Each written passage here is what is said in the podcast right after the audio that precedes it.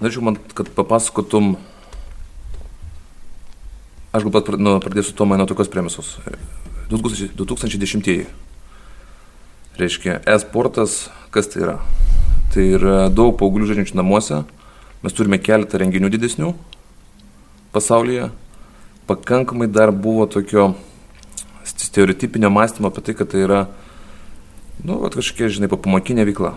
Bet aš pastebėjau, kad per dešimt metų, ir faktas, kuris mane labiausiai nustebino, kuris sužinojau prieš kelis mėnesius, kad žaidimų rinka dabar finansiškai perkopė tiek kino industriją, tiek muzikos sudėjus.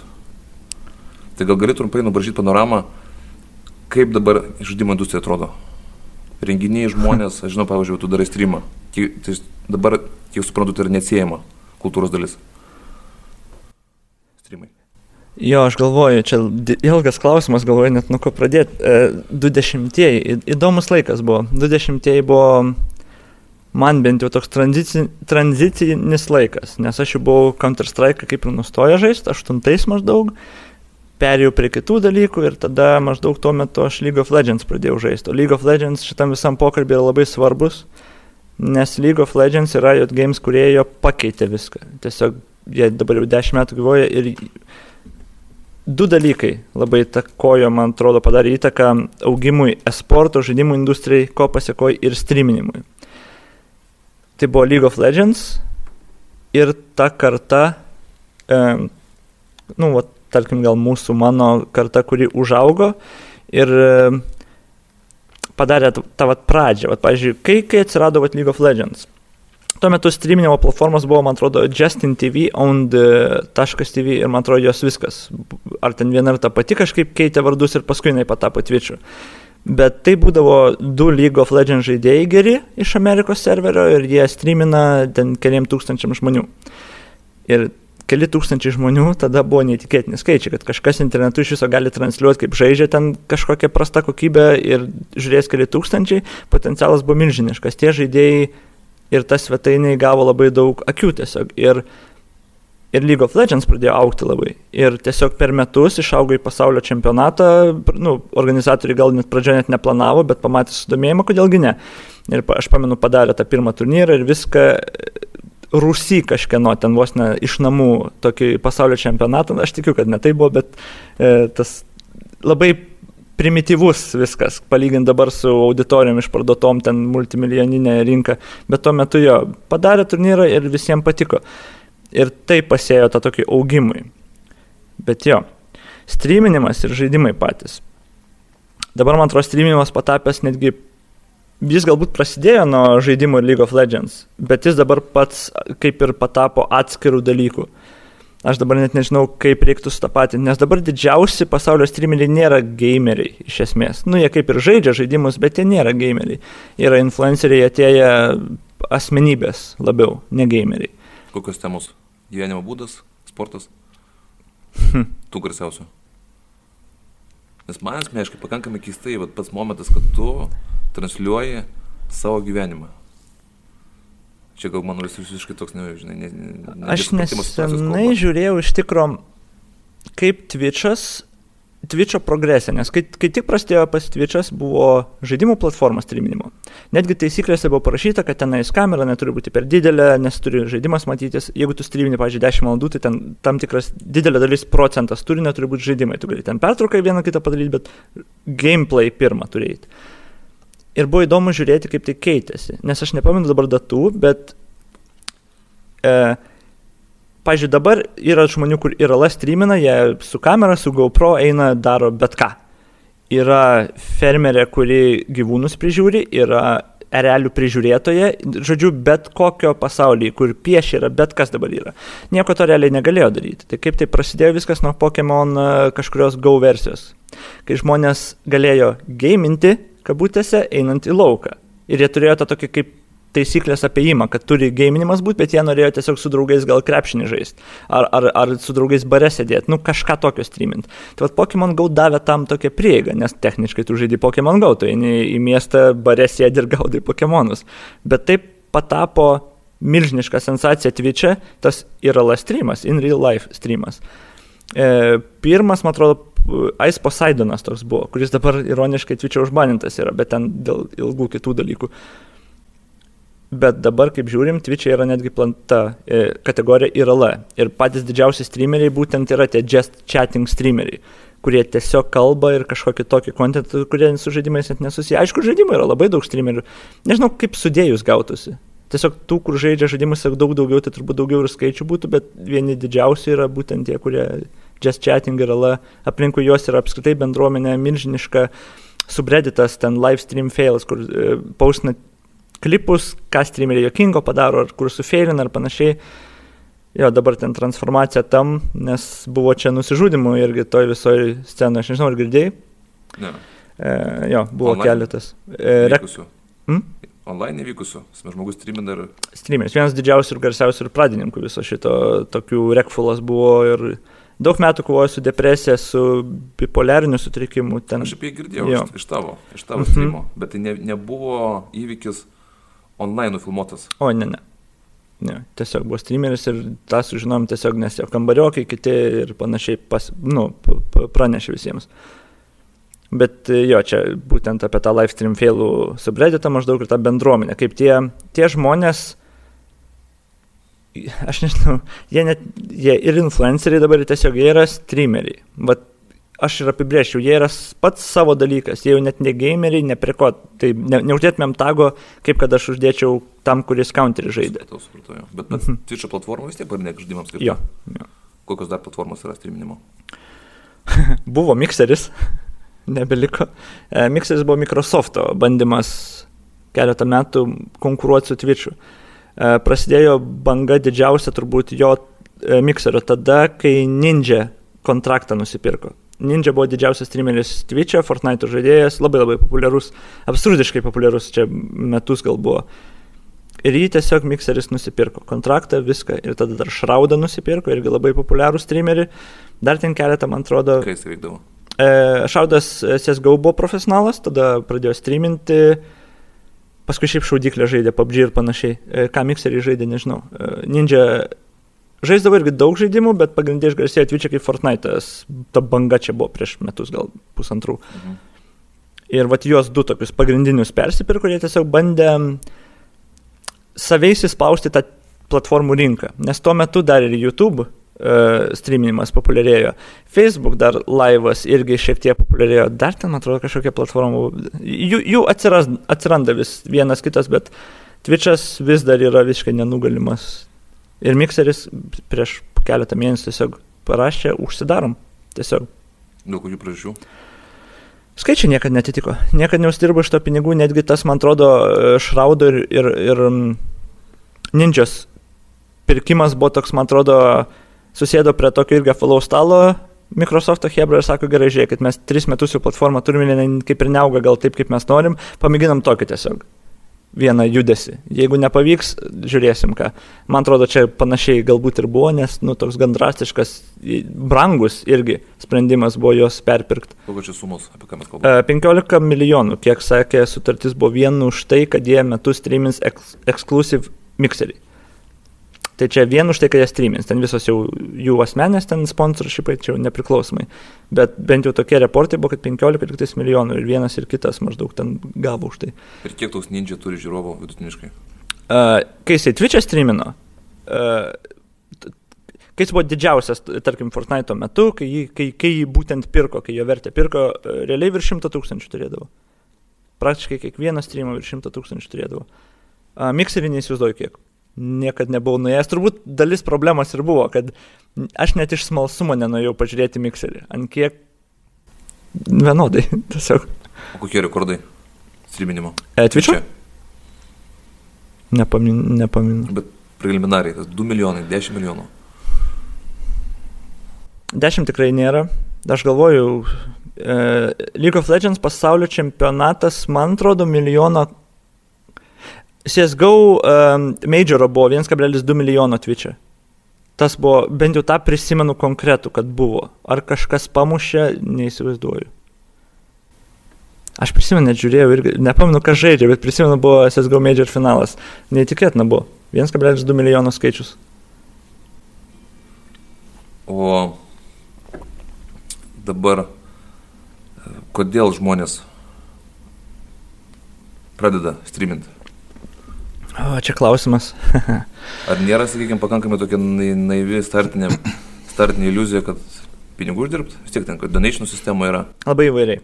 Aš esu paklausęs ir pas tave čia maždaug ir dėl ko jūs žiūrit streamus, ir kitų streamerių, dėl ko jūs streaminat, ir turbūt kiek žmonių, tiek ir nuomonių.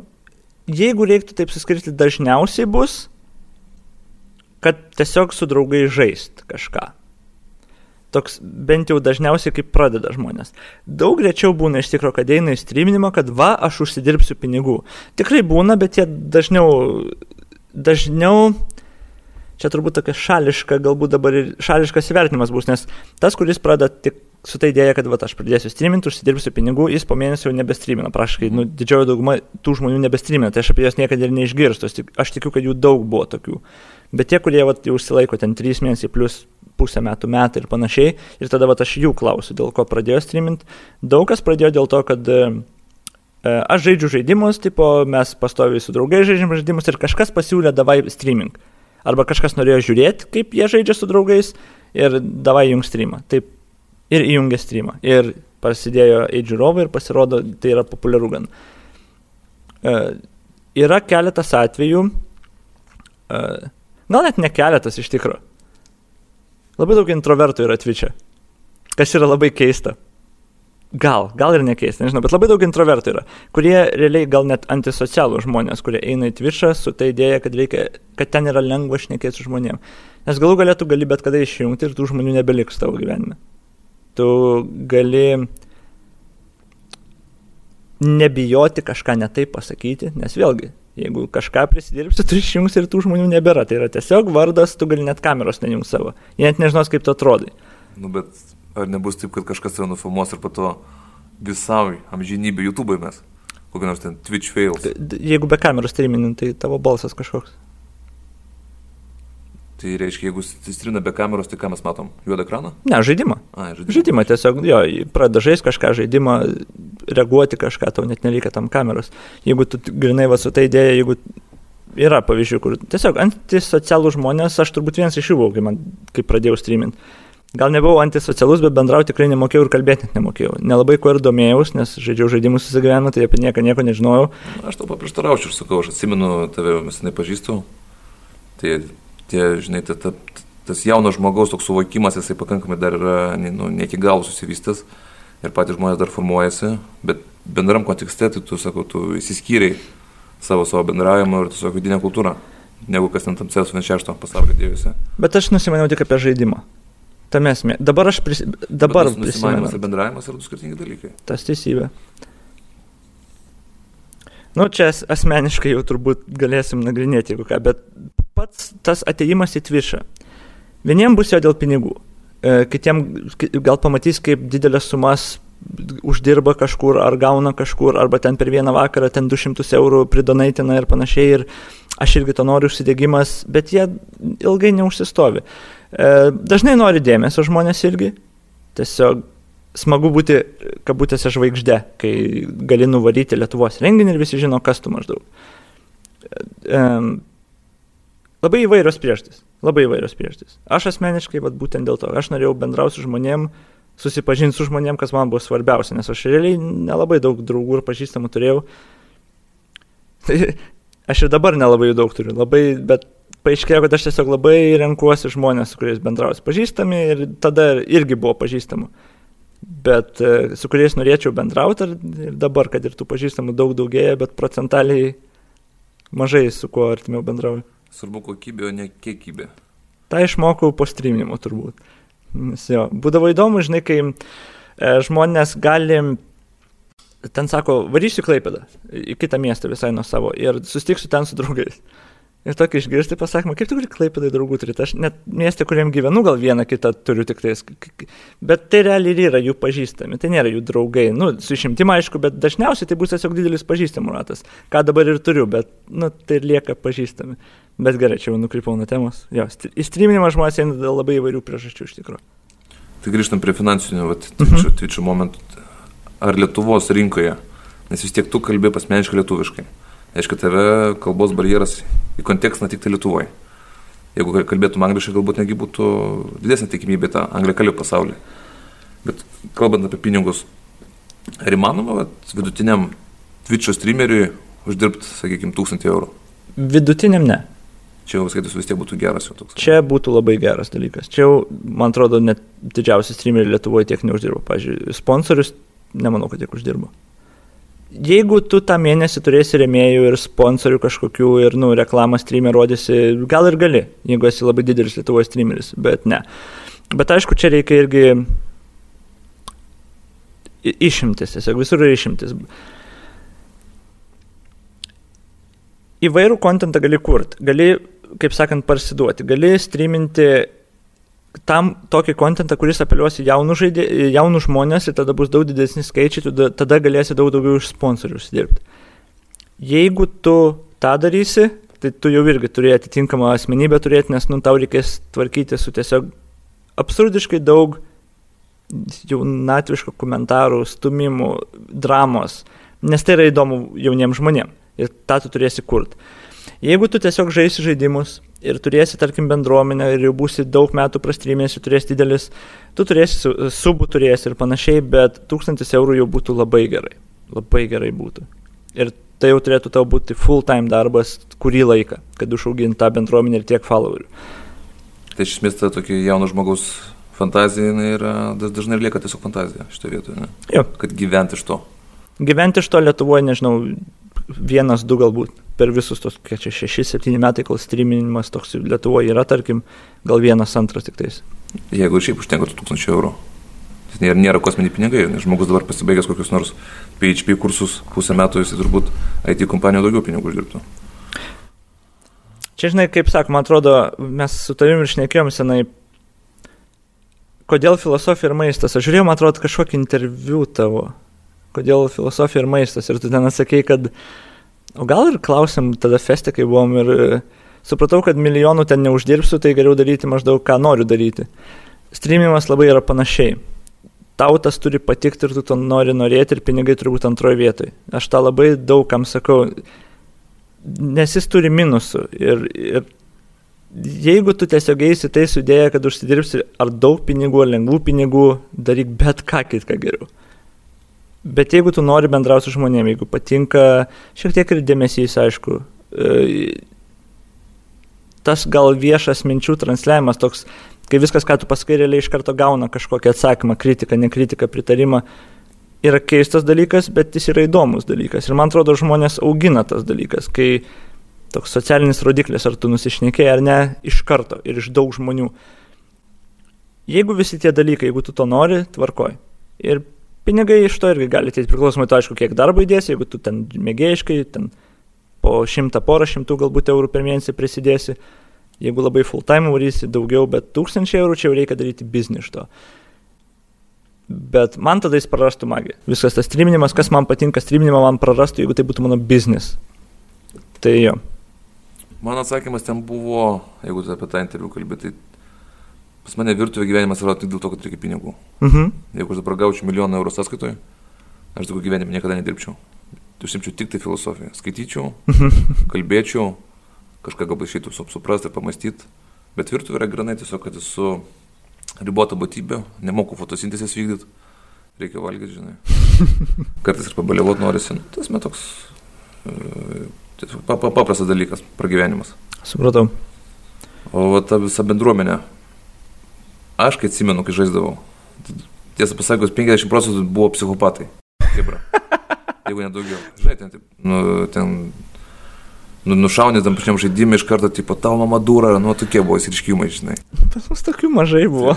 Nu. Tada bendruomenė dabar pasikeitus biškė. Nes manau, tu man pritarsi, kad tuo metu buvo tokiem lygiai. Aš prisimenu, aš prisimenu labai gerai. Dabar e,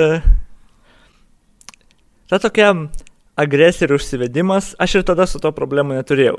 Jau kai ten, nu, vi- vien varo stumimai prasideda, tada gal jau šiek tiek per daug, bet tos pačios emocijos žaidimo nežinau. Nu, ar tai psichopatai, aš manau, kad visur taip. Visose net sportuose, kai žmonės užsiveda ir galbūt tiesiog mamų neįžydinėja, bet ta, ta agresija, man atrodo, visur atsiranda, jeigu tik kažkur laimi ir važiuoji prieš kitus ir iš karto noras, ypač kai jaunesnis esi, va, matai, aš geresnis už tavį ir tą parodyti labai aiškiai ir pasakyti, gal, gal iš to kyla. E, dabar kaip bebūtų. Bet reikia dar vieną momentą atsiminti, kad, pavyzdžiui, mes dabar žaisime krepšinį arba tą patį, tą patį pulą. nu, tai žinai, kažkas pasako apie mano mamą, aš nugirti jos garbę. Dažniausiai vienareikšmiškai. O ką aš... O, tas tikrai prisidėjo. Kaip aš dabar e, apgysiu savo mamos garbę, kai ten kas nors 13 metų snarglys sėdi... Sakyk, adresą privažiuosiu. nu, tai gavosi toks užsuktas raktas. Ne. ne, bet jo, anonimiškumas tikrai taip, bet tai, tais laikais buvo ir Lanose lygiai tas pats pas mus, todėl aš susimuždavau ten žmonės turbūt dėl to. Būdavo, būdavo tas, jo. Bet ten jo, kiti laikai apskritai buvo. Dieve, apie tos laikus šnekėti, nuvažiuoji turnyrą, pirmą vietą laimi ir minusė. Jeigu gauni prizą, jeigu jo netima kas nors. Ne, tu, tu, tu, tai, tu tai dar gaudai prizą, aš tai mes laimėdavom ir piniginį fondą kaune kažkada pavagė. Aha. Nežinau, ar tą istoriją girdėjai. Olos turnyras, man atrodo, buvo ten. Kažkoks jo, gavosi, kad mes tada pirmos nakties ten kažkas per pažįstamus, per kažkokį vietinės mafijos struktūras tos pinigus atgavo. Tai va, tokie buvo reikalai. mes, mes ten kalbam apie 8 ar 90 litų žmogui. Ja, ten 3-400 litų prizinis fondas su, su, sumestinės, nuostabu. Šiek tiek didesnis dabar sportas yra. Dabar realiai, kas iš tikrųjų nežinau, prizai dabar didesni, bet požiūris levesnis. Galima tai pasakyti. Pavyzdžiui, tada iš Klaipėdos, nevažiuojam, e, pasako, kad vyksta turnyras Kaune, tarkim. Nu ir mes žiūrim iš Klaipėdos vis tiek atstumas ir iš Klaipėdos visur bendrai atstumas buvo, kur tik turnyrus atstumas ir reikia varyti dalyvauti. Ir net nėra klausimo, o kiek už pirmą vietą. Nu, tipo, ar apsimoka varyti, kad jeigu laimėsi. Tai buvo tiesiog gerai, kiek mes čia galim surinkti pinigų, išsinuomojam autobusiuką, vairuotoją, kažkas ten tėtis, kažkieno, nu, bet, bet kas, bet kur. Kad nuvežtų, jį ką ten per naktį klaipėtiečiai su traukiniais varydavo 8 valandas, kad nuvažiuoti ant ryto turnyro, žodžiu, būdavo nuotikių vien su tą mintim, nes reikia už Klaipėdą vadyti lošti. Mes, mes porą komandų turim Klaipėdos gerų, ką čia Vilniečiams, Kauniečiams atiduosim pirmas vietas, tiesiog reikia bent parodyti, kad mes treti esam. Nes ten būdavo visaginai, būdavo šiauliai, panevežė miestai ir miestai gal tos garbės šiek tiek norėdavo už savo miestą mes varydavom žaisti. Ir mes, at, kaip Klaipėdos tuo metu geriausia komanda buvom ir varydavom tiesiog be išimties, kur tik galim iš karto varom žaisti. Ir tada po keleto metų, kai žaidžiau League of Legends ir jau praėjau tą savo visą piką, tarkim, aš išgirdau klausimą iš vieno lietuvio, kuris, e, bijau pameluoti, kurie mieste mažiekiuose buvo, ir jam reikėjo į Kauną atvaryti turnyrą ir jis klausė, kokie prizai neapsimoka, nevarysiu. Ir aš, man taip giliai kirto, kažkaip skaudžiai per šį paširdžius, dar iki dabar prisimenu tą, kaip aš pasijaučiau, apie ką tu žmogau kalbi. Tu, nu, žaidži žaidimą, tau atrodo jis patinka, tu daug laiko jam skiri, bet į turnyrą atvažyti, atvaryti tau reikia, kad apsimokėtų, kur tas garbės jausmas, užsidėgymas žaidimui meilė galų gale. To aš pasi, pasilgau ir pasigėdau dabar ir kaip aš dariau kitos temos, nežinau, bet ką norėjau sakyti, kad labai skiriasi, kaip žmonės iš viso galbūt žiūri apie žaidimą ir va ta situacija dabar Lietuvoje kokia yra ir kokius tada turėjom žaidėjus. Ka, Užsidėgymas tada buvo vienas ir visi paskui tą užsidėgymą ir ėjo. Aš nežinau, ar dabar yra labai užsidėgymas apart pavienių tokių žaidėjų visiškai. Aš atsimenu, kad tu turi minėti tą stoicizmą. Ten moksleiviai be pinigų, vos ne iš pamokų pabėgę važiuodavo tos turnyrus, visą dieną prasidėdavo vien tam, kad pamatyti apskritai, kad ta bendruomenė, kaip čia atrodo ir būdavo labai toks aiškus sąmonės skirtumas kas yra online herojus kas yra lano herojus. O tai. Ir va, esmė, jeigu tu sugebi gyvai ten kažką padaryti, pagarba, nesvarbu, tu 12 ar 25 ar 30 ar 40 metų. Dabar tas, aišku, biškis įtrinė yra, nes turim streaminimą, tas online jisai įsiplėtė ir, ir klausimas tada, kokie yra turnyrų paskirtis. Ir jeigu dabar galim grįžti tada į tą pirminį momentą. Jeigu gali išvardinti tada Nes aš sakau, aš visiškai pasimetęs, ne, nesėku šito, šitos kultūros dalies. Sakykim, kokie yra trys, trys tokie esminiai įvykiai per metus žaidimų pasaulyje ir su kuriais trim arba galbūt daugiau žaidimo tai susiję. Nes aš kiek žinau. CS jis jau miręs, ne? Ne. Vien šeštas. A, vien šeštas jau. Oi, gaila, bet jis mirė labai senai jau. League of Legends pasaulio čempionatas yra didelis įvykis. Kaip be būtų sporto pasaulyje, netgi tiem, kurie nežaidžia, nu tiesiog tai yra milžiniškas įvykis. Ten Staples centrą išparduoda per akimirką bilietus, tai yra grandiozinis įvykis. Kur jis vyksta? Įvairiai? Įvairiai. E, šiemet Kinijoje. Ir turėjo dabar, be šiandien naujienas paskelbė, e, šiemet turėjo būti Kinijoje per penkias, nu ten yra pirma wildcard etapas, paskui grupė etapai, ten penki etapai ir skirtingose Kinijos miestuose turėjo būti. Bet dabar tiesiog padarė, kad visas turnyras bus viena miestė Kinijos ir kitą metą irgi darys Kinijoje, kad kompensuotų, tada dar kitą metą Amerikoje. Nes jie rotuoja Amerikoje, Kinijoje, Europoje. Tai jo dabar porą metų bus Kinijoje, nes šitas apdovanoti reikia kinus. um, tai League of Legends tikrai pasaulio čempionatas.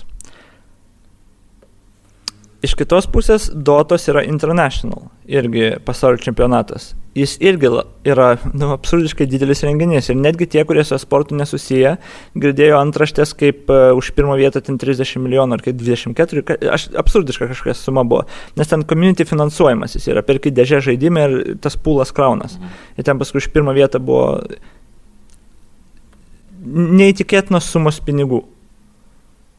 Aišku, tada tenais prasideda diskusija, bet League of Legends turi lygas dvi ir daug komandų išlaiko visus metus ir jo, pas jos gal tas didžiausias turnyras netokie prizai, bet pinigų daugiau. Bet kaip būtų, tai tokie dideli įvykiai. Uh, CSGO majorai.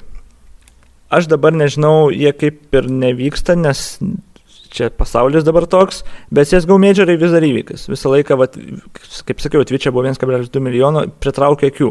Klausimas, ar ten nebuvo išpūstas skaičius dėl e, lažybų visų, nes tuo metu galėjo labai aktyviai betinti skinus ant e, outcome mačų, kas labai labai CSGO... Betinti skinus? Uh -huh, iškėlė viršų. Žinai, kas CSGO yra skinai, jo? Jo. Tai tie skinai, uh, juos trading gali skuti žaidėjas. Mhm ir jie turi vertę. Tam tikras skinas, juos gauni iš dėžių, ten už porą eurų nusipirka raktą, atsidarai dėžę ir sukas loteriją, kazino ir tu laimėjai skiną. Kartais dviejų centų vertės, kartais štukos eurų vertės, jeigu labai retas. Yra ten AVP skinai, peilių skinai, kur tūkstančiais, šimtais eurų. Ir paskui čia atsirado svetainės, kurios tiesiog sugalvojo, kad tu gali statyti skinus, ir ant sporto mačų, ant e-sporto mačų counterio, ten turnyras, koks vyks žaisti tavo mėgstamą komandą, pastatyk skinus. Skinai turi vertę, tai jie automatiškai suveda, tu skinus pervedi ten į jų laikiną botą, tarkim, kur laiko tokį, nu, žodžiu, tokią sistemą. Ir, ir tai labai pradėjo auginti CSGO visą sceną, nes, e, nu, tai yra gemblinimas. Mhm. Visų tikriausias gemblinimas, o vaikai yra azartiški. Ir jie pradėjo betintos skinus ir žiūrėk skaičiai paprasto mančio, kur niekam nebūtų įdomu žaidžia ten tie 8 komanda prieš tie 7 komanda, dabar įdomu, nes tu skinų pastatęs. Ir skaičiai iš karto turnyruose milžiniški, o jeigu milžiniški skaičiai, sponsorių ir pinigų daugiau, automatiškai priz daugiau, turnyrų daugiau, viskas pradėjo labai smarkiai aukti. Ir CSGO tiesiog sprogo. Dar ten sutapo taip, kad man atrodo, jie ir nemokamą padarė, irgi kažkur panašių laikų. Žodžiu, tiesiog buvo CSGO bumas visiškas ir tada 1,2 milijono per majoro finalus. Prieš metai? Sunku pasakyti, prieš 3, gal 4 metus, labai greit laikas bėga. 4, jo, kažkur man atrodo 4 metai. Aš mėginu prisiminti, nes čia dar buvo skandalas jo. Galų galia kaip bebūtų, šiek tiek laiko praėjo ir buvo milžiniškas skandalas. Ir dabar tas skinų betinimas kaip ir nebeegzistuoja. Nes buvo sutvarkytas užbantas, nes ten pradėjo e, kaip ten čuvako nikas buvo Syndicate, Pro Syndicate, kažkoks toks, kur ten paskui atsiprašymo video kūrė.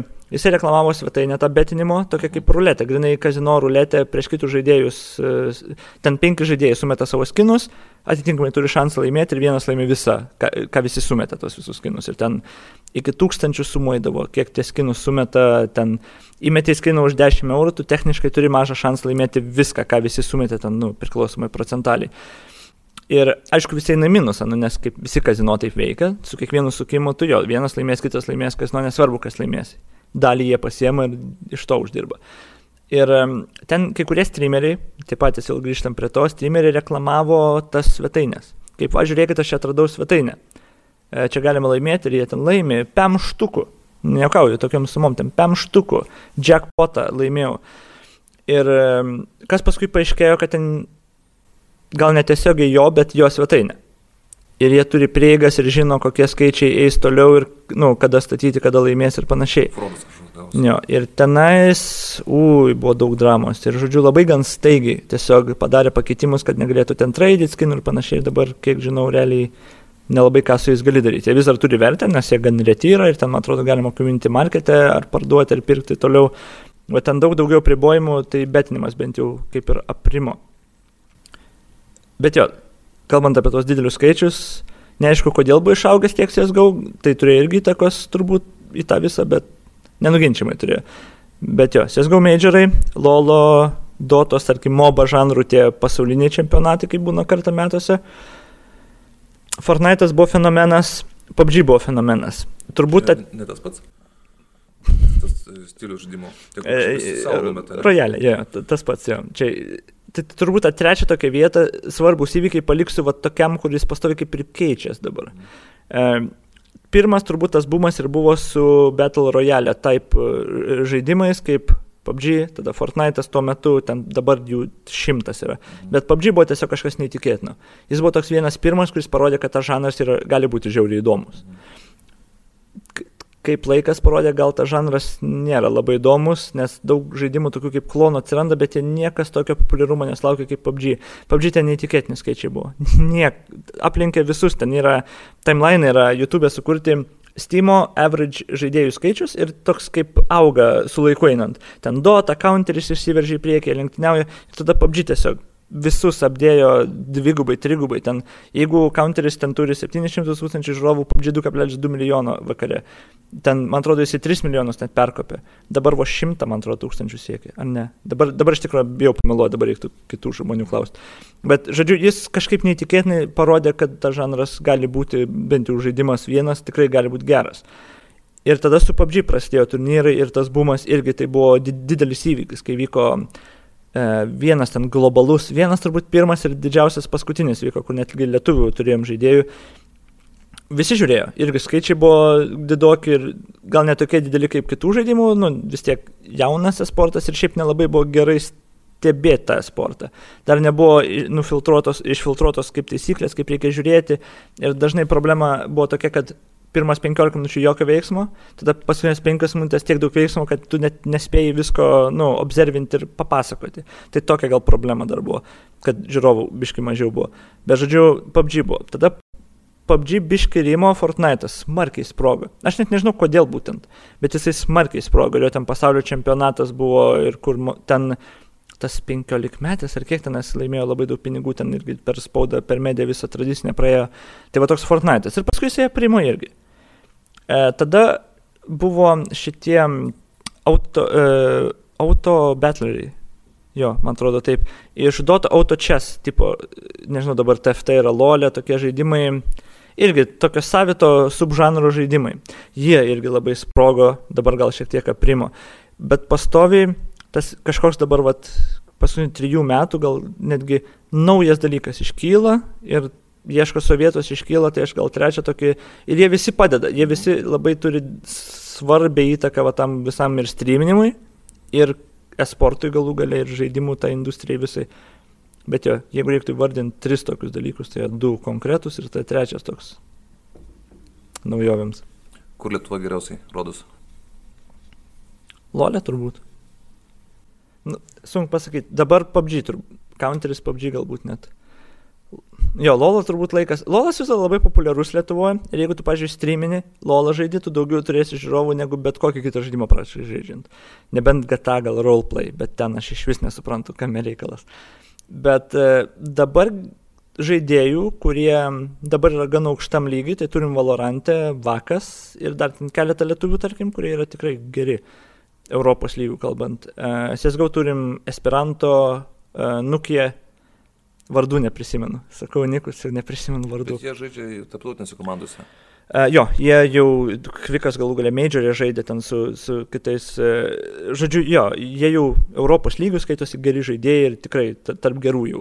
Um, PUBG irgi. NBS Laurinas, uh, Gaksi kitas Laurinas, Jie tik ką dar žaidė, Gaksų dar iki dabar žaidžia, NBS jau nebe, bet jie žaidžia Ninjas in Pyjamas, garsiausių legendinių irgi organizacijų.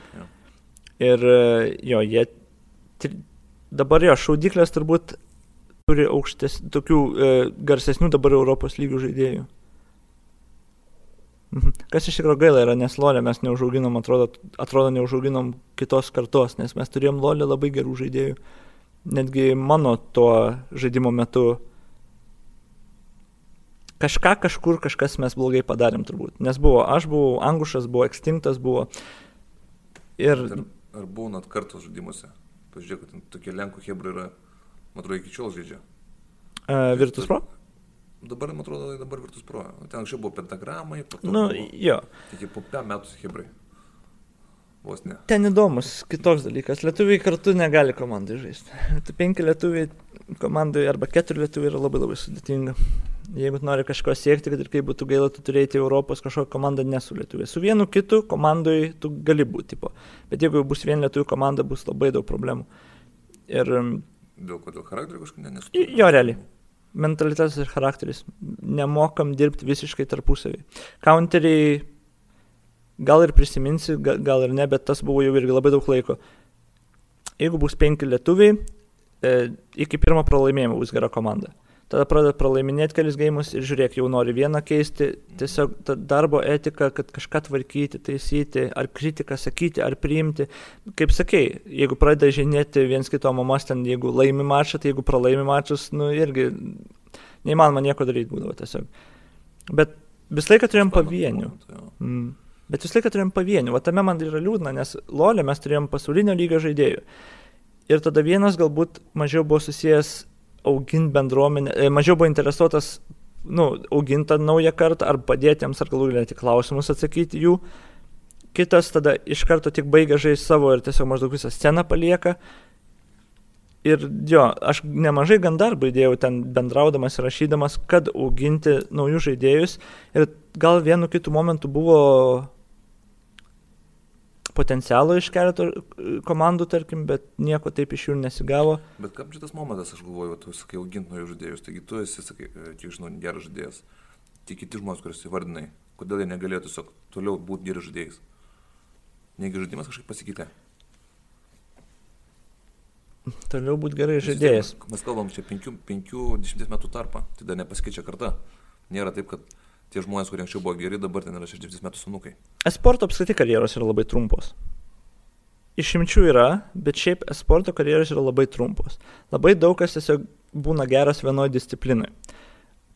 Kiek gali išvardinti žaidimų, kurie egzistavo, tarkim, 10 metų, tokiam gan aukštam lygiui, kur vyktų turnyrai. Kiek žaidimų? Jų buvo labai mažai. Starcraftas, Counteris, Lolas, ten keletą išvardinsim. Tai net iš tos pusės, jeigu tu mokėsi gerai žaisti vieną žaidimą, tavo karjera nebus ilga. Nes, pavyzdžiui, Lolas ten porą pirmų metų nebuvo turnyrų. Paskui tik prasidėjo, tai jau du metus žaidėm ir tada tavo karjera iš vis prasideda Lolo, kur galima vadinti karjerą.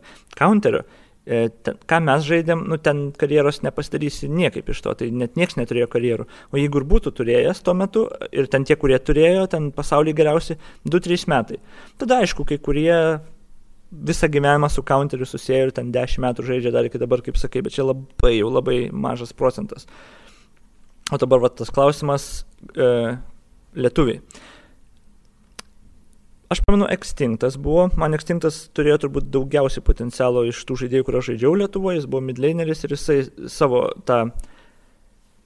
Jis pabandė, jis pabandė žaisti kompetityvą tą, tą žaidimą, kur jau rimtas yra žaidimas. Ne tai, kad prie jau namie sėdžiu, prisijungiu, pažiūrėjau žaidimą. O jis tam norėjo, jis tiesiog norėjo žaisti žaidimą.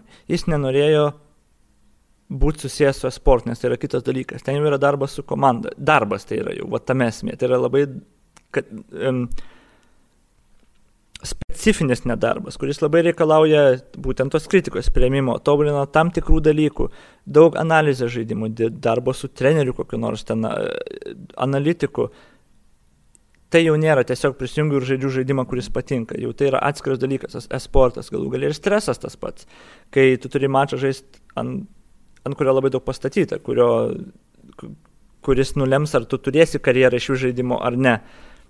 Ir jo, jau atskiri dalykai, aišku, dar ten žiūrovai, kurie nedaug dievė klaidą padarysi, ten tūkstančiai žmonių tada tave užspamins visam internete, redite tas dvi dienas, nes per tave pralašė jų mėgiamą komandą gal. Nu, žodžiu, visas tas dalykas ir, ir būtent Extincto atveju jisai norėjo tik žaidimą žaisti. Jis nebuvo suinteresuotas galbūt tiek į tą esportą patį nert, kol tai buvo tokiu maždaug for fun stilium, viskas buvo gerai ir jis, jam patiko viskas, bet tada, kai jau rimčiau, jis tada pasakė, nu, maždaug, ne, noriu kitų dalykų ir paliko tą sceną. Tai aišku, aš tada nesitikiu, kad tas žmogus bus interesuotas auginti naują kartą, nu, nesvarbu, bet jis kaip ir nustojo žaisti, nes kiek gali, jam netas rūpėjo. Ten kiti, kitiems žaidėjams atsibosta. Uh, mano atveju aš tiesiog niekada negaliu labai ilgai vieno dalyko veikti. Ir tas labai ilgai mano atveju maždaug apie 5 metai yra. Uh, gal net mažiau, 3-4 metai kaip ir counteris buvo. Realiai counteris maždaug ir buvo 5 metai ten nuo 16 iki ten 21, tarkim, ir man jau atsibodo, aš kitko norėjau. Tada pokeris buvo, irgi atradau pokerį, all-in šoviau jį ten irgi. Jau penktais metais jau man atsibodo, aš dar ten metus, net pinigai buvo ir viską dar metus pradžiu, bet jau irgi ieškau kažką kitką, jau ne, nebenorėjau tiek žaisti. Bet tu gyvenai iš pokerio. Mhm. Tada lolas irgi taip pat. Irgi pradėjau lolą žaisti ir po keturių metų maždaug, būtent taip ir sutapo, kad keturi metai, tada grįžau iš Elsieso, su lietuviais pažiūrėjau dar pusmetį, ten aišku, tiesiog dar kartą pasimokiau, kad nereiks su lietuviais žaisti, ten buvo, motivacijos labai sunaikino daug, tai kad tiesiog irgi maždaug 4-5 metai aš tiesiog, kai okay, aš out iš viso šito žaidimo, ten buvo metams irgi tokia visiška pertrauka, net, net nežaidžiau ne vien, net nebuvau įsirašęs virš metų ten šiek tiek lolo. Tai realiai jo, man, mano atveju tiesiog noriu kitko einu kitur ir tiesiog tai baigęs ir tu nustoji būti geras galų gale. Kokia dabar stotelė yra? E, su kuo? Kokia dabar stotelė? Streaminimas man dabar įdomu. Mhm. Dabar man įdomu būtent streaminimas, domėtis dalykais, apie ko gyvenime nedariau. Aš niekada nesidomėjau daug temų. Niekada nesidomėjau, net nieko nežinau apie Amerikos politiką, kas yra atskiras iš viso tema. Tiesiog domėtis dalykais, kažkiek bent jau. Kalbėjimas su žmonėm. Į tą dabar yra jau keletą metų, dabar, iš tikrųjų trys metai streaminu. Dar nepradėjo atsibosti, viskas gerai. o pradėjai, pradėjai savo dabar kalbą apie renginius pasaulinius. Mhm. Kas Lietuvo didžiausi renginiai? Uh, buvo du realiai renginiai. Buvo info show, Lampartis. Kaune. Uh mhm. Ir tada buvo Gaimonas. Gimoną atšaukė ir dabar nebebūsi greičiausiai. Šiais metais turėjo būti, bet karantinas prastėjo ir niekas nebuvo aišku, negalėjo planuoti, tiesiog atšaukė renginius. Ir su tai dėja atšaukė, kad dabar neaišku iš vis ar kažkada bus kiek jų penki, man atrodo, ar šeši, penki, penki gimonai buvo. Čia Lietuvų kapitalas? A, jo. Kiek žinau, tai visiškai prasidėjo Lietuvos idėja su Algirdu Stoniu, kaip pagrindiniu, man atrodo, remėjų ten jo įmonė, kompanija, ar jis pats, aš nežinau. Uh, bet e, ten buvo gameplay dienai, žaismo DNR e, sena Hebra, kur ten savo YouTube'ės laidą tokie pažaidimus turėjo.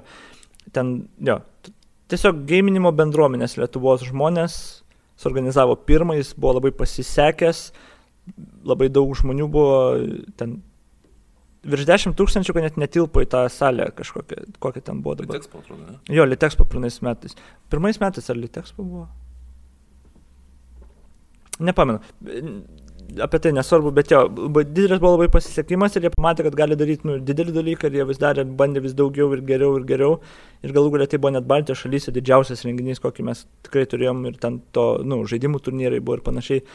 Bet jo, dabar turbūt tik info show lieka, kuris irgi neaišku dabar atvyks, bet info show tiesiog LAN partys yra, aš net negaliu sakyti, gal net jokinga, kad tai yra didžiausias, bet, nu, jo, kaip jis, kaip Lampartis yra. Ten visokiausi žaidimai.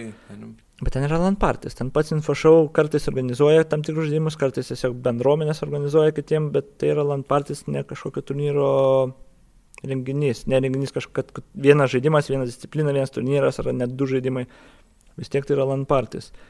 Buvo, tarkim, draugas Simonas, organizavo moksleivių lygas ir Baltijos lygas jisai gal konkuravo, bet jo, jis ten dirbo su LNK, man atrodo, dirbo, dabar bijau, ar TV3, su kažkuria iš televizijų dirbo labiau arčiau. Ir galų galiai irgi viskas pasibaigė, ten buvo metai tokie, kur aš savo tą komentatorius karjerą ten pasipradmenis vos neturėjau, mhm. nes aš komentuodavau ten turnyrus. Tai jisai turbūt būdavo tuo metu kaip toks nepriklausomi turnyrai žaidimų, grinai. Bet dabar sudėtinga situacija su lietuviškais turnyrais. Ar yra kažkoks valstybės vaidmuo Lietuvos sporte? Kokia nors federacija gamerių? Kažkoks, nu, toks institucinis vienetas? Man atrodo, yra, nes jas labai lengva užregistruoti. Tai jo.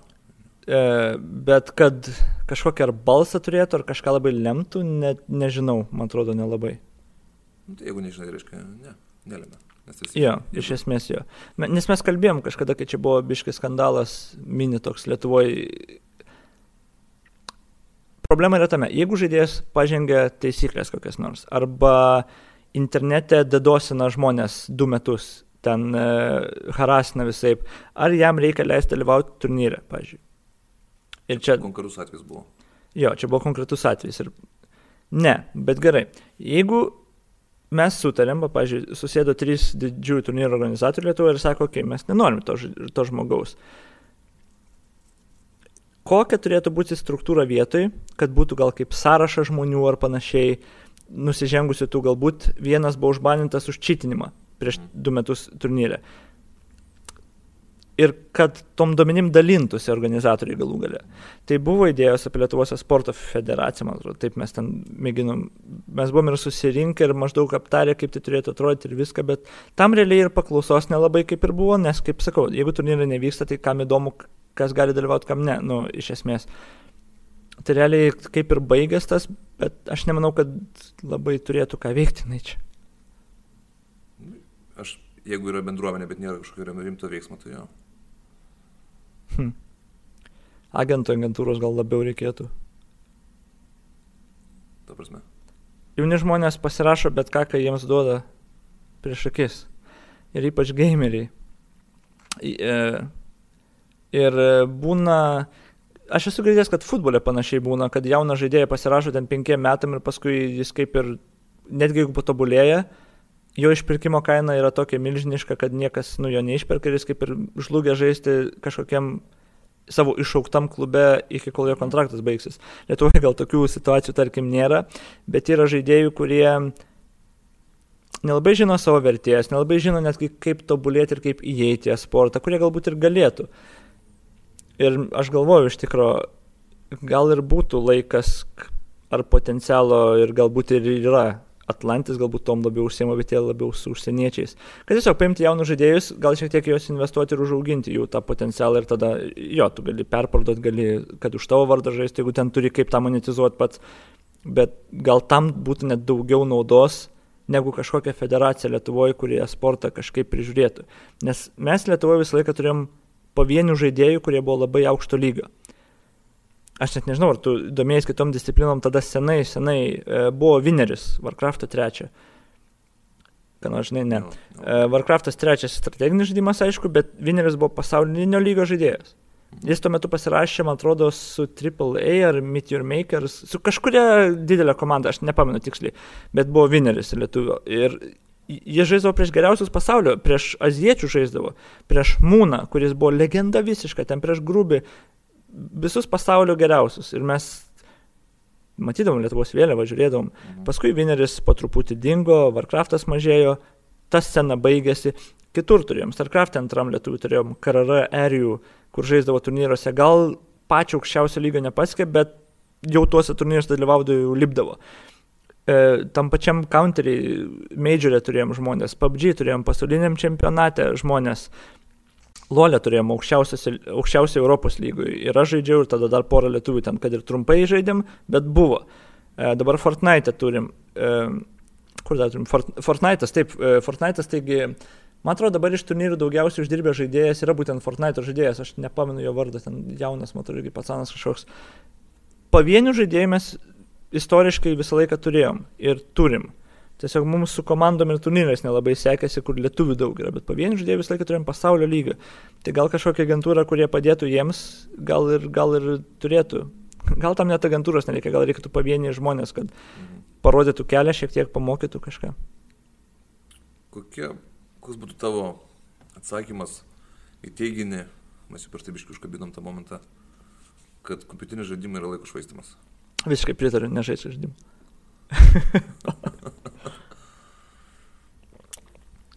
Man atrodo priklauso nuo požiūrio. Viskas gali būti laiko švaistimas, jeigu tu pasiryžai švaistyti laiką. Nuėjimas į kiną, kai žiūri Rambo aštuntą dalį, nežinau kiek jų ten yra, ten nesvarbu. Tu 12, man atrodo, bus. nu, bet tipo, tai yra laiko švaistimas. Tiesiog tu nueini gerai praleisti laiką, entertainmentas, nu, bet tu nieko iš to negausi, tu neišmoksi gyvenimo pamokų, turbūt tikiuosi iš Rambo neišmoksi, bet, nu, tai yra laiko švaistimas. Lygiai taip pat žaidimai gali būti laiko švaistimas, lygiai bet kas gyvenime, ką tu darysi su požiūriu, kad, nu, aš tiesiog laiką praleisiu.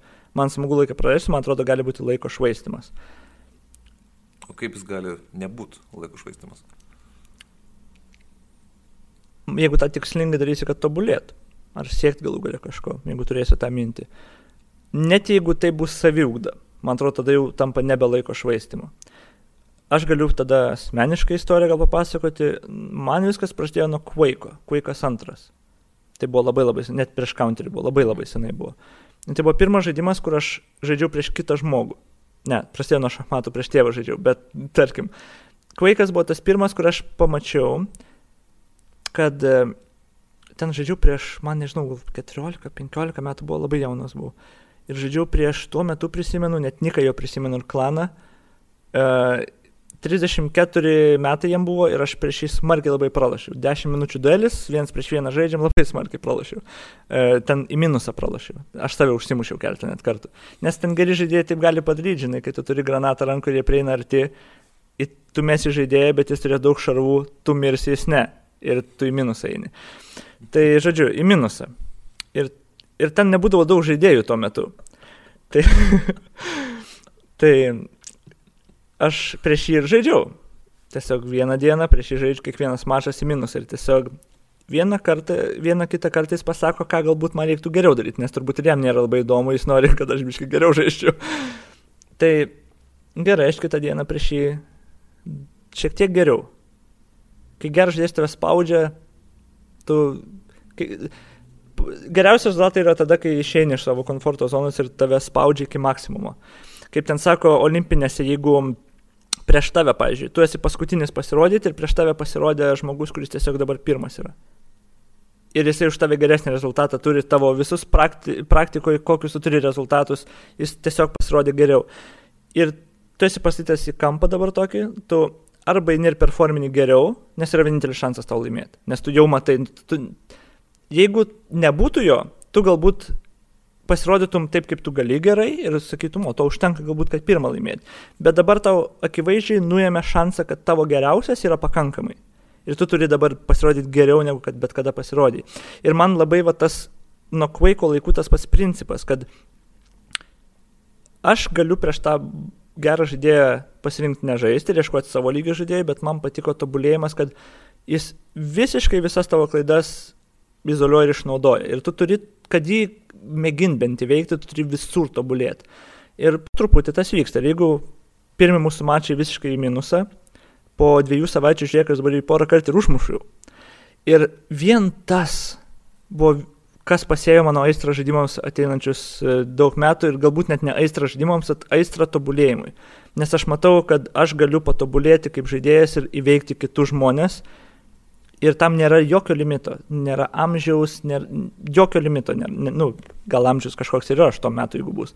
Bet nesvarbu, kas jis yra, nesvarbu, kiek jam metų. Aš jeigu įdėsiu darbą, aš galiu jį veikti ir galiu būti už jį geresnis. Ir iš to prasidėjo realiai tas visas um, hm, laiko švaistimas. Bet, vat, kaip aš sakau, aš to nematau kaip laiko švaistimus, nes aš žiūrėjau į tą kaip tobulėjimą savęs. Kad ir tam tikroje sferoje tuo metu tikrai aš negalvojau, kad aš iš to užsidirbsiu ne cento, tai nebuvo net mintis mano. Tiesiog aš norėjau patobulinti save. Ir tai man atrodo, ką tu bedarytum, jeigu tavo tikslas yra patobulinti save, tai nėra laiko švaistimas jau pagal apibrėžimą. Laiko švaistimas būtų tiesiog, aš turiu dvi valandas, aš pažaisiu žaidimą, aš iš jo visiškai nieko nepasimsiu, aš noriu išjungti savo smegenis visiškai ir, ir su to turbūt irgi problemos nėra, to irgi žmonėms reikia. Bet jo, aš visiškai nesutinku, kad žaidimai yra tik laiko švaistimas, jie gali būti laiko švaistimas, bet tuo metu viskas gali būti laiko švaistimas. Bet pas tavę toks labai ir tukras požiūris yra. Negalvoju, kad daugumai, daugumai tai yra tam tikra procrastination tai forma. Ir, sakykime, jeigu lygint, kas galbūt yra klaidinga su sportu, tai yra daug dalykų, kurių tu neturi e-sporte. Neturi socialinių interakcijų, Man čia neteisingas pasakymas, nes socialinis interaktas virtualius tampa. Tada, nu, šis sveikatos terminas, tai žinai, čia klausimas, kas ten, patys žinom, kaip tas sportininkas turmuojasi save. Nu, tarkim, tu mankštos gauni. Tarkim, net jeigu paėmus tą geriausią variantą, tu mankštos gauni fiziškai, bet tai yra šalutinis poveikis. Tie, kurie daug tas, kas eina žaisti į kiemą krepšinį, jie nesutai dėja, va, aš būsiu sveikas, nesportuoju. Eina tiesiog nes nori žaisti su draugai žaidimą. Ir taip sutapo, kad tas šalutinis poveikis to būtent yra, kai jie galbūt pajuda šiek tiek. Bet vėlgi, ir krepšinį, kurie kiemuose žaidžia, nu, ar, ar jie visi nori kažko siekti, ar labai tobulėti, ar jie eina ten paskui į klubus. Ne, ne, paties žaidimo tokio kaip uh, gyvenimo fenomeno ir yra. Ir yra, sakykime, stebuklinga akimirka tai, kad niekada nėra pabaigos, tu pas pasakai stop, pas nusprendė taisyklės, nėra kaip pavyzdžiui kitoje veikloje, kai tu gamini kažką, kai esi kuriejas prieina riba ir tu pasakai stop. Žaidime taip niekada, tu pas nusprendė. Ir pas žaidimas dėl savęs. Mhm. Iki pagauna, žinai, tą, tą tokio mąstymo, kai tu visiškai šimtų procentų pasiduodi tai veiklai. Vat minėjai pokerį, tai iš tikrųjų su kortom tas labai lengva pajust, tam pačiam kazino. Galima. Nesu buvęs kazino. Nu, bet azartiniuose žaidimuose galima mhm. pilnai pasinerti save ir pamiršti viską, kas dažniausiai tampa destruktyvu. Bet šitas vat, savęs transcendavimo judesys žaidime labai aiškiai jaučiasi. Ką aš šitą bandau fiksuoti? Aš bandau fiksuoti tokią stigmą, kuri man atrodo vat, Lietuvoje yra. Bet gal aš lystu, tu mane patysi, vat, pavyzdžiui, Švedijoje. Ar nėra ten pro žaidėjai pagarboj tokiai, kad ten, pavyzdžiui, kaip pas mus čia būtų kieta būti krepšininku, man tas krepšinis apskritai atsibodęs reikalas, ar tas reikia, reikia dabar pasakyti savo nuo širdžiai, kad mes nebesam krepšinio šalis. Jau penki metai kažkokie tai vyksta, nu, cirkai. Yra skiriami, skiriami milijardai, žinai, tas metu visom mokyklom, kažkokiam akcijom ateina Milutytė, 15 metų laimė aukso medalį. Tai, nu, galbūt šiek tiek kitaip pradėkim žiūrėti, žinai, tą visą, visą tapatumo klausimą. Bet mintis ta. E, ar grinai čia nėra tas socialinis toks konstrukto momentas, kad Švedijoje šito klausimas jis neaktualus yra? Kad ten, va, Hebra žaidžia kokiam Dream Hack'e, laimi pirmą vietą ir savo kokie miesteliai, visi pagarbo yra. Ir, ir... Aš nežinau, žinau, kaip tiksliai būtų Švedijai. Toj scenoje aš tikiu, kad jie pagarboja bus, bet aš turbūt vieną šalį tikrai žinau, kurioje žaidėjai prilygo žvaigždėm um, mainstreamo lygių net. Korėja. Korėja. Sarkraftas ir Korėja. Jo. Visos kitos šalis, aišku, ten atsilieka. Tas, nežinau, sutinka, tas su metais vis geriau ir geriau, o tam esmė. Jeigu prieš dešimt metų Lietuvoje tu pasakytum, kad tu iš žaidimų gyveni ar kažką, ar tu... Pasimatėme, pavyzdžiui. nu, pasimatėme, ką veikia. Nu, tai pažaidžiu žaidimus. Nu, ne, ne, nebus geras pick-up lainas. Nu. Devynis metus prabuvau su žmogum. Pirmo, pirmus pasimatymus aš pasakau, ką veikiu. Žaidimų žaidžiu, counterį žaidžiu. O tau pasisekė, man tai nėra buvę. jo, man pasisekė. Tada, tada labiau žmogus matė mano užsidėgymą ir mano aistrą, negu bet ką kitą. Ten nebuvo svarbu, ką aš daryčiau. Man atrodo, visiškai bet kas galėjo, bet čia, jo, anegdotas. Bet e, tos šalis. Lietuvoje vis dar yra turbūt, jeigu Europos imšalis, bus tas vienas mažesnių galbūt lygių supratimo ir prieimimo žaidėjo kaip kažko, ką žmonės gali daryti. Kaip yra Švedijoje, tiksliai nežinau. Švedai visą laiką buvo counterį geri, tai jie tikrai turbūt turėtų kažkokį jau balsą toj to mainstream medijoje galų gale. Bet dabar visam pasaulyje yra daug geriau. Praškai, nu, gal ne visam pasaulyje, bet didelė pasaulio daly dabar yra gameris, influenceris, tas pats gan suprantami dalykai netgi jau mamų ir tėvų, tarkim, nu, nes jų vaikai dabar yra ta karta, kurie tą ir dirba ir iš to ir uždirba pinigus ir tas požiūris keičiasi. Lietuvoje kaip yra? Hm. A, kokioje aplinkoje būsi? Jeigu, ne, pažiūrėjau, netgi mano amžiaus žmonės, vat, aš jaučiausi labai taip izoliuotas nuo savo grupiokų ar žmonių, su kuriais į mokyklą jau, nes jie dar kaip ir tokiai kartoje ėjo, kur kaip jau ir buvo tas, bet tas augo visas sportas, bet kaip ir nebuvo jo. Ir jie gyvena dar tos gyvenimus, kur iki 30 tai jau turi turėti 2-3 vaikus ir jiem jau po 6 metus ir... Banko paskola. Jo, visas tas, visas tas gyvenimas. Dabar, kur auga žmonės, 30 metų dar tik galbūt pradeda apie vaiką ir šeimą galvoti net. Tai karjera, mokslas, kelionės, bet kas kitkas gyvenime pradžioje eina, nori pamatyti. Kas yra įdomu iš tikrųjų skirtumas toks. Bet jie tada ir supranta ir žaidimus ir labiau uh, atviri yra idėjams, kad galima kažką kitką veikti, ne tik tą savo 9 to 5 job ir panašiai. Tai Lietuvoje, manyčiau, yra tokia per vidurį situacija. Eini gatvėje, kai grįžti iš, iš, iš turnyro, jaunesni žmonės ir tavo vardą šauks ir atpažins ir fotkintis prašysis, viskas tas yra ir Lietuvoje, bet nežiūrės labai rimtai, tarkim, vyresni tėvai ir seneliai. Nu, nebent jau labai išimtis bus šeima kažkokia, kur susidūrė su tuo. Bet jo, sakyčiau, tai per vidurį Lietuvoje. Dar, dar yra, kur eiti su šito. Mes vis dar to, to lygiai, kur jeigu lietuviškas kanalas ims interviu iš tavęs apie žaidimus, tai jis sukarpys taip, kad parodytų, kad tu duhas maždaug. Tai buvo. Koks kanalas? LNK. Aš galvoju iš viso, žinok, e, viešąją televiziją, apart LRT, lietuviškų kanalus, TV3 ir LNK. Ten tą hebrą reiktų pasodinti už, e, už e, smegenų genocidą tautos. Nes tokį šlamštą kurti, tokias nesąmonės daryti. Bet čia kita tema. Galim šiek tiek apie tą temą užnekti, nes aš tą temą labai esu mąstęs ir galvojęs. Aš televizoriaus, kai perskrušiau 18 metų į Kauną, aš neturėjau ir nesivedžiau kabelinės. Ir aš tiesiog nemačiau, ką ten kūrė. Visiškai nemačiau. Atgarsius girdėjau, ten tavo pagalbos ir panašiai tie projektai. Tada aš nuvariau į, pas mamą į Klaipadą ir aplankyti ir viską ir tenais. Matau, ką rodo. Nu ir nesigalėjau, kad televizorius neturiu, nes ten buvo grūdų žiūrėti. Visų pirma, kodėl per tą patį LRT, kodėl pirmą valandą dienos rodo rusišką filmą be lietuviško vertimo su subtitrais. Aš nesupratau šito. LRT kanalas. Ar čia problemos neturėtų būti tame? Kuris čia metai buvo? Prieš keturis, gal penkis metus. Nu, Olandijoje, pavyzdžiui, angliškus filmus irgi nedaro vertimo. Hm. Bet ar LRT tada kanalas tam turėtų daryti? Neturėtų būti atskiras, nu gerai, bet čia tiek to. Ne, bet suprantu tavo mintį, tas LRT labai aiškiai ir politiškai užsiengažavę šitoje vietoje. Jie konkrečiai yra deklaravę, kad jie tam tikrą lietuviškų ideologiją skleidžia. Uh -huh. Yra lietuviškas kanalas. Tai nėra mhm. kaip laisvas, privatus, pavyzdžiui, LNK, jau, nori tą daro, žinai. Ir šitoje vietoje Gal čia buvo tiesiog visiškas pinigų taupimas, turbūt subtitrai yra lengviau padaryti negu garsinimą, nes tu turi garsinimą. Gal ten kažkoks nors filmas, gal atitinkamas buvo kažkoks kultūrinė dalis, gal nu, kažkas tokio. Gal, gal aš nežinau. Nors, kokias nors vietinė komedija. Mm. Žinai, nes jeigu, na, aišku, ten, jeigu, pavyzdžiui, Čirniuka, žinai, kas yra? Ne. Čia buvo po 90-ųjų metų masiniai, masiniai serialai, filmai, nusme, Boomeris yra Čirniuka. Mm. Taip, apie mafiją. Ten, žinai, ten, kaip, ten kaip valstybė apgauna, ten policininkus kvailina ten tokių jaunojo rusų, jaunojo lietuvo svajonės įgyvendinavo. Mhm. Tai nu, man, man ta visa, ta visa bloka filmo ir televizijos, tai jeigu rodytų, nes nu, ta TV mhm. tai rodydavo. Gal tiesiog išimti kažkokią pagavau. Jo. Bet kalbant jau apie tos ne LRT kanalus, tai jie nei vienas verties man neturėjo, kiek aš tik matydavau. Nuo pokalbių laidų ten e, yra kaip yra, man atrodo tokio mėšlo nesu gyvenime matęs, kaip kad tenais buvo. Tai man, man, man praktiškai visa produkcija. Nuo iki.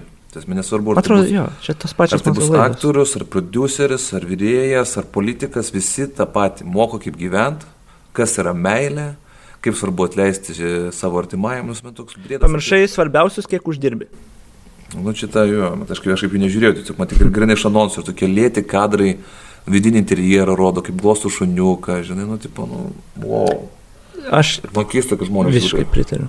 Keista, Bet va tas ir yra, vis dėlto, jeigu niekas nežiūrėtų, niekas ir nekurtų tų laidų turbūt. Nu, čia turbūt paklausa pasiūla yra. Tos tavo pagalbos labai daug ką žiūri, nes jiems patinka. Tie pensininkai turbūt ir, ir aš nežinau, ką žiūri, bet... Provincija. Provincija žiūri. O, jo. Internetas iki ten dar nėra atėjęs. Ir grinai iš tokio vat, inercijos, tam tikro reflekso žiūrėjimas yra. Aš dėl to iš tikrųjų labai priešiškai buvau nusteikęs į tą naująją bangą, kur atėjo į internetą tos laidos iš televizijos. Mhm. Ir labai aiškiai jaučiasi mindsetas to. Kai tave kviečia kokią laidą ar kažkur ir apie ką kalbės, iš pusvalandžio laidos 15 minučių bus apie pinigus, kiek uždirbi ir kaip tavo finansinė padėtis ir ką tu pirkai brangiausiai ir ką tu išleidai. Ir čia tie nauji podkastai ten ir kitokie pasikalbėjimai ir aš pavadinimus dabar iš tikrųjų net neišvardinsiu, jų daug dabar yra, kur tie podkastai pradžioj labai didelis akcentas buvo pasikviečia svečią ir kalba apie pinigus didžiąją dalį laiko. E, sukarpyta yra taip, kad gauti tos soundbites, kurios televizijoje taip darė laidas. Internete to net nereikia daryti. Gali taip daryti, bet kodėl? Nu, sukur kažką geresnio galbūt ir vis tiek tau žiūrovai net įvertins galbūt tą labiau, bet aiškiai jautėsi, kad atėjo tos vat iš televizijos, kaip reikia laidą kurti pusvalandžio supakuotas kontentas, sukarpytas taip, kad būtų kuo geresnės eilutės, um, kurias netgi pabrėžia. Kai žmogus pasako kažką, kas va, e, ta eilutė, iš kurios mhm. galima padaryti tą reklaminį galų galį iškarpą, ją paryškina, uždeda ant ekrano, soundbite uždeda. Tas visas produkšinas, kai pradėjo eiti į Lietuvos internetą ir tą podcast'o sceną, man tiesiog irgi vėm tvirti. Aš tu pritariu, va šito vietoje tu teisingai, nes gaunasi, kad pasikeičia forma šiek tiek, ne? tiek televizijos pagrindinė problema, dėl ko mes turime tokį didžiulį podcastų bumą, kad jie visą laiką yra riboti laikė. Tu turi reklamą paleisti, sakykime, ateina žmogus, vos nors profesorius, vos ne fizikos, ir tu turi, prie penkias minutės turi paaiškinti viską, ką daro. Mhm. Tas yra neįmanoma. Podcastas arba internetinė erdvė, kuri yra šito prasme demokratiškesnė, jinai tu leidžia, kad ir nori, kad ir 12 valandų kalbėti. Ilgos formos kontentas. Jo, jo ir tas, tam tikras informalumas, tam tikras vat, tas finansinis nesuinteresuotumas. Ir aš tą tau pritariu tiesiog, kad čia atėjo ta pati kompanija iš Teliko, kuri darė tuos visas laidas e, tave pagalba, nuo mhm. iki yra kaip yra, ir tiesiog pamatė, kad yra nauja, nauja, nauja niša ir reikia ją įeiti. Tai visiškai, va, šiek tiek kita forma, bet turintis pats. Yep. Esmės. Tai jo, aš tai. Ilgos formos tie video, aš dabar galvoju, aš kai, kai aš streaminau, gal nestreaminau, žiūrėjau streamus ir susipažinau su Lietuvos Twitch'u. E, tuo metu daug kas žaidė žaidimus ir aš pastebėjau vieną fenomeną tokį. E, pavyzdžiui, mergina, bahūras, nesvarbu. Žaidžia žaidimą, turi tam tikrą kiekį žiūrovų. Tada, kai baigia žaidimą, jis įjungia kamerą ir šneka su žmonėm, kol laukia gal sekančio mačo, gal ten per trukėlę daro valgyti, jis tiesiog kalba su žiūrovais ir, žaidėjai, ir žiūrovų skaičius pradeda aukti. Ir jis gan smarkiai išauga, kai kuriem netgi dvigubai išauga. Ir tada jie pradeda žaisti dvigubai nukrenta. Ir aš tą pamačiau ir pirmas įspūdis buvo keista, bet tada aš pradėjau galvoti, kad turbūt yra labai logiška. Ir kaip sakei, vat, nu čia į tą patį sueina. Ir ilgos formos kontentas, ir man atrodo, kad dabar visuomenė yra daug mažiau bendraujanti su kitais žmonėmis, negu kad gal buvo anksčiau. Vaikai dabar nebeina į kiemus, kaip kad galbūt mano, mano laikais ėjo į kiemus. Dabar daug dažniau prie tabletų online atlieka visą tą socialinę interakciją.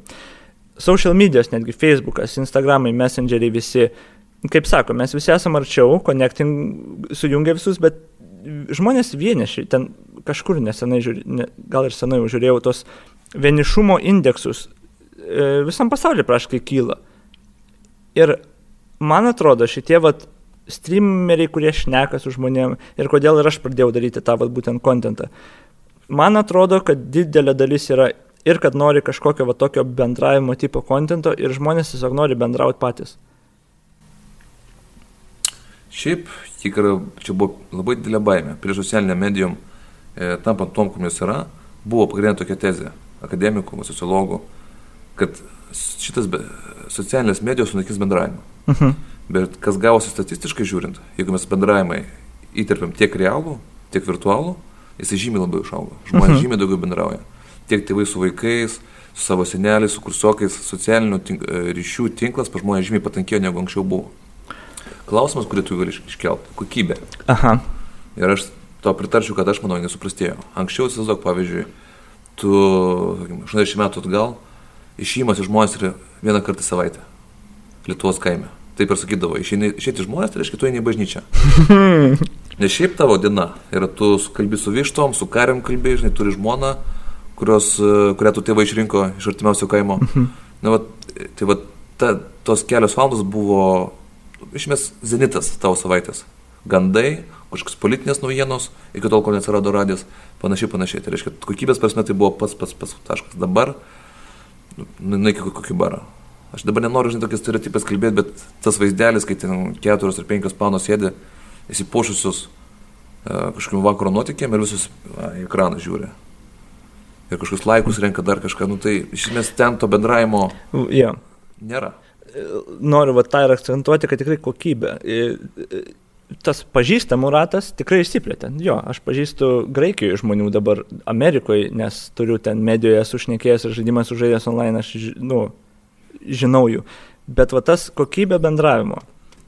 Ar tai žmonėm, kuriais tu gali pasikliauti, kurie, kuriuos būsi matęs gyvai keletą kartų žinosi, kaip reaguoja, aš žinau, nelogiška būtų net jeigu nesumažėtų. Galų gale, kai tu taip lengvai gali susirasti naujų pažįstamų, galbūt tu net mažiau vertini tuos savo draugus, kuriuos iš tikro turėjai nuo vaikystės, ar su kuriais, jeigu kiemė užaugai ir dešimt metų tu daugiau nieko nepažinojai, tu juos vertinsi visai kitaip, nes tai yra vieninteliai žmonės, su kuriais tu gali bendrauti. Jeigu tu dabar gali bendrauti su bet kuo, bet kaip galbūt ir daug mažiau vertini būtent tos žmonės ir dėl to kokybė ir bendravimo krenta. Bet jo, čia neįsivaizduoju, kodėl taip yra, bet aš tą vat ištrymiau bent jau pusės pastebėjau, kad žmonės daug labiau būdavo tada, kai žmonės bendraudavo su jais. Ir tai buvo irgi vienas iš tokių paskatinimų, kad aš tą kontentą galiu daryti, nes aš irgi to noriu ir jeigu žmonėm irgi to reikia, kalbam. Čia analogija būtų galima sakyti su maistu. Kaip ir tavo minėjau, mūsų smegenys yra socialinis. Mūsų smegenim reikalingas, bet socialinės, socialinės uh, patirtis. Uh, nes jos nuo socialinių interakcijų, grinai nuo to mūsų pri- primatų, jos ir įsivystė.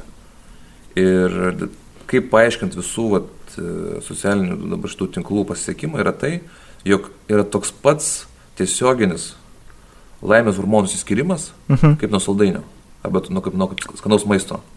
Nes tai mūsų evoliucijos, aš čia labai tokį evoliucinę prasme aiškinu, bet evoliucijos eigoje geras socialinių tinklų turėjimas tau egzistavo išlikimą. Jeigu tu bus nekenčiamas grupės, tavęs nebus. Suprantama. Ir dėl to, kad tie- kiek- kiekvienas laikas tokį mažą lašelį, nežinau, ten depo- dopamino ar serotonino įskiria. Mhm. Ir dabar grįžtant prie tos maisto analogijos, kai tu turi stalą, kuriame valgių yra ne, nebaigtinis kiekis ir vis, visokiausių skonių. Ir dar yra šalia salduminai. Kai ką, pavyzdžiui, vaikas valgys. Jisai tiesiai iš saldumino ir mes dabar, kadangi tai yra naujos technologijos, mes dar esame to vat šiek tiek vaikiškumo stadijoje, mes nelabai suprantam, kaip čia viskas yra. Viskas plečiasi, viskas tobulėja, techno- technologijos vis arčiau prieina, nu, prie tos varas, pavyzdžiui, vir- virtual reality. Mhm. Jos vis arčiau ir mes tiesiog kol kas dar neturim laiko, vat man tokia tema, aš dažnai apie tą mąstau, kur yra ribos. Kaip tiesiog pilnai racionaliai tai paaiškina, aišku, mokslininkai tą užsiema, sociologai, e, irgi vėliau šitą, šitą reikia gražinti. Bet šiuo metu mes nelabai žinom, kokie čia procesai vyksta. Jie tiesiog artėja. Taip pat yra su streamais. Pas pati mintis, kad tu gali bendrauti su žmogum, kurį matai ekrane. Tu įsivaizduoji, ką tai reiškia prieš 20 metų. Su, veda, pavyzdžiui, laidą kažkokią žinias panoramą ir tu parašai komentarai. Komentarai, ką jūs galvojate, ne- nemyra, ne, nemyra apie tai ir tai. Na, ne, jo, aš galvoju tai ir tai. Tai čia yra, nu, nerealu. Magija čia būtų buvus, tai visiškai. tikrai taip. Man telelto buvo magija. Aš nesupratau, ka- kaip jie žino, kad kažkas laimėjo. Aš nesupratau, kaip tai veikia. Paskui man paaiškino, jie žaidžia su bilietų kopijom. Įsivaizduok taip. A, gerai. Bet jo. E, dabar šiek tiek iš tikrųjų gerai, kad pradėjo bent jau šnekėti apie tai ir suvokti tą. Nes iš tikrųjų labai daug žmonių turėjo problemų su, nežinau kaip čia, su psichika, su savim, su to burnautu tarp influencerių žinomas ir tas um, depresijos ir panašiai, neaišku, iš kur kyla. Kas tai yra burnautas? Kaip tai vyksta? Mm, perdegimas, lietuviškai jo, tas kuri kontentą, tarkim, Instagramą, dedi video, YouTube, nesvarbu kur, nesvarbu platformą, tiesiog dedi tą kontentą ir po kažkiek laiko pastebi, kad tu tragiškai jautiesi, pervargęs tiesiog ir nebenori to daryti. Nu tai tas taip pavadino to burnautu. Ir atrodo tokia kaip lyga praėjo pro labai daug influencerių, kol pradėjo žmonės iš vis šnekėti ir suprato, kas iš viso tai yra. Ir paskui pradėjo šnekėti va, apie tos Facebook'o feedback lūpus, kaip um, laikai, kaip narkotikas, kaip sakai, išskiria dopamino, ser, serotoniną, nežinau, irgi ką ten duoda ir tu to sieki. Ir tave realiai uždaro į tą tokį feedback lūpą, kad tu gautum daugiau, tu turi kur daugiau kontento, kad jaustumės gerai ir gautum daugiau vėl, tu turi kur kontentą. Ir tame nebelieka to žmogaus įvertinimo, ar aš tikrai noriu tą daryti. Ir lieka tik tais, aš turiu tą daryti, kad gaučiau tos laikus. Ir va žmonės į tą užsidaro ratą ir, ir jo, paskui Facebookas ten ir pakeitimus darė, Instagramas paskui liktais daro pakeitimus, kad ten laikų kažkaip kitaip rodytojas ir panašiai, ten, nežinau, ką tiksliai jie padarė, bet bent jau tai pradėjo šnekėti ir suvokti, kad tai yra dalykas iš viso. Nes jo, žmogaus psichikai turbūt nėra pats geriausias dalykas, tie laikai, ir aš tikrai net pažįstu ir čia panų Lietuvoje, kur tai yra viskas. Kokią Instagramo fotkę įdėti ir kiek laikų gaus, tai vos nėra viskas, kas svarbu. Sakyčiau, tokia yra pagrindinė knyga tokio Jonathan Haidt, e, Amerikos e, socialinio psichologo. Ir jisai va, šito vietoj įdomiai įskiria socialinius tinklus ir žaidimus. Mhm. Kad šitas virtualumo įsitraukimas į žmonių gyvenimą, pavyzdžiui, žaidimai, jie visiškai neturėjo įtakos, e, kad ir kiek būtų daug mitų, savižudybių kiekiui Mhm. jaunų žmonių. Nes iš esmės yra atkartojami tie patys modeliai, kurie yra socialinė, nu, normalia mūsų buvę. Tai yra konkurencija, tai yra kažkokios bendruomenės, tai yra pažintis, neapykantus ir panašiai. Tuo tarpu pas mergaičių, mergaičių nusiž- nusižudimo kiekis yra labai išaugęs, nes jos žaidžia mažiau žaidimų, bet žymiai labiau reaguoja tos socialinės medijos. Taip. Ir va, toks, va, toks momentas, dėl ko negalima visko po to pačiu skiečiu dėti. Žaidimai, bet, nu, va, žmonės dažnai galvoja, žinai, virtualumas, asmečiai, bet vis tiek yra partikul- partikuliarūs dalykai, kurie skiriasi. Kas man buvo kišiausia, kad tezė, kad žaidimai ugdo žmogaus socialumą. Žaidimai gali, čia turbūt galim perėti dabar prie vieno iš tų temų. Žaidimai gali daug naudos turėti irgi. E, Gal aš nebūčiau pats geriausias pašnekovas tam, bet tie žmonės, kur su game devu labiau susiję, ir aš turiu tarp pažįstamų, ten yra artojas vienas, kur šeimą augina, tie patys žaidimai kaip mokomasis įrankis. E, Juos net kūrė būtent vaikams, mokyti, kaip problemą spręsti ir panašiai gali neįtikėtinai daug naudos vaikams turėti. Tas pats Minecraftas, e, su kuriuo ten netgi klases moko. Aš šito žaidimo net nesužaidęs, tik mačiau, kaip broli žaidė. Minecraftas? Jo, tai yra 91 metų lygio grafika, Fenomenas. bet, kiek žinau, milijonai žmonių, ne? Kaip, kaip paaiškinti? Dešimtis milijonų. Ten, Populiarumą. Aš neukauju, aš jį nusipirkau savaitę, kai beta versiją išleido. Ten buvo reklaminis pirmas tas, kad va išėjo Minecraftas, ten 15 eurų man atrodo kainavo tuo metu. Ir nusipirkau aš jį. Tuo metu ten nebuvo nieko praktiškai. Nu, dabar jis aš čia prieš pusmetį pamėginau, kas naujo, e, patoblino, bet tuo metu tai tiesiog buvo pasaulis, tam tikros taisyklės ir daryk, ką nori.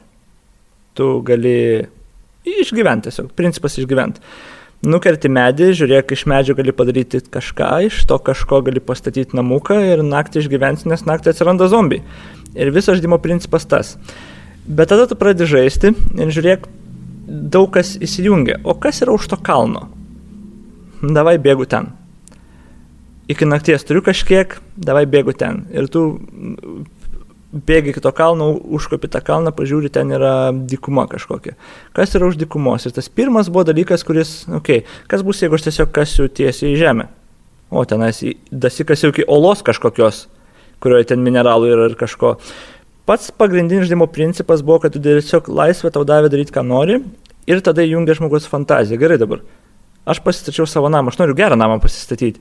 Ir pradėjau statyti su langais ir viską namą ten su dviem aukštais, trim aukštais, tiesiog statai, trūksta plytų, eini, e, renki mineralus, juos tenais apdirbi, nu, plytas, kad pagaminti, ten, nu, tie procesai yra tas basic craftinimas.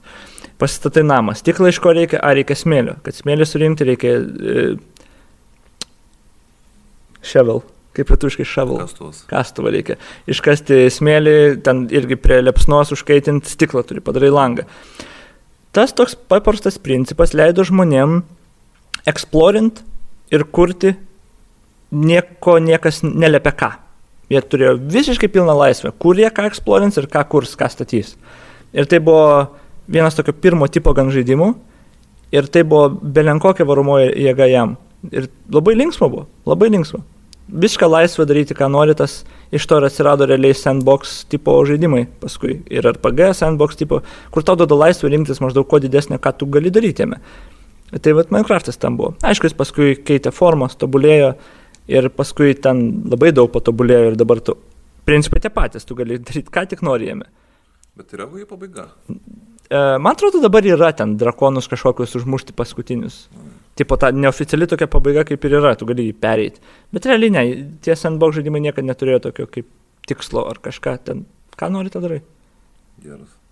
Ir e, iš to paskui kilo čia Lietuvoje buvo, kur e, elektrinės statė Teslos, e, mano pažįstami irgi iš tos gaiminimo bendruomenės, kur statė Tesla ieškojo, kur jų super gamyklą rengti, Mhm. kuriam pasaulio vietų ir ten visi maždaug siuntė. Tai lietuviai sumastė, davai pastatom Minecraft'e tą gamyklą. Jiem kaip pavyzdį, ten išrinko vietą, medžiai aplinkui, tikrą vietą, realiai ją atkūrė maždaug žaidimą ir pastatė tą jų gamyklą milžinišką, tipo nusintė kaip, kaip, kaip reklaminį tokį atvarykit pas mus. E, dar jie ten kažką kūrė, ten yra... Man... Nelaimėjo, ne? Ne, man atrodo, nelaimėjo. Ne, nu, būt, man atrodo, nelaimėjo, nes būtų pas mus. E, bet e, jo, tie projektai buvo su Minecraft, dar ir kiti ir pasaulyje buvo, kur ten visos valstybės siuntė savo ar, ar, ar šalių, ar sostinių kažkaip tokius rekonstrukcijas, ar kažkokių pastatų, tarkim, kur bandė pasaulio žemėlapį sukurti, nežinau kur dabar. Tų projektų atsidūrė, bet tai vėlgi žmonių vaizduotė jie darė, ką nori ir kūrė, ką nori ir iš to atsirado ir kaip vaikus mokinti. Sakau, kažkokioj mokykloje tenais klasė yra vaikams, kur Minecraft naudoja kaip įrankį ir jos mokinti kažką. Dabar ten netgi galima um, elektros tinklų pradmenis išmokinti vaikų. Nes ten gali, aš nejaukauju, procesorių sukūrė Minecraft'o viduje. Iš tų sistemų, kokios ten dabar padarytos. Ramo sukūrė, kad vieną ar du bitus atminties saugoti tame. Nes ten padarė iš vieno tokio, gali laidus dėlioti, esmė, kurti elektrinius tinklus, tarkim. Paspaudi mygtuką, elektrinis tinklas eina, įsijungia šviesą jo gale. Kas bus, jeigu elektrinio tinklo gale bus switchas į dvi dalis pasidalina. Mhm. Gali atkartoti visus elektrinių tinklų konceptus. Ten taip, ne, arba tos visus tos, e, nu, mikros, mikroschemose, kur naudoja. Ir aišku, yra, kur sukuria vos ne kompą. Ten su keliais bitais atminties. Tai tu netgi tokiu principu gali pradmenis to išmokinti, kur paspaudi mygtuką ir pagal tavo suprogramuotą va, tą tokį elektros tinklų viską lemputės įsijungs ar melodiją sugros užprogramuota. Tai jo, dabar gan advanced galima ten padaryti daug dalykų, bet pačioje pradžioje, man atrodo, pagrindas toks buvo. O nebijai, kad e, žaidimai išmokys ir smurto? Ar ne, nepasidarys Lietuvoje? Tai aš taip, kur perskaičiau, juoktis pradėjau, o čia. Eh, tie žaidimai kelia smurtą, nu, dėl visko kaltin. Ne, iš tikrųjų, jokinga, jokinga. Aš net googlinau čia periodiškai, koks yra mokslininkų konsensusas maždaug. Tai ar kelia tą agresiją žmonės ar ne, ar jie gali sutart nors kartą. Ir kaip ir nėra tokio visiškai šimtų procentų sutarimo, nes man atrodo yra labai sunku kaip ir tirti tokį dalyką visų pirma. Bet manau, viskas absurdas yra, man atrodo, tai labai konkrečiais galbūt atvejais išimtim gali kažkam turėti neigiamą įtaką iš tos smurtinės pusės, bet aš tikrai nemanau, kad kažkam turi mažiausiai net įtaką tam. Tai kaip tu reaguoji į tos, kada Amerikoje vyksta sušaudimai mokyklose ir pirminė reakcija, kad, nu, čia kažkas jau puika prieš. Nu, jokinga, nu.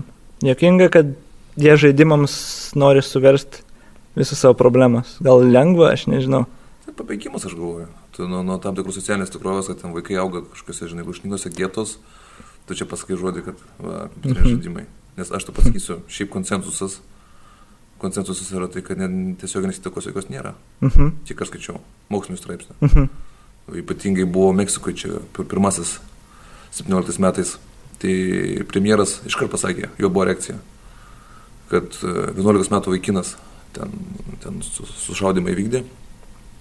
Jo reakcija buvo iš karto, nu, čia kompiuterinė žaidimo įtaka. Čia vaikas, mes žinom, kad jis žaidė žaidimus, jis žaidė yeah. first person shooter. Ir tada tiek psichologų asociacijos, tiek sociologų, tiek e, kažkokia vat, gamer asociacija Meksikoje yra. Jie visi numetė labai konkrečius argumentus ir tyrimus padarytus. Vienas iš pagrindinių yra tas, kur aš sakiau, Jonathan Haidt, kad e, kaip tik ugdo kompiuterinį žaidimą, kad ir kaip tai keistai skambėtų. Mhm. Empatiją, socialumą ir jokios tiesioginio koreliacijos su smurtu nėra.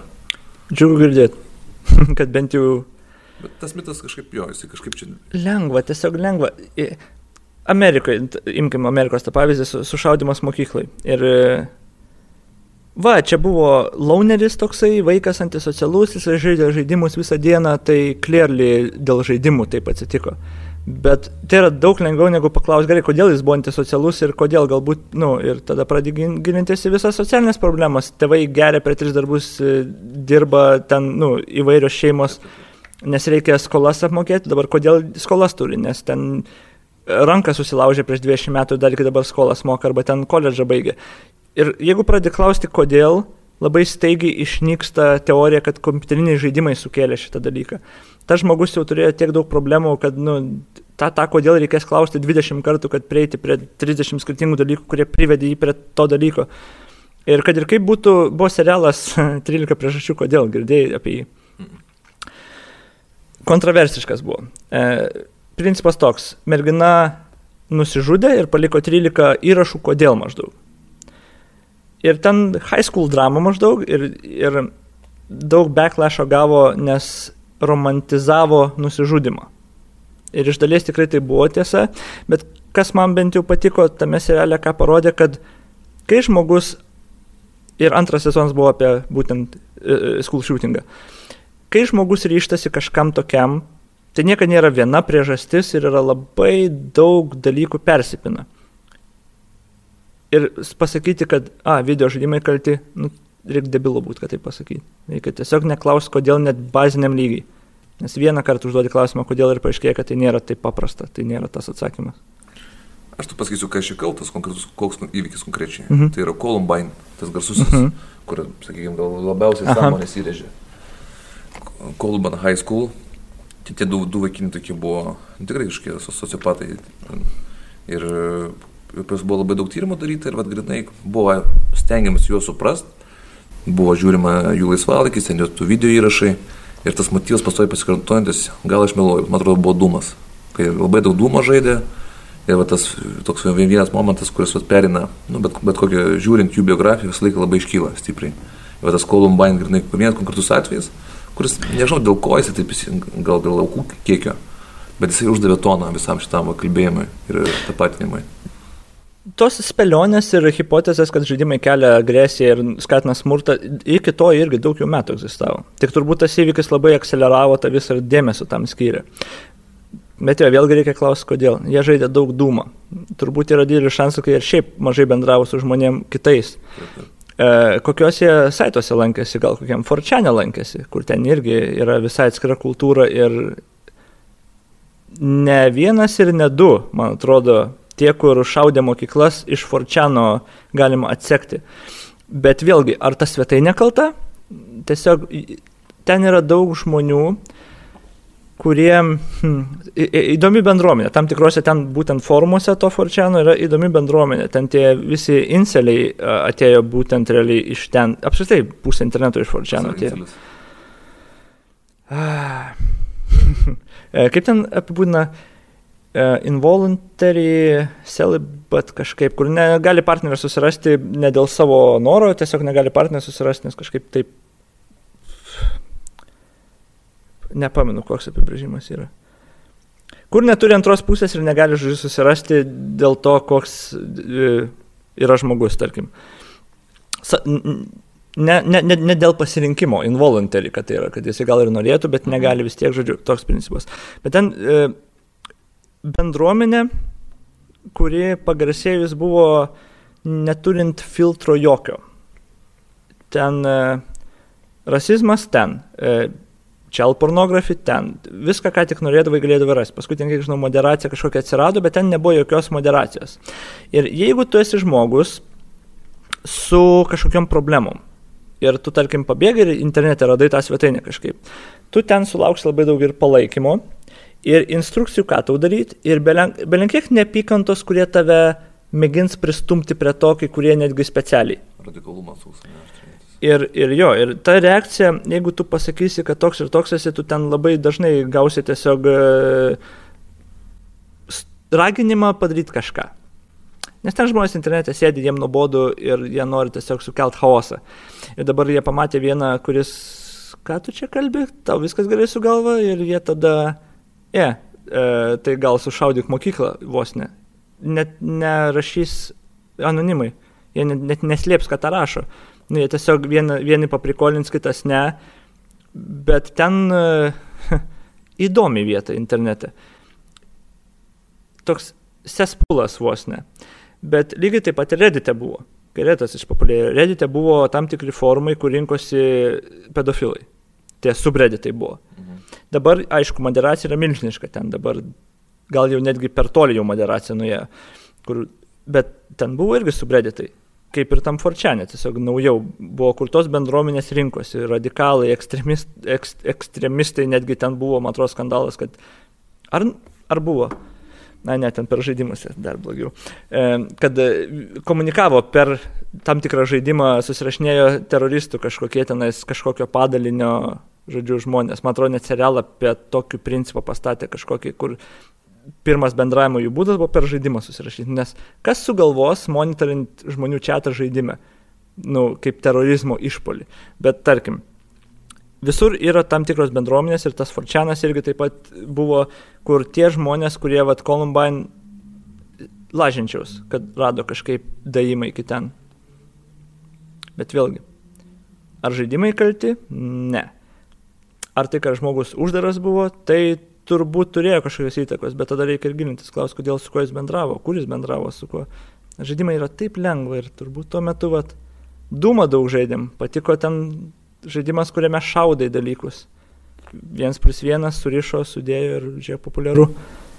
Bet čia dažnai apskritai medijom yra ta kaltė metama tiek televizijai, su, žinai, tai, pavyzdžiui, tokios buvo laidos, čia dabar populiarios yra, gal dešimt metų realybės kur, pavyzdžiui, pas rusus yra Dom 2, kur sumeta kažkokios namuose jaunus žmonės, mhm. jie ten dulkinas ir mušasi. Tiesiog tai, tai akvariumas. Ak, nu, jo, akvariumas. Prisimenu pirmąjį vienintelį, kurį žiūrėjau. Vis tiek lietuviai tokia konservatyvi tauta yra, tai palyginus, kas ten vyko su, su amerikiečių variantais arba rusų, tai mhm. tai vaikų žaidimai. Tarantino dažnai metas, metamas kaltinimas, kad vaizduoja smurtą. Ai, taip, taip, Tarantino. Jos laikas sakymas, kad pas jį smurtas yra estetinė kategorija, mhm. o ne moralinė, kuri kažkas skatintų. O jeigu žmogus pasiema iš kažkokius imperatyvus iš kino, tai jisai gali juos iš bet kur pasimti. Mhm. Pavyzdžiui, nu, grafą Montekristą skaitant. Tai irgi tas gali kažką inspiruoti. Šitą vietoj, nu, cenzūra, jeigu vykdyti, vos nereikia iki galo eiti ir viską uždrausti. Cenzūra. Um, internete jos kiek turi būti, nu, čia to, tema tokia. Uh, korporacijos dabar pradėjo baninti žmonės už jų pasisakymus. Tarkim, YouTube'as ir visos prašai medijos išbano Alex Jones. Ir tai buvo toks pirmas, o kodėl? Ir nes jisai, aišku, jisai klėdė, jis tiesiog, nu, belenką šneka, belenkokių dalykų. Gerai, bet kodėl reikia baninti? Ir vat man ir dabar tos klausimas, kodėl korporacijos tada, ar jos turi visų pirma baninti turinį, nes gerai, Jeigu mes child pornografiją, nu, tai jo, reiktų baninti. Bet tada, jeigu mes už kažkokią kontroversišką nuomonę, kodėl jį banina, kaip tau, pažiūrėjau, atrodo dėl cenzūros šitoj vietoje, kaip turėtų būti? Nu, pirmiausia, tai tos visos didži, didžiosios kompanijos, YouTube, Twitter, tai yra privačios įmonės. Mhm. Tai yra jūsų kurtas, e, jūsų kurta platforma. Dabar aš girdėjęs kažkokį pasakymą, kad Twitteris turėtų būti žmogaus teisės. Tikrai ne. Tikrai ne. Tai jų ta vidinė politika, dabar aišku, tu pasakysim, kad ta vidinė politika visą laiką užsiema tam tikrais ideologiniais darbais. Nu, čia nepaslaptis, kad yra pakankamai kairoliškų pažiūrių įmonės. Visą laiką, visą laiką kur, vat, kur žmonės daugiau dirba su, su, su, su, internetais, su, su tom technologijom, nuo jom, tai bus dažniausiai kairiųjų pažiūrų žmonės. Uh mhm. -huh. Tai kaip aš vertinčiau tą draudimą, man nuo seno patiko amerikonai šito klausimu, kad jie pirmieji pasaulyje padarė konstituciją, reiškia dokumentą, kuris tampa autoritetu teisės sistemai. Tai yra pirmasis pasaulio įvykis, prieš mhm. tai tai būna, nu, buvo, žinai, Biblija, kažkokie Dievo, galbūt jėgos principas, kas stipresnis. O čia bendrų sutarimų Amerikoje yra parašoma konstitucija, kur visi žmonės prieš ją yra lygus. Tai iš tikrųjų yra nuostabus įvykis. Reikia dar prisiminti, kad mes ATR, Lietuvos va šitą teritoriją su Lenkais kartu, tą padarė po trijų metų tik tai. Tai irgi yra nepaprasto, nepaprasto svarbos įvykis, kurį mes kartais pamirštam. Bet grįžtam prie amerikiečių konstitucijos, pas jūs pir, pirmoji, va, ta, pirmoji, pirmoji tezė yra tai, kad žodžio laisvė yra neginčiama. Yeah. tai priveda prie to, kad tokios organizacijos kaip Kuklus klanas iki šiol Amerikoje yra neuždraustos.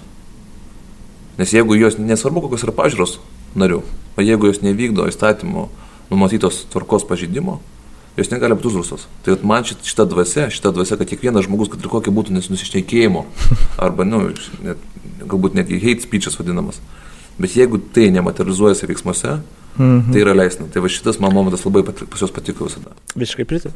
Aš jo, vis, visiškai tam pritariu ir paminėti ar hate speeches, kas tas yra, kitas klausimas. Hate speeches yra netol, netolerancija netolerancijai. Aš, aš, it doesn't exist, aš laikausi tos nuomonės, kiek esu girdėjęs, tai yra, pers, nu, kai bausti žmonės už hate speech, aš net nežinau, kad tai neegzistuoja. Tai, kad tu pasakai kažką, kas kažkam kitam nepatiko, tai nepadaro to hate speech. Nu, man tas iš vis toks absurdiškas dalykas. Ir, ir jo, tai, tai kad cenzuruoja dabar daug tų uh, right-wingerių, kaip čia sakyti, dešiniųjų Amerikos tie, tai kažkas, jo, ką aš noriu pasakyti, gerai kažkas pasakė, kad geriausias dezinfekantas nesąmonė tai e, saulės šviesa.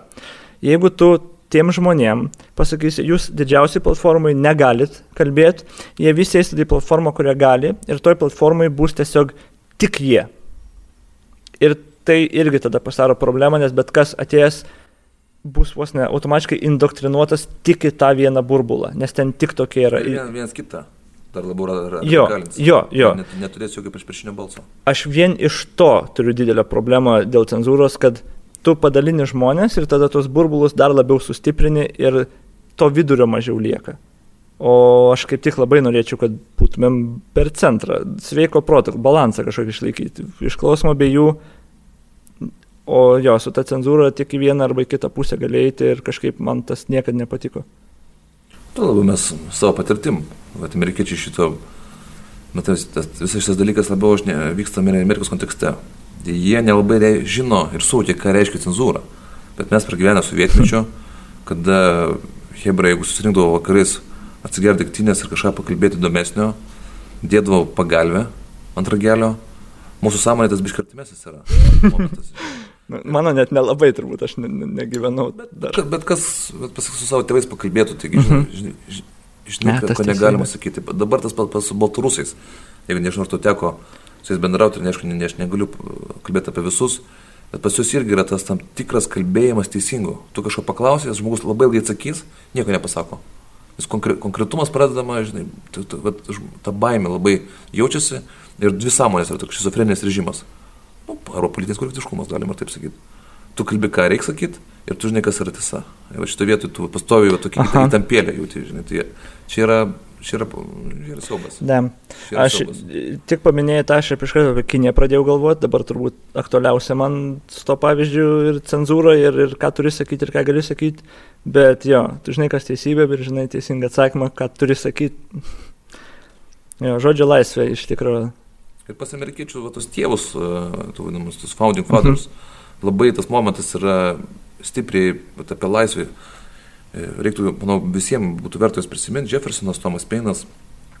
E, ten daug yra argumentų, bet vienas, nu, istorijai neginčiamas yra momentas tai, kad be laisvo kalbėjimo ir be laisvo mąstymo civilizacija nesustoja, jos kūrybiškumas dinksta kad ir ką tu pasakytume apie amerikiečius, bet jie visą laiką visose srityse, jie ten, jie ten turi daug savo problemų. Mes, pavyzdžiui, žymiai komfortiškiau gyvenam. Man, man gaila paprasto amerikiečio, kuris pažinai visus dalykus apie yeah. sveikatos sistemą, apie taip, socialinę taip. apsaugą. Nu, mes tikrai mes palyginti Europą dešimt kartų geriau laikos. Bet vis, visur, visur madas, visur inovacijas praktiškai duoda amerikiečiai. Ir tai yra tas, tas momentas, dėl ko jie turi. Kinija, žiūrėk, ką jie sugeba daryti, aš nežinau, gal klystų, gal technologijos dabar jie prasimušė, bet mano supratimu tiesiog yra juodas kopijavimas visko. Uh, Kinija įdomus variantas. Ar, ar ten yra inovacijų kažkokių? Nu, Nes kultūriniam lygmenį ne. Pirmas ne. dalykas, va tą, kurį aš norėjau galvoti ir pats galvojau, kad turbūt ne. Um, eksploracija kosmoso. Aš apie tai kaip tik užsiminiau čia nesenai ir pažiūrėjau. Uh, kinai labai sparčiai pradėjo pažangas daryti. Ir aš galvojau, a, va, jie šičia, bet, nu, koks šansas, kad jie ten savo kažką išrado. Gal, gal mokslininkai, bet didelis šansas, kad jie pavogė technologiją. nes ten buvo, kad jie ten visur šnipų turėjo ir visur technologijas vogė. Vien, jų dėl tų priežasčių neįleido į International Space Station, amerikiečiai, man atrodo, užblokavo juos, nes bijo, kad jie tiesiog voks technologiją iš jų.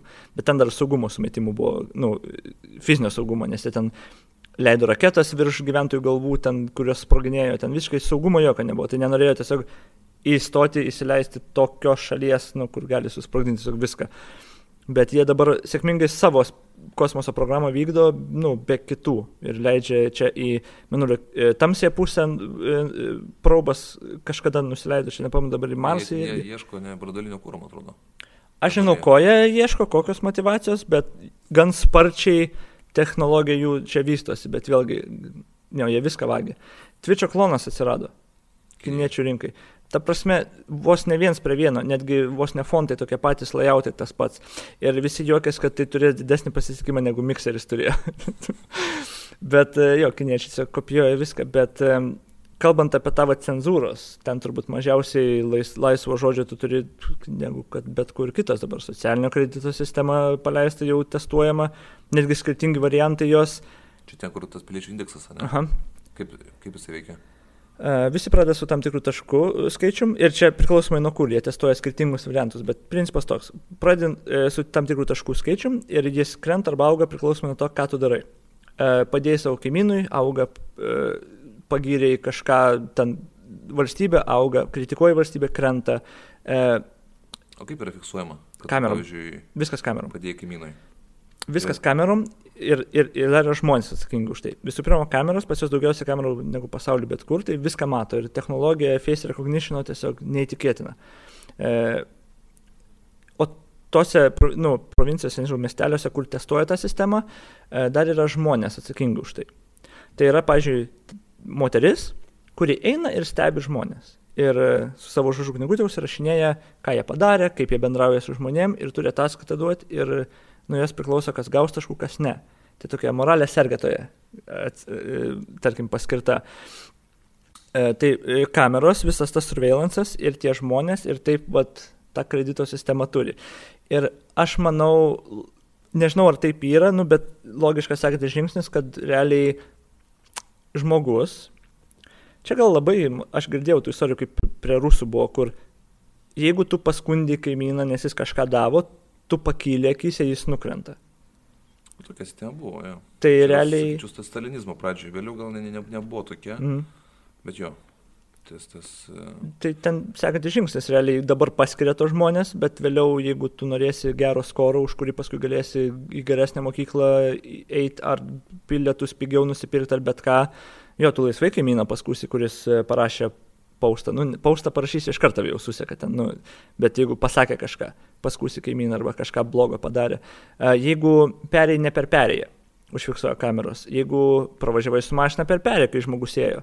Yra netgi per televiziją laidos, kur kiekvieną vakarą e, rodo reportažą ir parodo nužengė, nusižengėjusios, public šeimina juos. O reikia prisiminti Azijos kontekste, ką reiškia būti skirtiniu. Tai yra didžiulė gėda, ne kaip pas mus. Mhm. Žinai, čia, nes mūsų vakarų civilizacija yra linkusi individualumą. Yra individualumo principas. Dėl to mes yra tas asmenybių kultas, ypatingai mhm. filosofijų, labai keista yra. Tai yra vienintelė disciplina, kurią tu mokaisi, grinai pagal autorius. Pavyzdžiui, išmokusi biochemiją, man nesvarbu, kas atrado jo. tam tikrus chemijos procesus. Faktas yra faktas. Aš galiu žinot, aš galiu žinot, bet man svarbu patys procesai, pačios formulės. O, aišku, filosofijai svarbu ne, ne, ne biografija filosofo, o argumentai ir tezės, teiginiai, kurie nurodo tam tikrus nu, apie pasaulį, santykius ar dar kažką. Bet vis grinai filosofija yra vakarų pasaulio produktas, kuris taip stipriai pabrėžia individualumą. Kas yra keičiausia, kad mes turime tokius figūras kaip Sokratą arba Platoną ir net iki šiol išlikusius tokios smulkmenos detalės, kažkokios nu, anegdotiškos istorijos, kurios aš pilnai tikiu yra realios, mhm. 2,5 tūkstančių metų. Mhm. Azijos mąstymė Čia aš labai taip, e, čia koks nors orientalistas gal mane ir sukritikuotų, bet Azija, Kinijos ir Japonijos mąstymė išsiskirti iš kolektyvo yra gėda. Tai vad, kad ja. pasakyti, čia yra didžiulė mūsų, sakyti. Jo, jo. Galvoju, nu gerai, man pasakytų, kad čia aš išmečiau šiukšlės. Suvot. Pohui, man maždaug pasakyti ir viskas. Jo, o jiems yra gėda milžiniškai prieš šeimą ir prieš visus ir tada ten gerus piliečius ant stendo, uh, nu, aukščiausią įvertinimą turintis kaip leaderboardas grinai yra ant stendo surašo su fotkėm, įdeda jos nufotkina ir jos pagiria, tipo, kad va, jie pavyzdiniai piliečiai. Bet jo, ir va ta socialinio kredito sistema, na, aišku, ten daug sistemų tokių, apie kokią žodžio laisvę kalbant. Ir čia per paskutinius porą metų labai pasijautė, kaip Kinija, mano mėgstamiausia tema dabar Kinija, kaip e, jos visą tą ryčią, e, visą siekianti ranka. NBA girdėjai, kas buvo su NBA? nuo ko visas tas realiai prasidėjo, kai e, Hongkongo protestai prasidėjo, dėl akivaizdžių ten dalykų, tarkim, bet prasidėjo protestai ir tada NBA vienas iš, um, man atrodo, pagrindinių žmonių, nežinau, parašė, ar žaidėjas, ar kažkas aukštai gan, parašė laisvę Hongkongui maždaug už Hongkongo palaikymą. Kinijai tas nepatiko, o NBA labai labai daug pinigų, daug daugiau pinigų yra Kinijos rinkoje negu Amerikos rinkoje. E, jie siunčia žaidėjus ten. Visi prašai, visi žaidėjai NBA, visos komandos turi nuo didžiosios sienos ten jų e, fotkės. Daug didesni pinigai yra, todėl ir Hollywoodas e, pinigus uždirba iš Kinijos, nes cenzuruoja netgi filmus ir pritaiko jų rinkai. Ir Kinija tada pasakė atsiprašyk maždaug pala, už tą Twitterį komentarą, kad laisvė Hongkongui, maždaug, kad, nu, ten, kad Hongkongą palaiko, Kinė parašė tokį oficialų ištaisykit šitą klaidą ir atsiprašykit. Ir e, pasaulis maždaug pirmą kartą tokiu mastu pamatė, palaukit, mes čia turim žodžio laisvę. Jūs neturite teisės mum aiškinti. Bet žiūrėk, pasirodo, jie turi teisę nes pinigai yra belenkiek pinigų ir jų nenori atsisakyti. Ir jie vat, per tos pinigus realiai ir paskui aš pradėjau, vat, būtent po to įvykio aš ir pradėjau labai aiškiai domėtis, kiek jų Harstauno turnyras vyksta. Harstauno žaidimas yra turnyras vyksta ir ten vienas e, aziečiai komentatoriai viską ir vienas čivakas e, iš namų ten turnyras vyko, kameras įrodė, e, lapą prieš akis, prieš kamerą parodė laisvę Hongkongui. Nutraukė transliaciją, e, užbanino tą žaidėją, atimė iš jo prizinius fondus ir du komentatorius, kurie nesusiję buvo atleido iš darbo net. Ir tada aš pradėjau domėtis tom. Visą ryčą jie turi bet kur praktiškai per savo įtaką piniginę ekonominę. Paskui pradėjau domėtis jau to Belt and Road iniciatyvą, kur Afrikoje ir visoje Europoje supirkinėja, ten nesupirkinėja, bet investuoja į šalis, kurios niekada skolų ne, ne, nepadengs savo, bet jie gauna uostus. Jie per ekonomiką dar labiau nori, nori įtakos turėti pasaulyje, kas yra neįtikėtinai, kiek jie turi įtakos jau dabar. O jie žodžio laisvės neturi, jie turi visišką surveillance state. Totalitarinė valstybė. Iki tokio lygio, kad e, aš nejokavau, e, prieš porą mėnesių gal pažiūrėjau video apie pabėgėlius, tarkim. E, jie buvo amerikiečiai, e, gyveno Kinijoje ilgą laiką, bet paskutiniu metu išvyko, nes jiems pradėjo darytis nesaugu. Nes nu, negali nieko pasakyti. Jeigu jie pasako kažką bent kas yra negerai su Kinė. Jie rengia video visokius turistams, viską. Ir jie sakydavo iš gerosios pusės viską, bet, nu, normalu, kad kažkur galbūt bus biški kritikos. Mhm.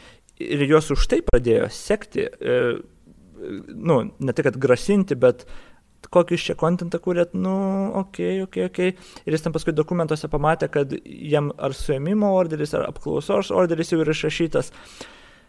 Jie tiesiog pabėgo iš ten, nu, daros nesauguris, paskui šeimą norėjo gražinti. Tai netgi kai jis išvažiavo iš Kinijos, um, jisai susipažino su pana kažkokia per internetą, kuri pradėjo labai jo domėtis ir labai aiškiai patapo, kad, nu, catfishnai, ieško informacijos, bandė išsiaiškinti, kur dirba, kur gyvena ir panašiai. Ir jo, prieš kelias dienas aš apie tai išnekėjau, aš Tinderį sumečino mane su dviem panom, azietėm, kurios yra iš Kinijos. Abi pasisakė, viena iš Šenzeno, kitos miesto, nežinau, bet iš Kinijos su sesė gyvena, pasakė. Kitos skaičius didelis. Uh, aš nežinau. Vienos nerašo net atstumo, kitos rašo 80 km. Bet kur reiškia gali būti. Tai Vilnius, nu, mano 8 km, pas mane, man atrodo, iki 100 km, kad Vilnių dar gaudytų. Tai aš nežinau, spufinti savo lokaciją turbūt gali, bet abi pasisakė, kad Lietuvoje net nėra buvusios. Nu, tik kai paklausiu. Ir tada pirmas klausimas, viena buvo iš Šenzeno, kita kitur, e, ar planuoja atvaryti Šenzeną.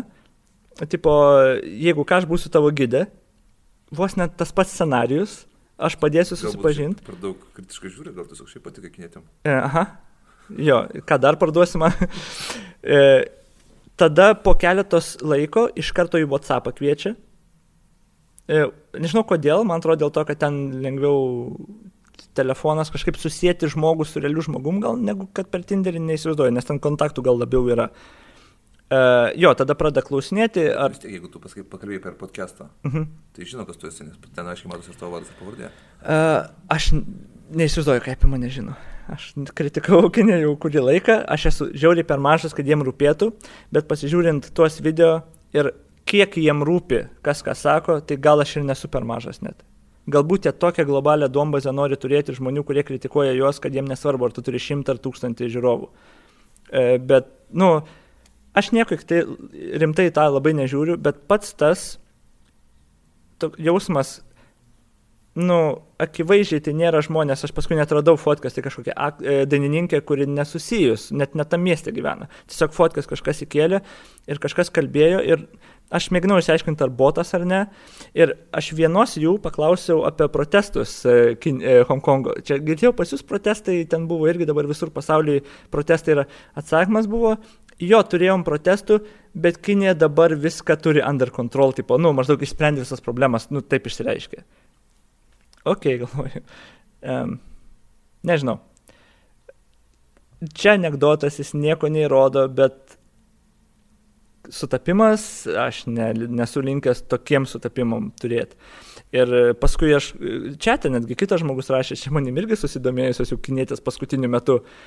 Aš visai nenustepčiau, jeigu paskutiniu metu kažkokią programą vykdo, kur tiesiog globalią tokią dombazę pradeda apibendrinti, surašinėti.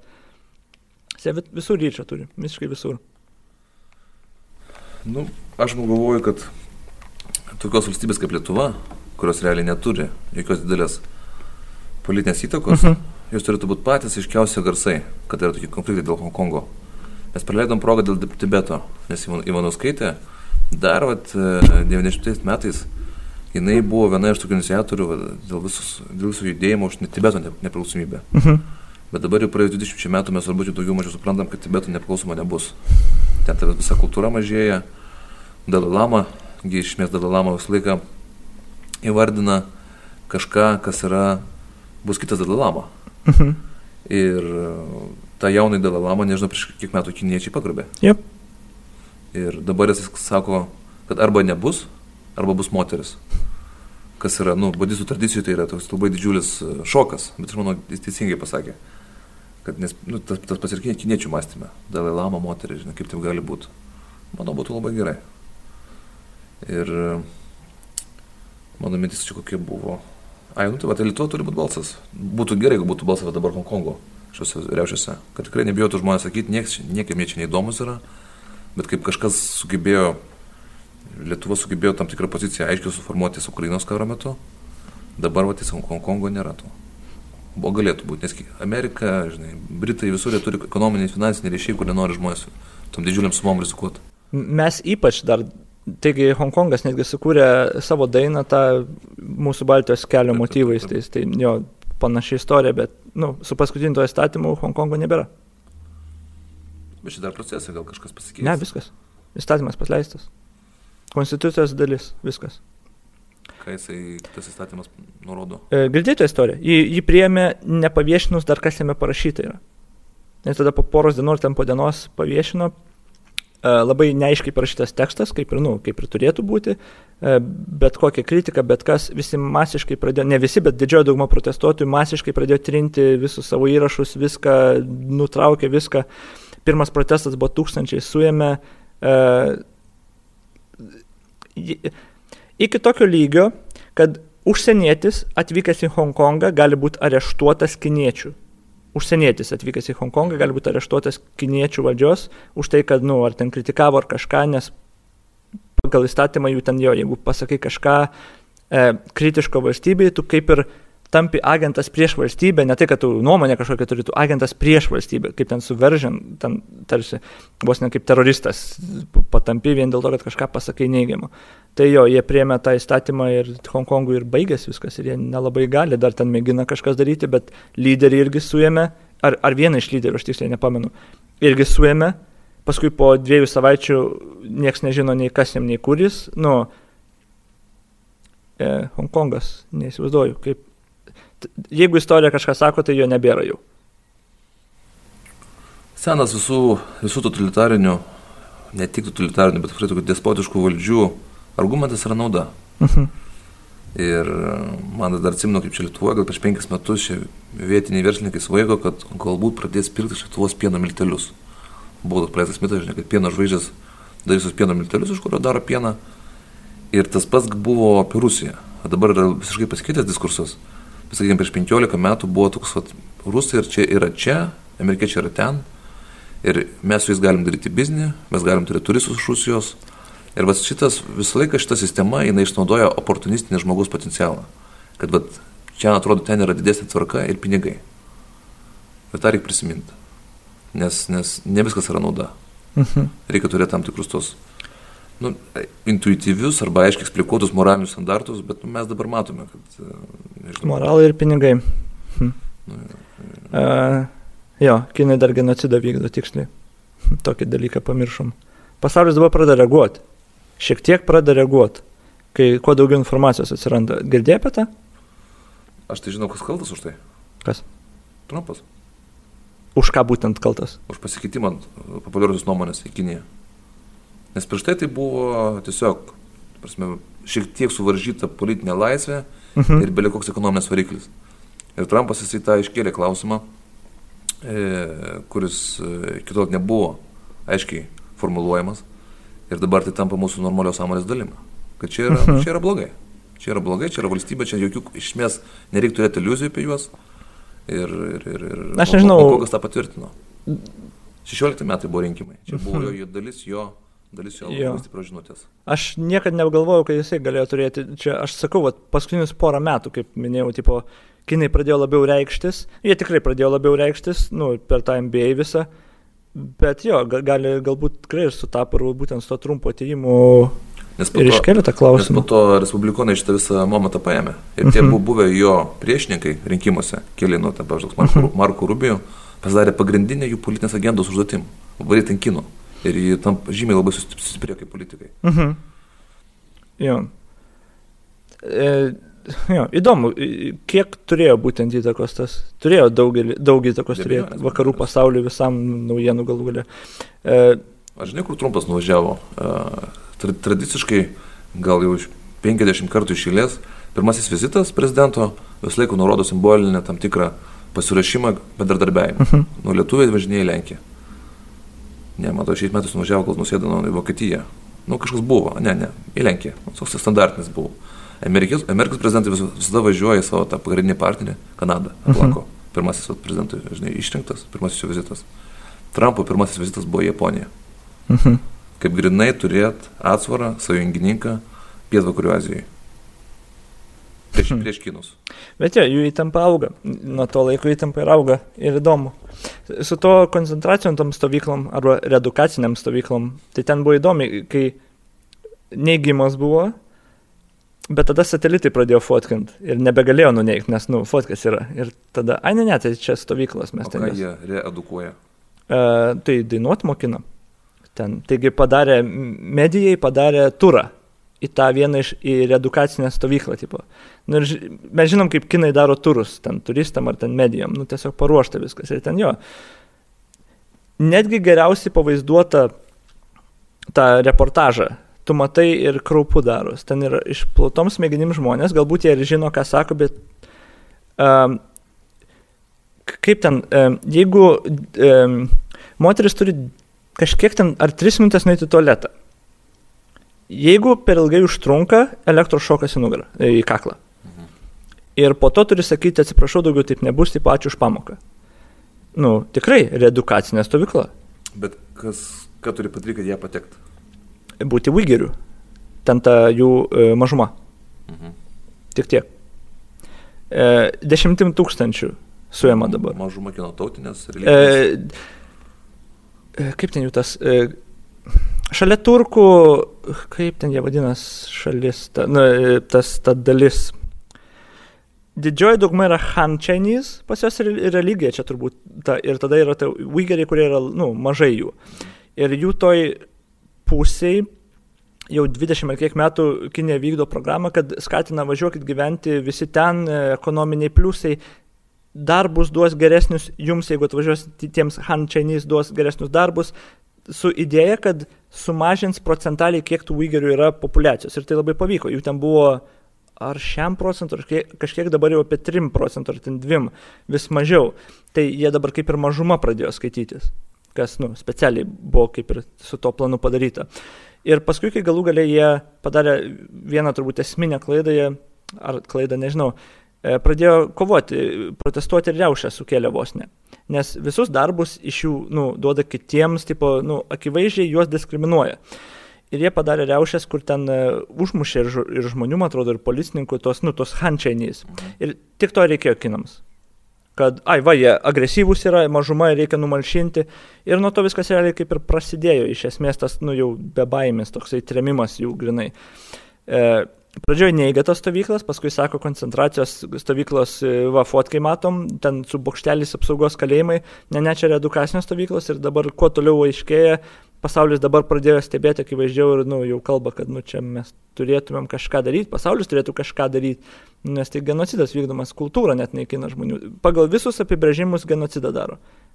E, ant kapinių, tų Uigerių tautos kapinių stato amusement parkus. Visur, kur kažkoks paminklas ar kažkas stato kažką, visiškai visą kultūrą netgi trina. E, e, sterilizuoja moteris. Nu, visiškai visi punktai genocido įvykdyti ir kinai. Nu. Vienas iš tų smagių dalykų, kai pradėjo apie juos domėtis ir, ir jie net neslėpia to. Tam esmė. Dabar net nebėra slaptai kažkas. Kai pamatė, kad pasaulis nereaguoja, nu, ar, ar nieko, kokios jiems pasiekmes bus, jie dabar pradėjo dešimtim tūkstančių kas savaitę jų imti už bet ką. Netgi už tai, kad, kaip tenais išsireiškia jisai, Uh, nu, mes stebim, nes jie ten turi kameras, viską. Ir šitie žmonės turi potencialo užmušti žmogų. Tai jeigu mes galim uždrausti kelią nusikaltimui, tai mes nelauksim, kol jis užmuš žmogaus. Nu, absurdas. Bet to užtenka, kad ištremtų juos. Nu, kad suimtų, kaip sakant, kad suimtų ir sudintų. Ir čia oficialus jų statementas, to žmogaus, kuris atsakingas už tą, ten, nežinau, ar pats aukščiausias, bet ar tiesiog medijos atstovas, bet jų oficialus statementas. Jeigu mes identifikuojam žmogų kaip problematišką ir kai jis gali užmušti žmogų kitą ar kažką, tai kodėl mes turime laukti, kol jis padarys tą nusižengimą. Mes iš karto suimam. Ir jeigu to užtenka, tai tiesiog jeigu tu pagalvoji kažką blogo ir už tai tave gali suimti, nu tai jo. Bet kurį mūsų gali bet kada tipo suimti tada. O kaip yra aiškinamas vat, šitą kinų ekspansija? Nes Kinė, Kinė kaip civilizacija niekada nebuvo imperialistinė europiečiai. Jie mhm. čia buvo mėgėjai užkariauti pasaulį, kolonijas daryti, e, tam tikrus pirmieji darbo stovyklas vadinamus lagerius, taigi Britai padarė mhm. Afrikoje. Kur, kur, nu, grinai, vat, ekonominis tam tikras išnaudojimas skirtingų šalių. Ir to susikūrė iš tikrųjų turbūt nemažą kapitalo dalį senosios Europos valstybės, Prancūzai, Britanija, iš, iš, iš, iš savo imperializmo. Bet Kinija iš to vietoje niekada savo teritorijos neplėtė. Kaip aiškinamas dabar šitas momentas? Tiek toli nesidomėjau, bet vienintelis tas punktas, kai tas e, Šižimpinas atėjo į valdžią. Prieš tai tipo Kinė buvo kaip ir uždara tokia, kaip ir sakai, jie nesikišo nei pasaulio tą geopolitiką visą, jie kaip ir tokie uždari buvo. Bet su to Šižimpinas, aš nežinau kaip jo vardą tart beje. Vinipuchų, taigi dabar jis pyksta, cenzuruoja Vinipuchą, nes jis panašus. E, kai jisai atėjo į valdžią, jisai turėjo daug geresnių idėjų, tipo geresnių, kaip Kinėje padaryti globalę šalim, tarkim. Tai čia turbūt gal jo valdžios kažkokia įtaka į tos, kad nusprendė tokia, nu, labiau reikštis pasauliui. Neįsivaizduoju kodėl. Bet tas planas kurį laiką jau vykdomas. Nu, tai kiek jis laiko valdžioje, aš net nežinau dabar. Irgi jau kurį laiką. Nes tas planas negali būti trumpas. Kaip iš viso aš pagalvoju, tos autoritarinės šalis, diktatoriai visokie, per keturis metus niekada nieko negali padaryti, nebent pradą kažkokį. Ir jeigu jiems leis toliau, jie tada tą pradą, kurį padarė, gali vystyti toliau. Bet jeigu dažnai keičiasi prezidentas, turbūt tam ir yra tos keturios arba, na, nu, dvi kadencijos arba maks dvi kadencijos, padarytos. Turbūt ir yra labai geras dalykas vien dėl to, nes jeigu vienas žmogus gali užsisėdėti, jisai gali labai daug dalykų padaryti, kad ir toliau sėdėtų. Ir va, jeigu tu nori planą padaryti, kaip tenais ex-KGB agentas, kur šnekėjo apie Amerikos ten demoralizaciją tautos ir panašiai, kiek tai laiko užima, tai apie nuo, nuo 10 iki 30 metų, kad naują kartą užauginti ir su kokiom idėjom, grinai iš KGB mokyklos maždaug. Mhm. Nes tai užima laiko, realiai, va, jeigu kinai. Jeigu jie nori tam tikrą vietą užkariauti, grinai ištremiant vos ne žmonės, jie negali tiesiog per 4 metus nuspręsim, visus iššaudom ir efektyvus būdas, bet jie negali taip daryti, va ir po truputį. Pirmą planas, davai per 10 metų padarom, kad sumažinti jų populiaciją procentaliai, tada ir po truputį, tik kad tokį ilgą planą, tikslingą planą įvykdyti. Ir jie dabar tų planų daug turi. Reikia vieno, nu, valdžios tos su ta pačia idėja, ar, ar taip ten gal vienas žmogus ir neturi visos valdžios, bet kažkokia žmonių grupė. Tas pas ir demokratinėse valstybėse yra. Mhm. Viena iš demokratijos silpnumų yra, kadangi yra tie rinkimai, tu turi žmonės, kurie dažniausiai ateina ne iš politikos į politiką, jie po keturių metų tik tai pradeda kažką suvokti, kaip veikia sistema, kaip turi būti daromas darbas ir yra perrenkami. Tai aišku, tas yra dalykas, jau Šekspyras sakė, kad trys dalykai parodo žmogaus vertę - pinigai, melė ir valdžia. Valdžia iš tikrųjų yra, nu, daug kas, daug kas kalba iš tų su buvusių diktatorių, kad tokio pajutimo savo gyvybės, gyvybingumo mhm. niekas nesuteikė daugiau. Nei pinigai, nes, nu, valdžia. Dabar diktatorius jisai gali realiai turėti savo sąskaitui 100, 100 eurų. Bet mhm. ką reiškia valdžia? Reiškia, jeigu jis norės, jis turės visus pinigus. Yeah, aš suprantu, suprantu tą. Tas pats ir su meilė. Mhm. Gali, žinai, ne viena moteris gali jo nemylėti. Bet jeigu jis užsinorės, nu, meilės jis gal negaus. Bet tam tikra meilės iliuzija, kol galbūt jo mąstymė jį patenkins. Hm. Na, valdžia. Hm. Čia tai tas nuseno dalykas yra jau, šiaip aš apskritai padaryčiau, pavyzdžiui, Lietuvoje privalomą Seimo nariam kokią nors įstatą, kad kartą bent per mėnesį troleibusų pavažiuotų. Pažiūrėti, žinai, ką žmonės, kom, kom gyvena, kaip atrodo, kas čia, kas čia vyksta, nes jeigu tu važinėjai iš namų, tenais, iš turniškių su, su, su trim, trim mašinom palidovinėm iki Seimo, tai tu Pasidarai biški burbulę savo. Atsijungi nuo realybės. Nu. Diskonektas atsiranda tarp žmonių ir valdžios, tas tiesybė. Hm.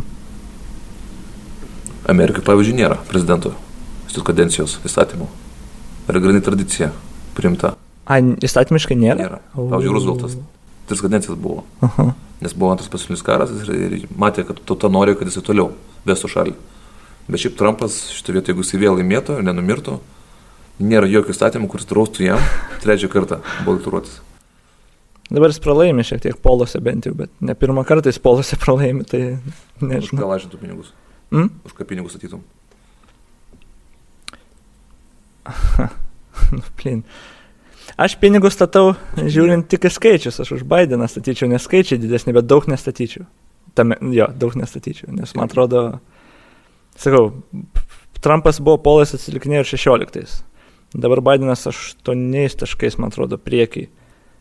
Bet e, daug nestatyčiau. Man atrodo, nu, iš įvy pusės, kaip, nu, kaip aš statyčiau pinigus, tai gal ir būtų verta iš pastatyti, bet, nu, ne.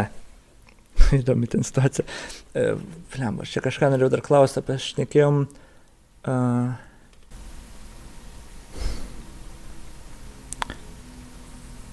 Pamiršau apie trumpą pradėjau šnekėti. Kur apie valdžią kalbėjom? Ja, aš nekai apie valdžią. Ir kažką mes palėtėm to ir man kilo klausimas.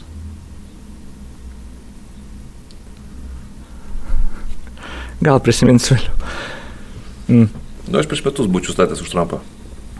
Iki, iki koronos. Mm -hmm, mm -hmm. Čia dėl to jis ir nukrito tais jo. taškais realiai. Kažkaip jis nesugebėjo savęs pravesti. Normaliai.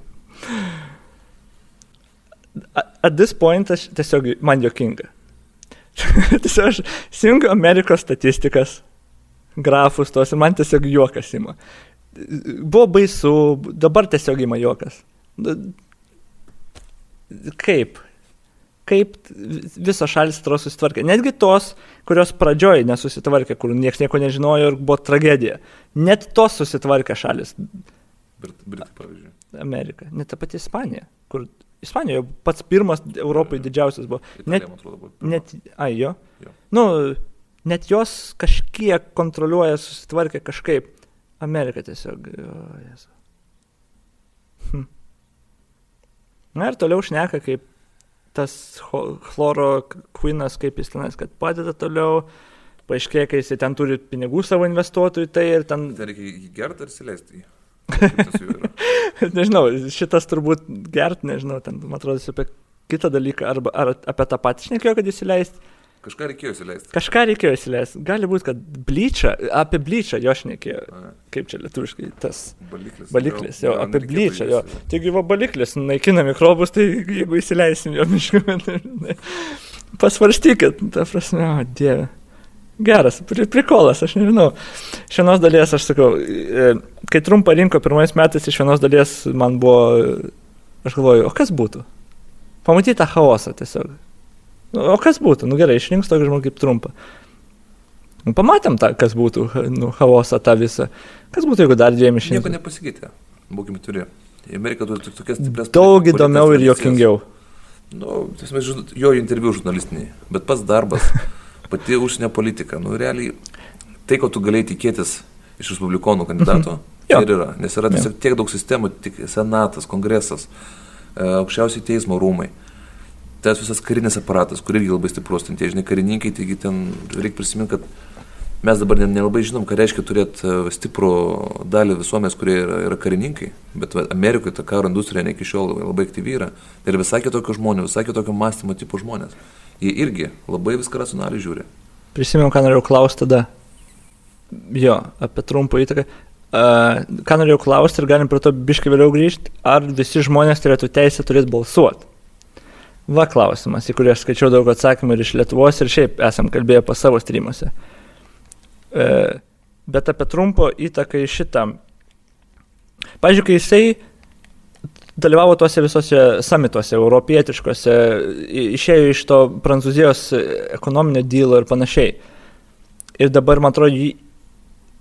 Nu jo, jis... e, Ar tikrai būtų su visais tas pats, ar jis čia neturėjo vien dėl to, kad jisai yra jisai? Ar neturėjo įtakos gan negeros Amerikai ir kaip ją žiūri šalis?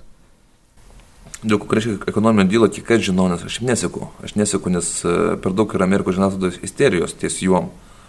Bet e, ten mintis buvo paprasta. Į tą dylą nebuvo įtraukta Kinija.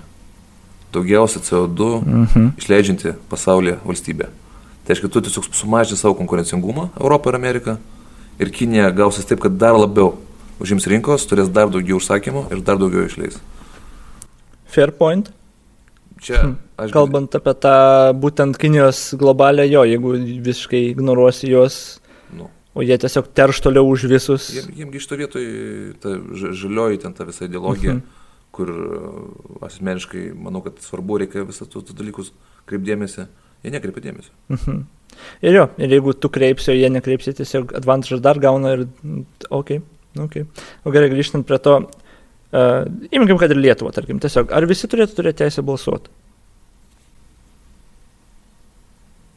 Gali gal plačiau biški.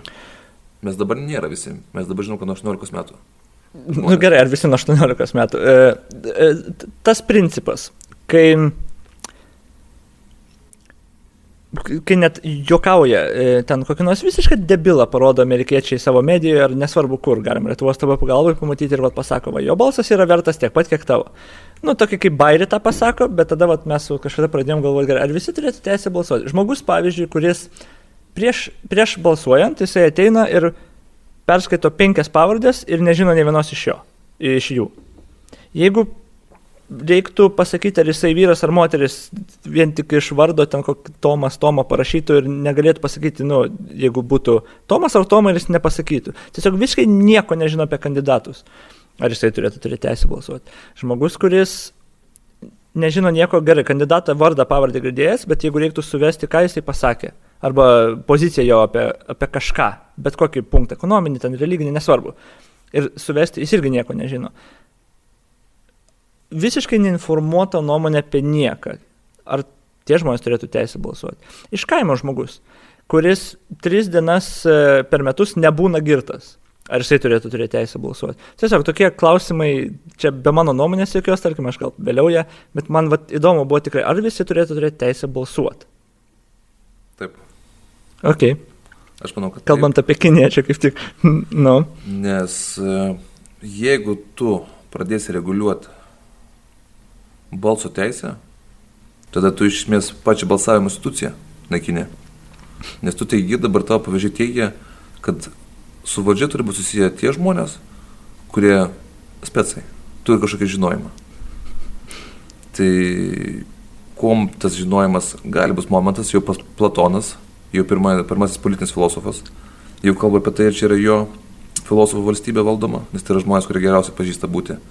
Ir čia labai stiprus argumentas, kuris tęsiasi iki šiol šitą diskusiją aktyvi ir dėl to ir filosofinė diskusija, nes jinai turbūt nesibaigs niekada. Bet e, tu, kai mes pradedam šitą žinojimo, eksperto išmintingumo kriterijų taikyti demokratiniams rinkimams, mes sukompromituojam pačius rinkimus. Mhm. Nes rinkimų pati mintis ir yra tai, kad mes visi gerbdami vienas kitą, kaip kažkoks tai bendras sumeninis vienetas, nu, šitą vietą valstybė, kartą per keturis metus nueinam, pasakom savo nuomonę ir iš pagarbos savo tam benarpiliečiui, net jeigu jisai nubalsuota yra prieš mano įstikinimus, aš žodžiu pagal žaidimo taisyklės. Nes Kinija tai yra dalinai Platono, Platono svajonės įsipildymas. Jeigu tu pastebėjai, va čia visą komunistiniam šitam režimė visą laiką yep. yra, pavyzdžiui, tas pas Lukašenka. Tai, nes soviet, žinai kažkas žodis soviet? Uh -huh. e, pats žodis? Jo. Ne. Soviet yra patarėjas. A, soviet patarimas. Jo, nes lietu, uh -huh. šiaip, šiaip taryba, nes lietuviai verčia soviet konkrečiai taryba. Tarybų sąjunga. Bet rusų, rusų kalboje yra labiau toks patarėjas. Ir jeigu tu pažiūrėtum tos visus vaizdelius, kur Lukašenka vaikšto, arba tas Kim Jong-ongas, tai yra žmonės, kurie daugiausiai žino jų autoritetas kyla ne, ne dėl to, kad jisai gali bet ką nužudyti oficialiai, uh mhm. -huh. o dėl to, kad yra be galo geri specai. Ir, pavyzdžiui, Lukašenka jisai moko, kaip morką sodinti. Yra ten, pavyzdžiui, video YouTube, kuris jisai vaikšto tenais su Stevenu Sigalu. Vis laiką, žinai, tokie marginaliniai aktoriai kažkodėl, kaip arba Depardieu su šituo Čečienijos ant tuo gėrė. Kadirovu. Nu, važinai, kažkaip jį, bet Denis Rodmanas šitom. Nu, čia, nes čia momentas kitas. Bet mintis tai, kad jisai vaikšto, va, ištraukia morką, sako, žiūrėk, va, kokie skaniai valgyk. Ir tas toks, va, ir pradeda valgyti, žinai. Ir čia yra grinai va, tas, tas žinojimo momentas užsikristalizavęs tikroviai. Ar mes norim to? Aš, kai tik aš nekėjau, mano pirma mintis tokia tiesiog, ne, ne, kam, kam, kam reikia leisti jiems balsuoti, nu, tipo, gal kokį testą reiktų daryti. Mes tada pradėjom tą tiesiog mintį, klausti, nu, gilintis, tiesiog pradėjom kalbėti. Ir kad ir kiek punktų būtų, kad, nu gerai, šitas žmogus, nu visiškai trenktas. Bet tada gerai, gerai, kaip tą reiktų įgyvendinti ir pradėti galvoti, gerai, gal kokį testą padaryti, labai minimalų paprastą testą. Nu gerai, kas sudarinės tą testą? Ir pirmas klausimas jau prasideda problemos. Bet kokiam sprendimo būdė prasideda problemos. Gerai, kas sudarinės tą testą? Kas nuspręs, kas yra lengvas klausimas, kas ne? Kas nuspręs, ką reikia žinoti, kas ne? Galbūt vienas dalykas tada vienam žmogui svarbesnis bus, kurį reikia žinoti, kitas ne visur tiesiog problemos ir gal teoriškai ir būtų labai faini, jeigu žmonės visi būtų edukuoti ir visi nusimanytų. Bet jo, jeigu už tai pradedi neleidži žmonėm balsuoti, nes kažkas turi būti tas, kuris nuspręs, vis tiek kažkas turi būti nuspręs. Ir va ta gale man tiesiog yra problema iš karto. Jis koncentruojasi. Jo, jo, va kas tada nuspręs, kas yra gerai, kas yra blogai, ką cenzuruoti, kas ne, kas, turi teisę balsuoti, kas ne, už kurį klausimą ir vat, šitoj vat vietoj. Bet jo, aš kaip ir pritariu, kad šitą sistemą, kurią turim, nu jo, turi turėti teisę balsuoti ir kaip man tas nepatiktų ir norėtųsi, ne tai, kad jie nebalsuotų, norėtųsi, kad jie būtų informuoti geriau. Vat to, to man norėtųsi. Man, man, man nepikta, kad jie turi teisę balsuoti, man nepikta, kad jie tokie neinformuoti. Bet tu turi teisę turi, turi yeah. savo tyrimą. Mes, turim galimybę šitoje vietoje savo kažkokią tai propagandą, nu, arba tiesiog savo žinias kleisti. Propaganda gerąją prasme, žinai. Mhm. Nes reikia nepamiršti, kad pats įsilavinimas, tu, tu tam išsilavinimo momentą kaip kriterijum, jis nėra vienintelis. Jis gali būti, pavyzdžiui, jėgos principas. Mhm. Pavyzdžiui, balsuoja tik tie, kurie gali, nu, visi susimuša, Tie, kurie laimė, tie balsuoja. Aš negalėčiau balsuoti tada niekada. Aš irgi negalėčiau šitoje vietoje. Bet jisai būtų galbūt net teisingesnis. Nes... Tu aukštas, gan stambus, aukštas toks framas yra, nežinau. Ne, nemoku muštis. Bėgtum į grupę žmonių, porą pabėgtų išskastų, manau, gal. Nemoku muštis. Bet mintis ta, kad jėga mm. šitoje vietoje, jeigu nėra žmogus lankęs kažkokių menų, yra ganai prigimtinės dalykas. Kas, kaip jam genetika susidėjo. Išsilavinimas mes patys žinom, kad yra privilegija. Mhm. Tai gauti išsilavinimą būti tuo, kuris tu žinai, tu turi patekti į pakankamai gerą socialinę terpę. Jeigu tavo socialinė terpė yra alkoholis, muštynės ir narkotikai, tu nebūsi slavinimas. Čia vat, pas, pas amerikonų biškai šitas yra mitas, žinai, kad kiekvienas atsakingas už savo gyvenimą. Ne, mes Ne. determinizmo daug yra. Nu, Kai pradedi galvoti, supranti, kiek mažai žmogus yra laisvas. Bet dabar aš, pavyzdžiui, kada mokiausi bakalauro turėjau dirbti, nu, man tai labai trukdė. Man labai trukdė darbas mokslams. Mhm. Man labai pasisekė gyvenime, aš tą labai labai gerai vertinu. Nes didelė dalis, kodėl aš, na, nu, galų galę League of Legends savo žaidime pasiekiau daug, nes aš galėjau tam skirti laiko. Man niekas kitas, aš, aš niekada neturėjau, neprivalėjau susirasti darbo, kad turėt ką valgyti. Man labai prasisekė pradžioj, pačioj, ten pusmetį gyvenau, mama duodavo pinigų. Ir tada aš radau pokerį ir iš jo pradėjau uždirbti ir man nebereikėjo. Ir ta finansinė laisvė ir paskui viskas tęsiasi ir iš to aš visą laiką galėjau daryti, ką noriu. Ir aš tą puikiai suprantu, kad dalis buvo mano, bet didelė dalis buvo tai, kad buvo sukurtos va, tos sąlygos ir aš turėjau. E, Galėjau skirti laiką tam, ką noriu. Ir tada, kai skir- skiriau laiką ten lolui, tris metus, aš jame ir pasiekiau daug dalykų. Bet be galo daug žaidėjų, kurie galbūt nu, galėjo irgi tą padaryti, turėjo dirbti tiesiog. Nu, ir pu- pusę, net ne pusę dienos, nu, 8 valandas jie negali žaisti. Nu, viskas. Nėra šansų jiem pasiekti nieko, ką aš pasiekiu. Matai, pas save yra tas pradas. Pas save tas pradas yra racionaliai viską išanalizuoti. Aš simenu, kaip tu vat, vien šeštą žaisdavai, tai žmonės galėdavo dvigubai ilgiau už tave žaisti. Bet tu tiesiog, tu matydavai, kaip galima tobulėti. Tu matydavai, va, Jo, bet daug tokių žmonių yra. Aš sakyčiau, net- aš sakyčiau mažuma. Gal mažuma, bet vis tiek daug. Pavyzdžiui, paimkim pokerį pavyzdį. Mhm. Ar nėra tai, kad dauguma tiesiog intuityviai žaidžia? Oi, tai aišku. Ir, tik Ir intuicija labai geras dalykas iš tikrųjų pokerį. Bet vis tiek skaičiavimą laimė. Uh, jo, Kuris skaičiuoja laimint. Žinoma, bet int, kas yra intuicija tada? Pokerį ypač e, labai dažnai sako, e, per daug, nu, pažiūrėjau, žaidžiu prieš pra, pra, pradinį žaidėjo lygį ir tipo aš jį blefuoju ir jis tiesiog kolinas nežino geriau. Gal tai būtų suveikę prieš geresnį, kuris masės daugiau. Tu ir tas, tu vienu lygiu nori būti aukščiau, bet ne dviem, nes jeigu dviem būsi, nu, tiesiog apžaisi pat save.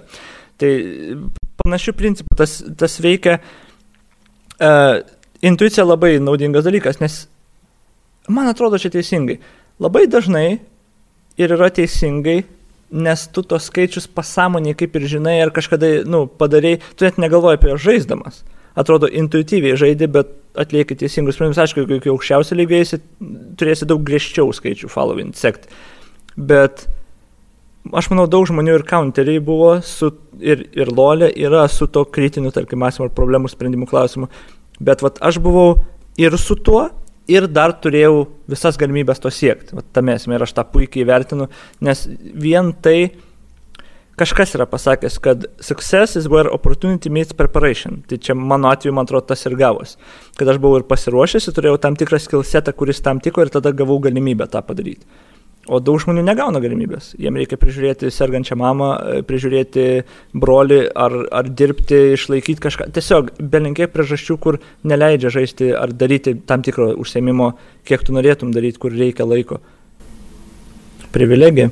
Grįžtant prie balsavimo, tai yra vienas iš ne- nedaugelio momentų a, mūsų bendram gyvenime, kur visi yra lygus. Mhm. Kiekvieno, nesvarbu, kas tu esi, prezidentas, studentas, tavo balsas yra vienas balsas. Ir aišku, realybė yra ta, kad esmė yra papirkinėjimai, yra įtakos, mm. patys tie balsavimai, nors vėl Trumpo išrinkimas, arba mūsų pastojo marginalų išrinkimas, suspasikai, valstiečiai ir kas tu nori, visas pasaulis dažniausiai yra viena kairioji partija ir dešinioji. Nu, konservai ir sosdemai. Mhm. Ir gausi, kad tokie fuko šituokliai yra. Kas vienais metais tenais, kitur pas mus šitoje vietoje, vat aš, nu, čia atsk- atskira tema ir aš turiu savo teorijas, kodėl taip yra. Bet pas mus keli metai išėlės, grinai tokios vat, marginalinės partijos susikūrė, tautos prisikėlimo partija Valinsko ir laimė. Aš apie Lietuvos politiką žiauriai mažai žinau. Čia yra vienas iš tų dalykų, kur aš labai noriu domėtis ir aš neturiu idėjų, kaip sudominti paprastą žmogų. Tarkim, kokius reikia um, įžanginius video padaryti. Labai paprastus 10 minučių, kad paaiškintų iš vis, kaip Lietuvos politika veikia. Kas atsakingas už ką, kas už ką išrenka. Labai paprastai, žinai, to, e, in a nutshell, e, YouTube'as kanalas yra. Tokiu principu. Labai labai aiškiai, paprastai žmogui animuotai padaryti. Nes didelė problema yra ta, kad žmonės nesupranta, kada eina už ką balsuoti. Seimo rinkimai. Gerai, ką Seimas daro?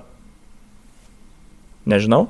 Ir toks atsakymas. Ir Tai už ką balsuoji, nu, o ką jie darys, ar jie turės, ar jie įstatymus leis, ką jie darys, už ką tu balsuoji. Net tokių dalykų nežino. Ką aš manau ir reiktų labai pradžiai paaiškinti. Tapinas iš tikrųjų labai gerai padarė, nes jis labai daug jaunesnių žmonių sudomino rinkimais ir politika, kai jis pradėjo laidas daryti. Ir, ir, ir aš tikriausiai tada ir susidomėjau iš vis kažkiek politiką. Kai Tapinas parodė, kad jeigu vienoje partijoje yra ten šeši nariai, kurie teisti po du kartus. Nu, nu tokie dalykai. Aš apie tai net galvojęs niekada nebūčiau. Ir šiek tiek tas švietimas toksai. Ir jo, man atrodo, reiktų daug daugiau, kad ir influencerių ir žmonių darytų tą, kad Pritariu. apeliuotų į jaunus žmonės. Man kas labai nepatinka, va, iš dabar to bendro globalaus virtualaus pasaulio yra tai, kad mes būdami čia Lietuvoje, kartais pergadam problemus, kurios yra niekaip nesusijusios su mumis. Uh. -huh. Ypatingai per YouTube arba per kitus kažkokius tai, e, platformas gaunasi, kad mes daugiau žinom apie Trumpą, mes daugiau žinom apie kažkokias amerikiečių problemas. Čia aš esu kaltas visiškai. Mhm. Pas man irgi tas yra, kad tas metas feedas, jis ir pirmiausia yra gerai sukonstruotas, tos temos tokios įdomios ir tu gali, ir tada, pavyzdžiui, gali, va, taip, aš kartais pažiūriu, tu pradedi nervintis dar kažkokiu, tai pavyzdžiui, social justice warrior, žinai, galvoji, kas šiaip per momentas yra, bet realybė ta, kad Lietuvoje yra judu. Aha. Ir e, jeigu ten yra tam tikras ekstremas, kairiuoliškas Amerikoje, pas mus kairios politinės minties trūksta. Žmonės, mes taip, e, tą turim dar, dar tą fobiją, žinai, marksizmui ir su sovietija. Ir čia jokių būdų nereikia sovietinės apologijos daryti. Uh mhm. -huh. Bet mes kada tą patinę bet kokią kairėje politinę mintį su, su, su, su, su praeitim, su sovietija, tai yra klaida. Nes tos visos partijos marginalinės, kurios Lietuvo laimi, Uspasikas, Pakso partija, Tautos prisikėlimo partija, dabartiniai valstiečiai, jie visi užima kairios politinės minties vakumą. Jie, jų kaip politinė programa tokia kaip ir yra kairioji, kuri kalba apie paprastą žmogų, paketų mhm. atlyginimus, labai paprastai ir pakankamai simplistiškai aiškina, kaip reikia valstybė gyventi. Bet jie nėra profesionalai. Jie ateina, tada konservatoriai su, su, su sosdemais, jie nu, per pusę perplėšia dažniausiai. Tai vad, kol nebus stiprus socialdemokratų Lietuvoje, tuo mes turėsime visokius, visokius va, tokius valstiečius ir panašiai. Mhm. Drąsos kelio partija, na ką tik tai. Iš dalies dėl to ir aš sakau, dėl to ir aš... Aš manau, kad būtų labai gerai, jeigu tu, pavyzdžiui, taptum tos balsas, kuris, kuris uh, tą visą momentą taip, aš tą pano neseku, žinai, bet kuris sugebėtų koncentruotai, įdomiai pateikti, tu gali būti šališkas. Mes žinom, kad žmonės yra šališki, žinai, nieko blogo. Aš nevengiu to. Jo, jo man dažnai yra. sako, netgi kai kokį turnyrą komentuoji, sako, komentatorius turi būti nešališkas. Kodėl? Kodėl? Jo, įdomiau yra. Man visą laiką taip ir atrodė. Ir kažkodėl žmonės vis tiek galvoja, kad komentatoriai turi būti nešališki. Kai lietuviai žaidžia prieš užsieniečius kokius, aišku, aš būsiu šališkas, ar tu juokauji? nu, net nelogiška būtų. Bet aš nežinau, aš apie tą, kai kalbu ir jo, aš visiškai pritariu, kad mano susidomėjimas Amerikos politika yra labai lengva sekti. Yra labai daug medžiagos, yra labai aiškus herojai, nu, labai lengva ir labai entertaining net ten tiesiog. Lietuvos politika yra labiau nuobodi. Tapinas turbūt pirmas ją padarė, bent jau man, netokia nuobodžia. Ir dabar va aš realiai todėl ir mastau apie tai, nes man net gėda vat pasakyti, kad aš pats apie Lietuvos politiką nežinau nieko praktiškai. Ir reiktų pradėti kažkaip ir reiktų... Pradžia pirma, mano vadinasi, būtų konstitucija atsiversta. Mhm. Konstitucija tiesiog yra surašyta kas atsakingas yra už valdžią Lietuvoje ir žmonių teisės valstybinės. Geras. Jis labai trumpa knygutė, bet. Geras startas būtų iš tikrųjų. Ir, ir, jo, ir norėtus, norėtus, nes aš kaip čia sakau, kuo daugiau domies pasaulio, tuo dažniau sakau, kaip Lietuvoje gerai gyventi ir kokia mes gera šalis esam. Mes niekur nesam labai geri, niekur nesam labai blogi, mes esam per vidurį ir tai yra taip, tokia gera vieta būti, neturim stichijų gamtos, Neturim sušaudimų mokykloje, neturim tokių dalykų, neturim ir pačios geriausios ekonomikos pasaulyje ir laimės indekso. Nu, bet mes per vidurį ir ramiai gerai gyvenam ir jo. Aš niekada nenorėčiau, kad būtų laimės indeksas pirmoje vietoje.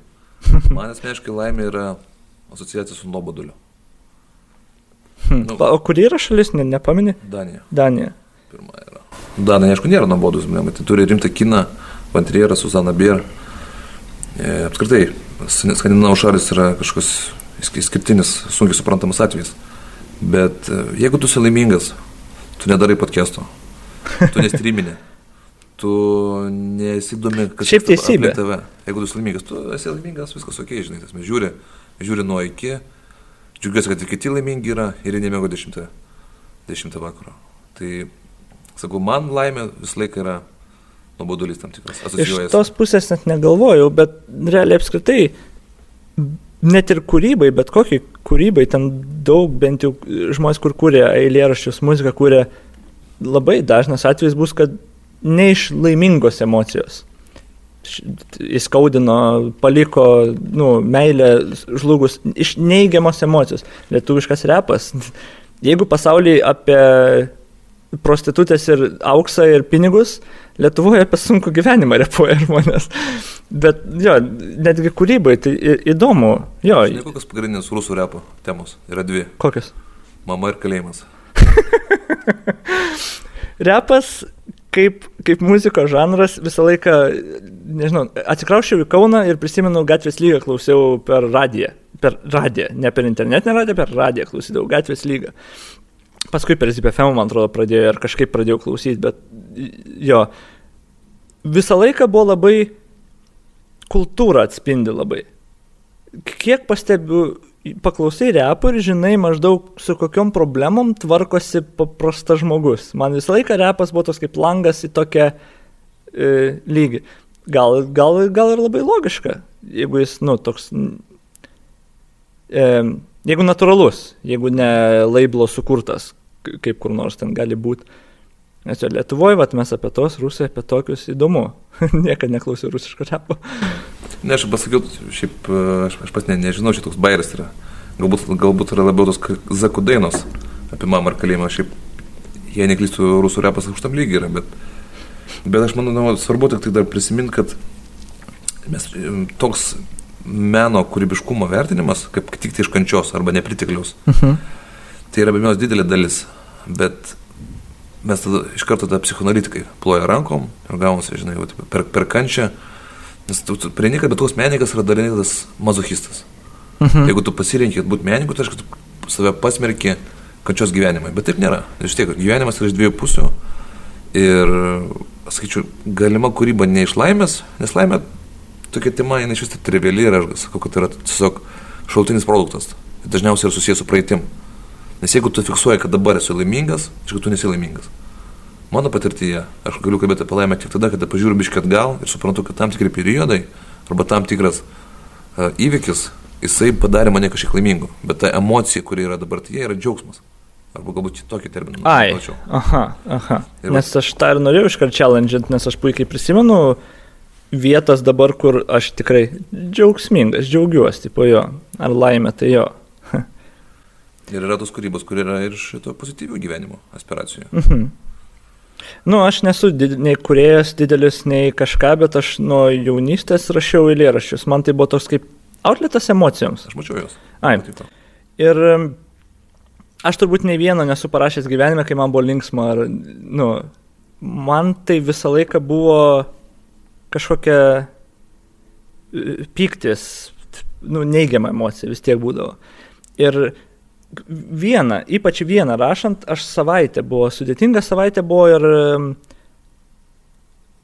buvo, man atrodo, sutapo. Aš nesu didelis alkoholio vartotojas, bet tuo metu buvo, kad dvi dienas ten iš trijų su skirtingom kompanijom geriau ir aš buvau tokios būsenos, kur, nu, apsvaigęs tiesiog, tarkim, girtas. Ir e, aš pradėjau įrašyti tą eilėraštį, pradėjau rašyti ir aš tada matau, kad man gerai gaunasi.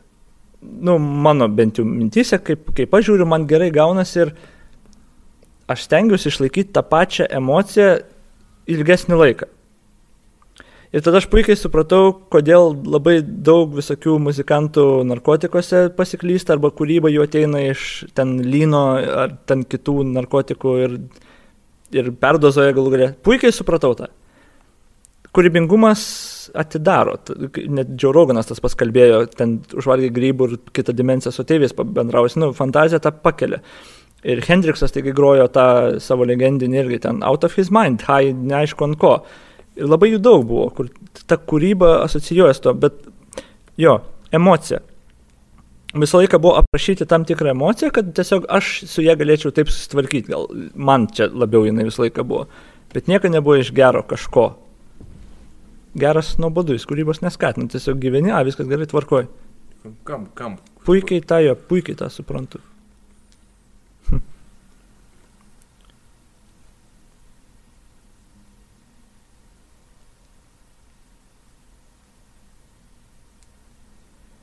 Išleido knygą vienas streamerė, jo, vienas streamerė išleido knygutę savo, eilėraščių knygą. Gan jaunai jinai išleido. Kaip sunku yra išleisti knygą. Kiek reikia daug dalykų praeiti. Iš dalies ir labai lengva išleisti knygą. Bet tikrųjų kaip yra sunku išleisti knygą. Jeigu neturi ten užnugario, kur ten viską kažkas viską padarys. Jeigu esi žmogus, tiesiog išleis knygą.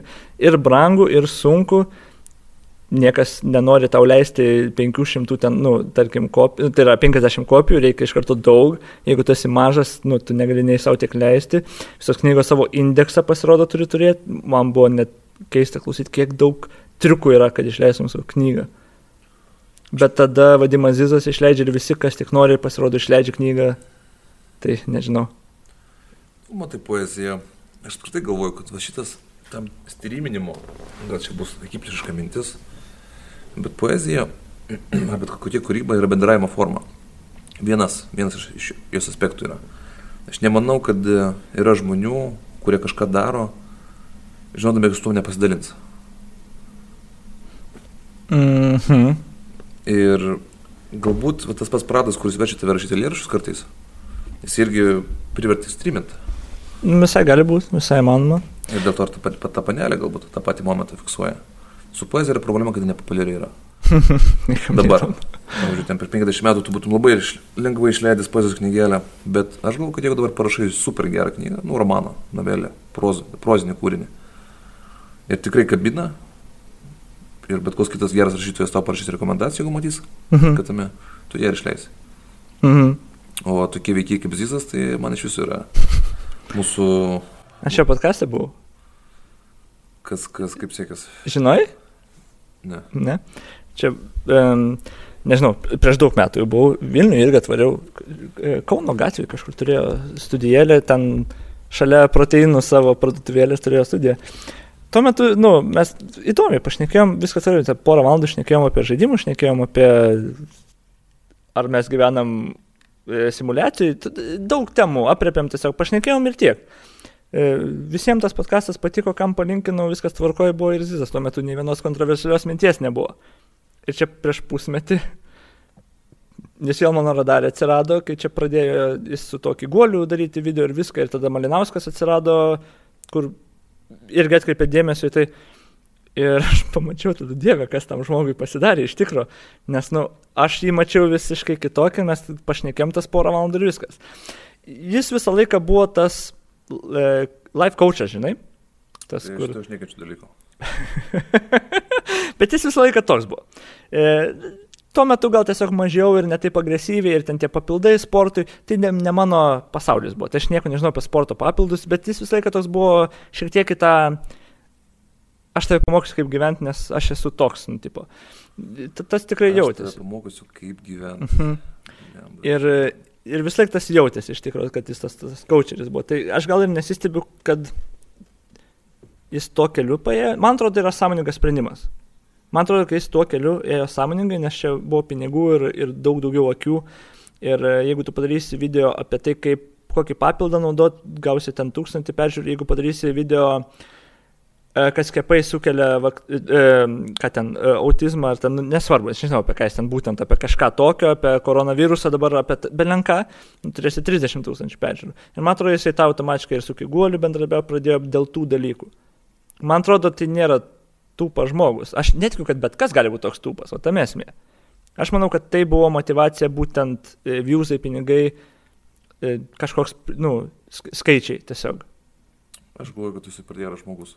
Aš manau, kad tiesiog idiotai yra ar tiek. True. Mm. Šitoje vietoje, aš, aš nežinau realiai to turinio, kas ten yra kūrima. Bet man tas pats principas. E, tiesiog, kad tu esi tam tikroje pozicijoje, kad aiškini kitiem, kaip gyventi, nu gerai, suprantu, dar Bezosas, Maskas, nu gali, jie turi inspiracinių savybių. Maskas turbūt iš viso yra genijus. Bet kažkokie marginalai, YouTube žvaigždės, Čia tas per koronavirusą buvo, nu, lemba, žmonės atsigaukit, nu, gyvenimas jisai, nu, nėra toks sunkus. Aš suprantu, kad yra probleminiai atvejai, gali būti kažkokius, tai, žinai, depresijos, dar kažkas. Bet mes, mes, mes pakankamai aiškiai žinom, ką reikia daryti, kad sugebėti išgyventi tą laiką, kuris mums skirtas. Ir mes gal gerai susitvarkėm. Jo, jeigu mm. iki čia atėjom. Mm. Bet tas teisybė. Mm. Aš nežinau, iš kur atsiranda tas, tas noras žmonės, kad kiti jiem aiškintų. Bet, pavyzdžiui, jeigu koks nors kunigas pasakytų paprastą, paprastą kažkokią pamokėlę, aš pas net nesutikintis. Tai iškart jisai bus matomas, kaip, žinai, kaip atgyvena, kai jisai nusišneka, kaip kunigai pedofilai. Bet šiaip koks nors, pavyzdžiui, dabar sportininkas arba influenceris, aiškina, kaip gyventi. Įdomu. Influenceriai. Uh, Aš tikiu, kad gali žmonės pamokinti kitus. Tiesiog, kodėl man nepatinka tiek gyvenimo treneriai, gyvenimas per daug abstraktus dalykas. Nu, jeigu paklaus e, esporte mano nuomonės, aš galėsiu patarti, jeigu kaip pasiekti kažką tam tikroje sferoje, kur aš esu pasiekęs kažką ir žinau. Jeigu tu sabonio klausi apie krepšinį kažką, jo. Bet tada, kai pradeda gyvenimo coachint, kas tai yra, kas į tai įeina, čia yra tiek daug dalykų, tu tikrai nesi ekspertas visuose jų, tai tu automatiškai negali būti geras gyvenimo coacheris, niekas negali, nes labai daug dalykų eina. Tu galbūt tada konkrečiau santykius, kaip man sutvarkyti, tada pas specialistą, kuris specializuojasi santykių tvarkymasi, o tiek gyvenimo treneriai. Absurdas. Nu ir O aš, kodėl yra populiaru, va, aš galvoju, gal dėl to, kad žmonės vėlgi, jeigu Amerikoje neklausia kodėl klausimo, žmonės per retai klausia kodėl klausimą. Jie nori greito fikso. Nelaimingai gyvenime pinigų neturi. Kodėl klausti, nu, tu esi nevykėlis, galbūt tu gyvenimas blogą kortą darė, nu, tiesiog reikia klausti, kodėl ir gilintis. O čia ateina žmogus pasiūlo greitą sutvarkymą. Tu klausyk manęs gyvenimo kočerio ir tu turėsi pinigų ir viską. Nu, susi, susi, sudomina turbūt tom. Yra tas, aišku, vartotojiškumas, tų lengvų kažkokių receptų ieškojimas, kurį gali prasidėti nuo piliulės. Mm. Kažką suvalgyti, žinai, bet ne šiaip neatsitiktinai čia su papildais. Su svorio metimu dar plus. Irgi kiek yra tų greitai numes svorį per savaitę, ten gersi kažkokią nesąmonę, kur taip, netgi taip, taip, aktoriai. 20 metų valgy burgerius ir šipsus per savaitę, žinai. Viską. Dabar tabletė ir lieknas. Mano atsakymas, kuris šiaip ne, negaliu šiuo metu paremti argumentais, dar per mažai šiek tiek mačiau apie tai, yra tai, kad 21 amžius yra amžius, kuris nepasitikė protu. Mes galvojam, kad protas jisai yra nuvertintas, ne, ne, nebėra modernybė, kur buvo at, garsioji kantų ištara. Jeigu žvelgsi pasaulį protingai, pasaulis žvelgs į tave protingai. Kad viskas bus paaiškinamės. Kvantinė fizika mums parodė, kad racionaliai mes nebesuprantam. Tik tai matematikos dėka tos formulės yra uh mhm. -huh. surašomos, kurios po to pasirodo veikia. Uh mhm. -huh. Tas intuicijos netgi nebeveikia. Ten tokie pasakymai kaip laikas, kada nebuvo laiko. Kuris yra legitimus fizikinis pasakymas, bet ką, kaip suprasti. Jo, mes negalim įsivaizduoti to. Tai. Jo, bet matematinis fokusas nueina. Tada mes turime uh, šiuolaikinio meno, žinai, ta tokios inspiracijos, kur yra pastoviai taip į emocionalumą, į jausmus, į tas važiuojamas racionalumo. Iš esmės yra tas racionalumas, žinojimas, tapatinamas 21 amžiuje labai stipriai, ypatingai sakyčiau, iš kairės politinės pusės su valdžia. Mhm. Teiginys, kad mes visi esame lygus, anksčiau buvo iš esmės visų politinių judėjimų tam tikra nu, politinis iššūkis, o dabar tai matoma kaip represijos forma. Nes iš tikrųjų realybė yra tai, kad mes nesame lygus. Tai aišku. Bet, Bet tu negali to sakyti, ten, kur nori būti politiškai korektiškas, tu negali to sakyti. E, iš vis ką tas žodis reiškia? E, man niekada nebuvo aišku, kai manęs klausė, tipo, ar tu už lygybę, va tas lygybė. Kas yra lygybė? E, ūgio vienodo, kas yra lygybė, apie ką būtent konkrečiai žmonės kalba. Nes kai sako, tu ką prieš lygybę, jo, aš manau, kad kalinys turėtų kalėti kalėjime. Tai aš jau esu, nu, ne už lygybę. Nu, nes noriu, kad vienas žmogus, tarkim, kalėjime sėdėtų, o nelygus būtų visuomenės akise. Nu, čia be, be prasmybė visiškai, bet... Leninas turėjo gerą formulę. Kokie? Visi lygiai badauja? Ne, ten vis tiek buvo CCK Hebroje, ten pergelius, pergelių nemažai pavalgydavo. Formulė skamba taip. Iš kiekvieno pagal galimybės Kiekvienam pagal poreikius. Nai. Mhm. Lygybė. Uh, ką aš norėjau pritarti, vat, būtent to. Kiekvieną kartą, kai kalbėdavom, ar kalbėdavau per savo streamą apie tas lygybės. Beje, aš per savo streamą pasirodyčiau labai dešiniųjų pažiūrų. Apie tiek, kiek aš kalbu ir kiek aš nemėgstu tų social justice warrior ir kiek leftistinių kai kurių idėjų nekenčiu tiesiog. Ir kalba apie tą lygybę ir tada kiek, kiek yra lyčių klausia, tos visus klausimus uždavinėja visi yra atsakyti mokslo. Kodėl mes nustojom vertinti mokslą? Jie visi biologija atsakė tos klausimus prieš 50-100 metų. Kodėl mes jų klausim dabar? Ir visa tai atrodo suriša čia, aš nežinau, kodėl taip nustojo vertinti tiesiog sveiką protą ir mokslą galų galę. Kodėl mokslas taip mažai vertinamas? Vat aš to nesuprantu. Kiek žmonių man sako, kad netgi tas pats Kiguolis, man, jisai pasakė, E, kai su Skirmantu Malinausku kalbėjo, faktai gali priklausyti nuo žmogaus, nuo jo išsilavinimo. Ir yra žmonių, kurie tiki tom. Nu, čia tokia filosofinė tema. Kaip apibrėži faktą? Mokslinį procesą praėjo steignys. Tiesiog, jeigu visą mokslinį procesą praėjo ir mokslininkai sutarė su to, aš pripažįsiu tą kaip faktą objektyvi tiesa, tarkim, arčiausiai objektyvios tiesos, ką mes galim prieiti. O kas yra tiesa? Objektyvi tiesa. Jau. Mokslinio pro proceso praeitas kažkas. Ką mes. Jo, jeigu. Gerai, objektyvi tiesa. Mintis ta, kad fakto problema yra tai, jog faktas pagrindžia tiesą, o tiesa pagrindžiama faktu gausi uždaras, įdingas ratas. Man mokslo procesas yra vienintelis ir patikimiausias principas, kurį mes turim, kad mes eitumėm arčiau, arčiau objektyvios tiesos. Ne tik tau, čia faktas. Jo. Atsiprašau už tai, žinau, bet. jo. Bet tą reikia apibrėžti, nes ne visiems. O tam esmė. Ne visiems. Tai faktai gali priklausyti nuo nuomonių, nuo išsilavinimo lygio ir jie turi identiškai lygų klaimą į kas yra faktas, kas yra teisybė pagal to žmonės. Tai jeigu kažkas, mokslas yra vienintelis dalykas, kuris mano akim ir kaip turėtų būti gilinasi ir bando prieiti prie objektyvios tiesos. Ir gal čia galima ir atskirti. Objektyvi tiesa, galbūt mums net nežinoma, ji vis tiek yra objektyvi tiesa. Pavyzdžiui, kaip gravitacija veikia, ji yra objektyvi tiesa, nepriklausomai to mes žinom ar ne. Ir mokslas bando prie to prieiti. Ir mokslas pastoju mums duoda faktus, ką jis ištyrė, tarkim. Ir jie pradžioj buvo neteisingi. Mes galvojom, kad gravitacija kitaip veikia, kol kaž... E, Einšteinas su savo, man atrodo, teorijom netėjo ir paaiškino, kad nu, kaip warpina spėstaimą planetos ir panašiai. Ir mūsų faktai pasikeitė, nes mokslas naujus faktus patikė. Ir mes dabar esam žingsnio arčiau objektyvios tiesos. Mes galbūt dabar dar klystam dėl kažko. Ir galbūt aš čia vat apibrėžčiau skirtumą, kas yra objektyvi tiesa ir kas yra faktas. Bet pagal žodžio apibrėžimą aš nežinau, ar jie taip klasifikuojasi. Man atrodo, tai labai artimesni dalykai. Bet bent jau aš įsivaizduočiau taip, kad jo, faktai yra tai, ką mes dabar žinom geriausiai, einant link objektyvios tiesos. Bet tik mokslas ir mokslinis procesas gali tą padaryti. Matai, mintis ta su mokslu yra, kad pagrindinė filosofinė srovė vieninti mokslą yra pragmatizmas.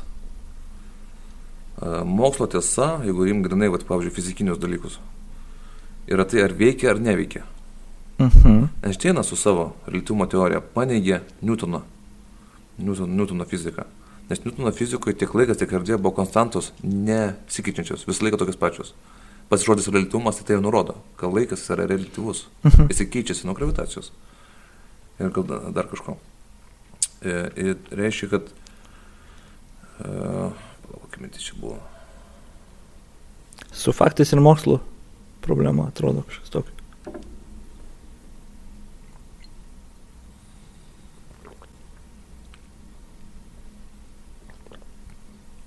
Ai, va, tai pragmatizmas. Tai reiškia, pragmatizmo galutinis tikslas yra netiesa, o veikimas.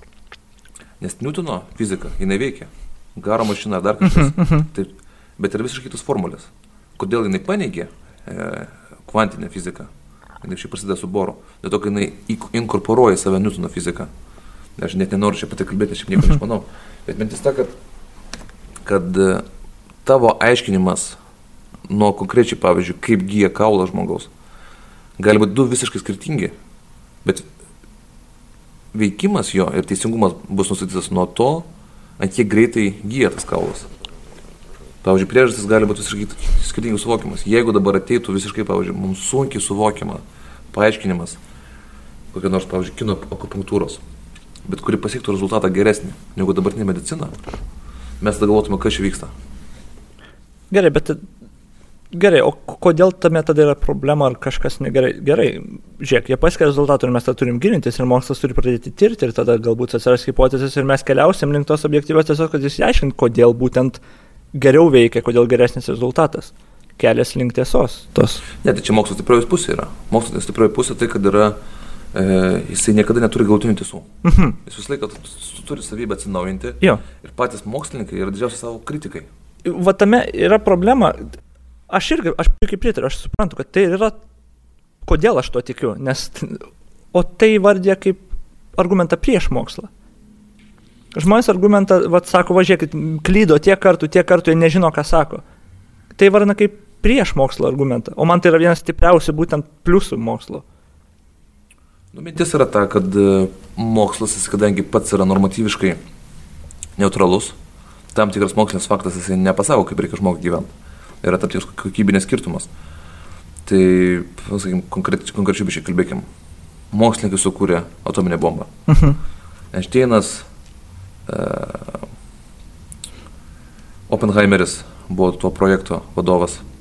Jie jį padarė tą bombą, bet jie buvo paskutiniai, kurių klausų nuomonės buvo atsiklausta, kaip tą bombą panaudoti. Uh mhm. Gavosi mokslas tampa tam tikro politinės galius uh, nu, įrankiu. Tas irgi teisybė, nes šiek tiek. Aš dabar... pats asmeniškai esu, negaliu pasakyti, kad esu cientistas, kuris teiktų, kad viską galima aiškinti mokslu, bet tas, tas vis, kritinės teorijos čia yra pomėgis. Nes jie, nu, tie patys nacijai, pavyzdžiui, protezai rankų, taigi nacijų žudimas yra, eksperimentuojant su, su, su, su, su vyklose. Mhm. Da, mo, ten vis, visa nacijų ideologija buvo grindžiama mokslu. Ir jinai buvo klaidinga. Tai štai čia nėra, nėra kaip sakyt, nesakau, jinai yra klaidinga dėl to, kad mokslas, o normalus mokslas, paneigė, kad jinai yra klaidinga. Nes jeigu nebūtų mokslo, kuris paneigtų tą visą nacijų, eugenikos, tą visą nesąmonę, mhm. galbūt tos idėjos būtų iki šiol netgi žymiai stipresnės negu iš tikrųjų. Bet e, aš asmeniškai su šitą vietą visiškai to pritariu. Tik tiek, kad, sakyčiau, čia labiau vėl grįžtant prie to, čia yra tokia mada visam virtualiam pasauliu susijus su Amerika.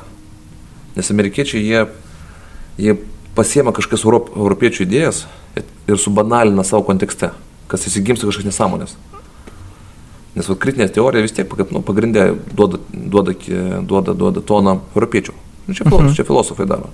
Bet tai labai subtiliai, labai suprantant ir labai išvengiant tokių va, kažkokių absurdiškų situacijų, kur, kurių pilna, pavyzdžiui, Amerikos, kur teigimas, kad e, ten kažkokia nors, kad, pavyzdžiui, mokslas turi būti cenzuruojamas.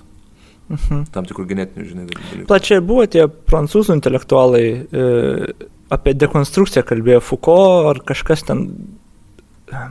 Dekonstrukcija tai. Derida ir Derida, Foucault. Derida, du, kurie sakė, kad, nu, jo, kad visus argumentus, kaip ten reikia maždaug dekonstruoti ir kaip amerikiečiai tą įvertino ir suprato, kad mokslas, viską, ką mokslas sako, reikia dekonstruoti ir žiūrėti, ar tikrai, nu, ir maždaug jis vertę prarado. Ar čia būtų pavyzdys, kad paėmė europietišką idėją ir subanalino ją, ar kažkaip interpretavo savaip ir panaudojo? Nu, man atrodo, šitą pavyzdį iš Petersono galbūt mhm. netgi de, debatų paėmė. Aišku, dekonstrukcija yra paro, dekonstrukcija, jinai referuoja į Heideggerio destrukciją. Nes Heideggeris buvo 20, 20 amžiaus pradžioje toks labai garsus mies, turbūt genialiausių visų laikų filosofų vokiečių. Jisai sakė, kad mūsų tam tikras žinojimas yra labai linkęs į tokią technologinę, analitinę prievartos, tam tik racionalios prievartos e, savyje turinti potencialą ir reikalinga yra destrukcija. Jis norėjo tą liniją, sekančią nuo Platono, ją panaikinti ir pasiūlyti naują požiūrį į viską, nu į būtį. Tas zain, jo terminas buvo naudojamas. Bet ką Derida fiksavo, kad bet kokia destrukcija jau kartu yra konstrukcija. Nes jeigu tu kažką sunaikini, tu automatiškai kažką ir įsteigi. Mhm. Dekonstrukcija yra panaikinimas be įsteigimo. Reiškia, ką padaro, ką padaro, sakykime, dvasia panaši, bet šiaip tiesiai skirtingos Fuko ir e, Derida. Tai Derida tiesiog, jisai aprašo kaip racionalus mąstymas, racionalus mąstymas struktūras, jisai parodo, kad jisai pats visą laiką iš savęs produkuodamas užmeta tam tikras žinojimo formulės ant to, apie ką jisai masto iš mes nieko nepasakydamas. Bet to parodo, kad iš mes žinojimas yra konstruktas. Uh mhm. -huh. Ta mintis yra. Foucault, Foucault jis šiek tiek labiau istoriniam kontekste dirba, e, dirba labiau į filosofiją buvo, jis vėl aprašo tam tikras, pavyzdžiui, episteminės, nu, žinojimo struktūras, sakykime, 15 amžiaus kažkokie tokie savitas įstatymas, kuris atsiranda grinai 15 amžiui ir kaip jis keliauja istorijos metu iki 20 amžiaus ir tampa kalėjimu. Nes, pavyzdžiui, pats, pats kalėjimas buvo su suvokimas, kad būtų kalėjimas, tau reikalinga būtinai buvo modernybė, subjekto savoka. Kad žmogus turi sąžinės graužatį ir jisai uždarytas, apribojusiam laisvę, jisai sužino, supras savo kaltę ir ją gilėsis ir išpirks. Iki 15-16 amžiaus, pats žinai, viduramžių bausmės. Esmės dalykas buvo nukirto, ne? gėda, vieša egzekucija, viešas išplaukimas, esminė momentas buvo gėda, nekaltė. Mm. Islamo pasaulyje iki šiol gėda yra. Sakykime, tu norėdamas sudrausminti savo sūnų e, ir jį pasivesdamas nuo, nuo draugų, kad tu nedaryk taip, čia būtų klaida. Tu turi prieš draugus jį sugėdinti ir tik tada veiks, nes tas kalties momentas žymiai silpniau yra išvystytas. O kaltė jau buvo reikalinga, sakau, moderniau, moderniau 16-17 amžiaus, uh, grinai, vat, moderniom idėjom. Tai, bet Petersonas, lemba, jis šiaip visiškai neturi jokios filosofinės klausos.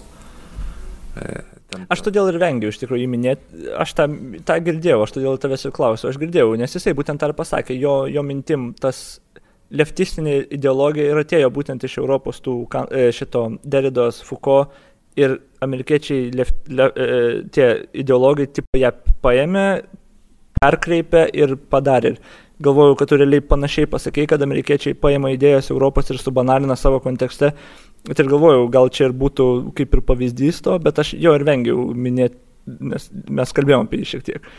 Jo, nu, sakau, tiesiog ten vis tiek tai yra aukščiausio lygio filosofija, ten yra vis tiek genijai, tiek Dirda, tiek Foucault, be abejonės, tai yra didžiulis tradicijos žmonės ir jų visas, jų tiesas yra labai subtilios ir reikia tą, tą visą momentą pajausti.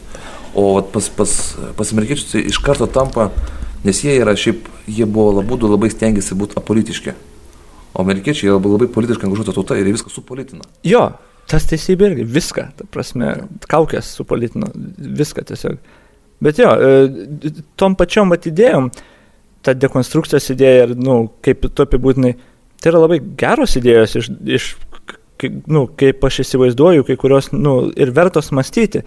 Bet jeigu tu jas paimsi ir paskui dengsies vardais ir, ir protingai žmonėm tą intelektą panaudosi kaip įrankį vat, savo politiniai gali įgauti, nu, pro problemas iš to ir atsiranda, kad žmonės paskui nebetikės mokslu. Nes vat, šitas naudojasi mokslu ir paskui jisai tenais tragiškai partiją kokią tai lydino. Labai daug yra dviejonių sukurta tų pačių. Jeigu dabar nori e, politikas būti autoritetą kažkokį parodyti kažkokiu klausimu. Jis pasakys, kad va, čia mokslininkai padarė tyrimus ir taip. Ir jo, mokslininkai bet kokius tyrimus gali padaryti, nereiškia, kad kiti mokslininkai pritars jiems, bet publikos akyse jie tik mato, kad va, jie mokslininkus turi, padarė tyrimus, reiškia teisybę.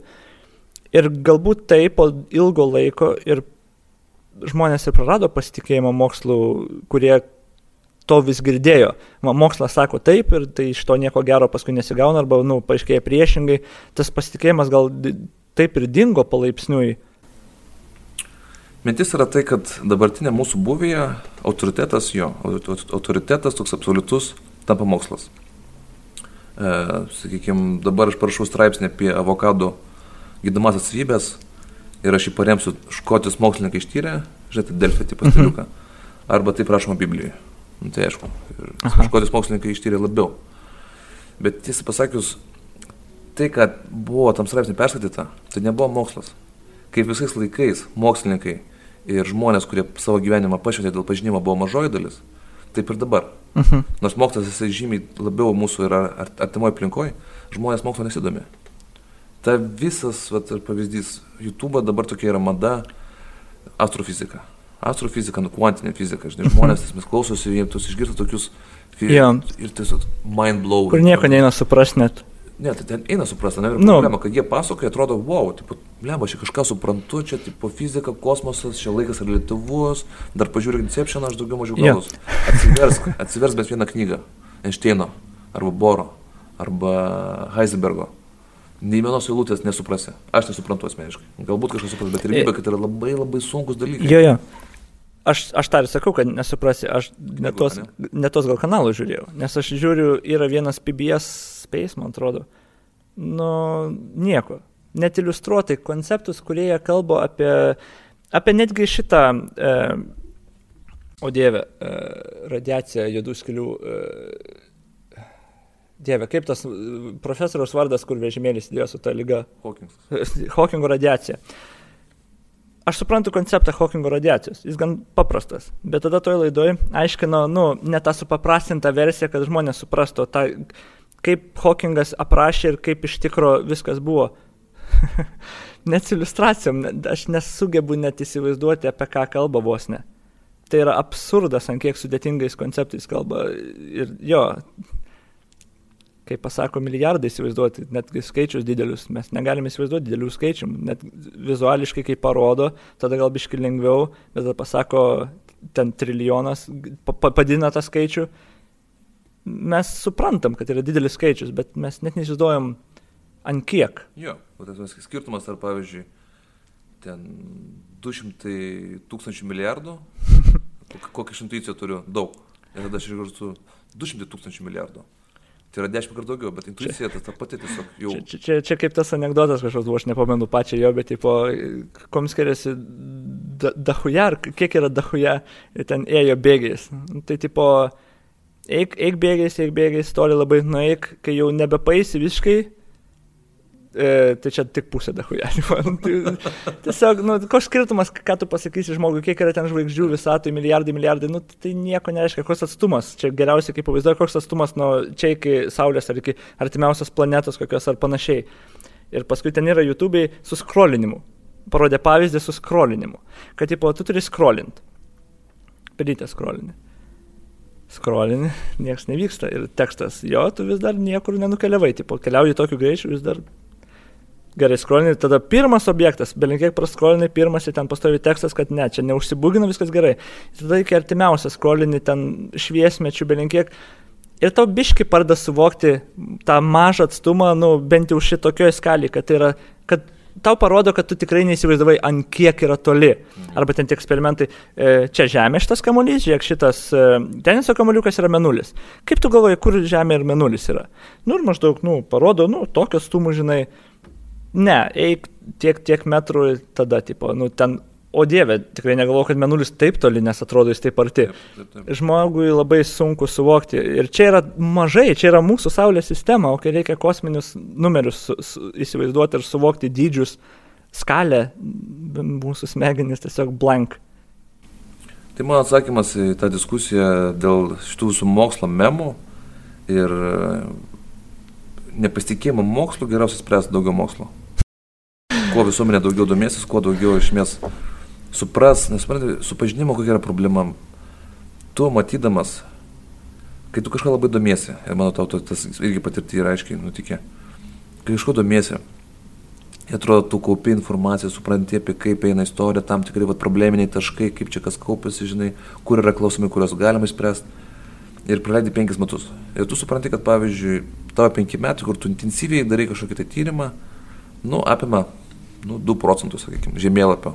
To ištirto rašytinio žemėlapio tos temos. Duokim konkretų pavyzdį, sakykime, filosofija. 2 procentai, sakykime, netgi daug, nu, pusė procentų. Bet tu supranti, kad tu praleidai penkis metus, kas turės supratimas, tokį penki, pusės procento to lauko, kurį tu domiesi. O kiek tokių laukų- yra? Ekonomika, biologija, psichologija, fizika, Jo. chemija. Ir tada tiesiog, dėl ko visą laiką mokslininkai, įslavinę žmonės, savo įslavinimo atveju, išskyrus filosofai, nes jie turi problemą su, su arogancija, yra be gal kuklų žmonės. Nes jie žino savo nežinojimą, jie mato. Jie buvo nukuklinti, čia tas Dunning-Krugerio efektas. Jo, Dunning-Krugerio efektas, kaip jis? Jo, Dunning-Krugerio efektas yra tai, kad e, Kur? kai tu, kuo tu mažiau žinai, tu, tu galvoji, kad tu, tu daugiau žinai. Jo, tas, tas grafas. O, aš viską žinau. O, ne, aš nieko nežinau. Jo, visiškai teisingai, tas, tas yra momentas. Jis yra psichologinis, bet kartu ir e, toks fenomenologinis, jisai patyri, patyrime labai aiškiai reiškia. Mhm. O filosofai, matai, filosofai, bet, nu čia man ir patinka va, šitą, šitą visą, visą hebrą, nes labai ekscentriški žmonės yra.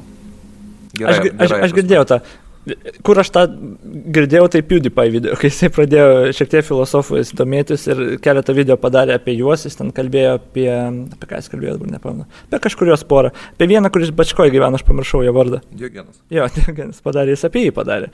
Ir jis taip įdomiai išnekėjo ir paskui apie kitus išnekėjo ir jo, kad jie ten e, įsivaizdavo, kad, nu, kitam lygiai yra tiesiog visiškai. Ir nesunku suvokti, kodėl jie taip galvojo ir galbūt tai ir tiesa yra. Ir kad neišvengiamai žmogus turėtų turėti ego, jeigu skiria laiką dalykams suprasti. Ir tada jis supranta dalykus. Tikrai geriau negu, tarkim, kitas žmogus, tarkim. Arba net didžioji masė žmonių. Ego turi atsirasti. Ir ne tik ir va, tas dekonstrukcijos momentas, tai yra 20-ojo amžiaus produktas, bet šiaip tas nepasitikėjimas esama sisteminė e, žiūra, esamo žinojimu, tai yra eina iki pat filosofijos pradžios. Sokratas, filosofijos tėvas, jisai Atenų demokratinio teismo procese buvo nuteistas miriop. Mhm. Tai nors jisai čia labai radikaliai pas Derida ir užrašintas, bet šiaip vis tiek, fil- filosofai, Derida sako, filosofija pasibaigė, viskas, baigiam šios žaidimus filosofijos, čia jokio žinojimo nėra, čia yra tiesiog diskursas tarp diskursų. Bet filosofija turi šitą savybę, jisai paskelbėjo mirtį, o jis sako, gerai, tik čia, žinai. Ir tada mes, būdami filosof, filosofijos dalis, vėl, vėl jūs mok, mokomės, tampi kanonų filosofijos, teikdamas, kad filosofija mirė. Mhm. Bet tas radikalus momentas pas jį, jisai yra apskritai visose filosofinės e, žiūrose, nuo pats Sokrato. Tas pats Diogenas, jisai tiesiog mato, kodėl Etienų polis, kodėl jo bendrapiliečiai masto taip, kaip mąstė. Ir jisai supranta jų ribas žiūrėjimo. E, Su juo toks ne, neblogas ane, anegdotas yra, jisai gyveno Bačkoje, tai, tai svarbu priminti, kad Bačka antikiniai graikai tai nebuvo mūsų ten tas kubelas. Mhm. Bačka tokia kaip amfora, jinai buvo žymiai didesnė, ten e, nu, galima šiaip, jeigu kažkam įdomu Google, pažiūrėti, tai nėra, nėra tas vaizdinys, kurį mes turime, kada sakome Bačka. Tai jisai kažkokie sakė kalbą, jie buvo prieš civilizaciją, jie kalbėjo, kad, nu, vat, vėl tas kritinis momentas, nes jie visi atsirado kinikai iš to vietoj, ta, ta, ta visa jų kompanija po Sokrato mirties. Tai vat, jie neigė civilizaciją, kalbėjo apie gamtos, kad reikia gražinti gamtą, buvo tokie antikultūrininkai, e, apie tai, kad e, vis tiek žmonės, žmonės iš prigimties yra daugiau mažiau lygus. Jisai kažkokią sako kalbą ir, žinai, ten renkasi, renkasi žmonės, jo klausosi, jisai mato, kad čia visai jiems gerai sekasi, kažkokios mintis puikiai skla- skla- sklando ir pradėjo jaus puikybę, ateinančią viduje. Jis pradėjo pas save gerai galvoti. Ir jisai suprato, kad puikybė yra tas, ant ko jisai važiuoja, ant to, ko jisai kitus moko atsakyti puikybės. Ir tam, kad šitą puikybės jausmą užgniaužt, jisai pradėjo masturbuotis viršai. Ir tada visi pabėgo ir galvoja, išpratėjęs žmogus. Kai, o kaip jis galvoja, kad tai išspręs problemą? Nes jis įgėda po jūs. Jie, A, jie, jie, taip pat minusas buvo. bus. Jo, jo, bet dabar tu turi auditoriją, kuri tave pradeda garbinti, tave pradeda gerbti, galvot, koks tu protingas, ir tu turi šokiruoji. Ir tada kinikas reiškia šuo. Jie buvo laikomi šunis, nu, tas mes tyčiojamas. Bet jisai iš savo granai, va, racionalaus nuseklumo, jam buvo geresnė šun, šun, šuns etiketė, negu kažkokio ten filosofo protingo ir panašiai. Ne. Racionaliai.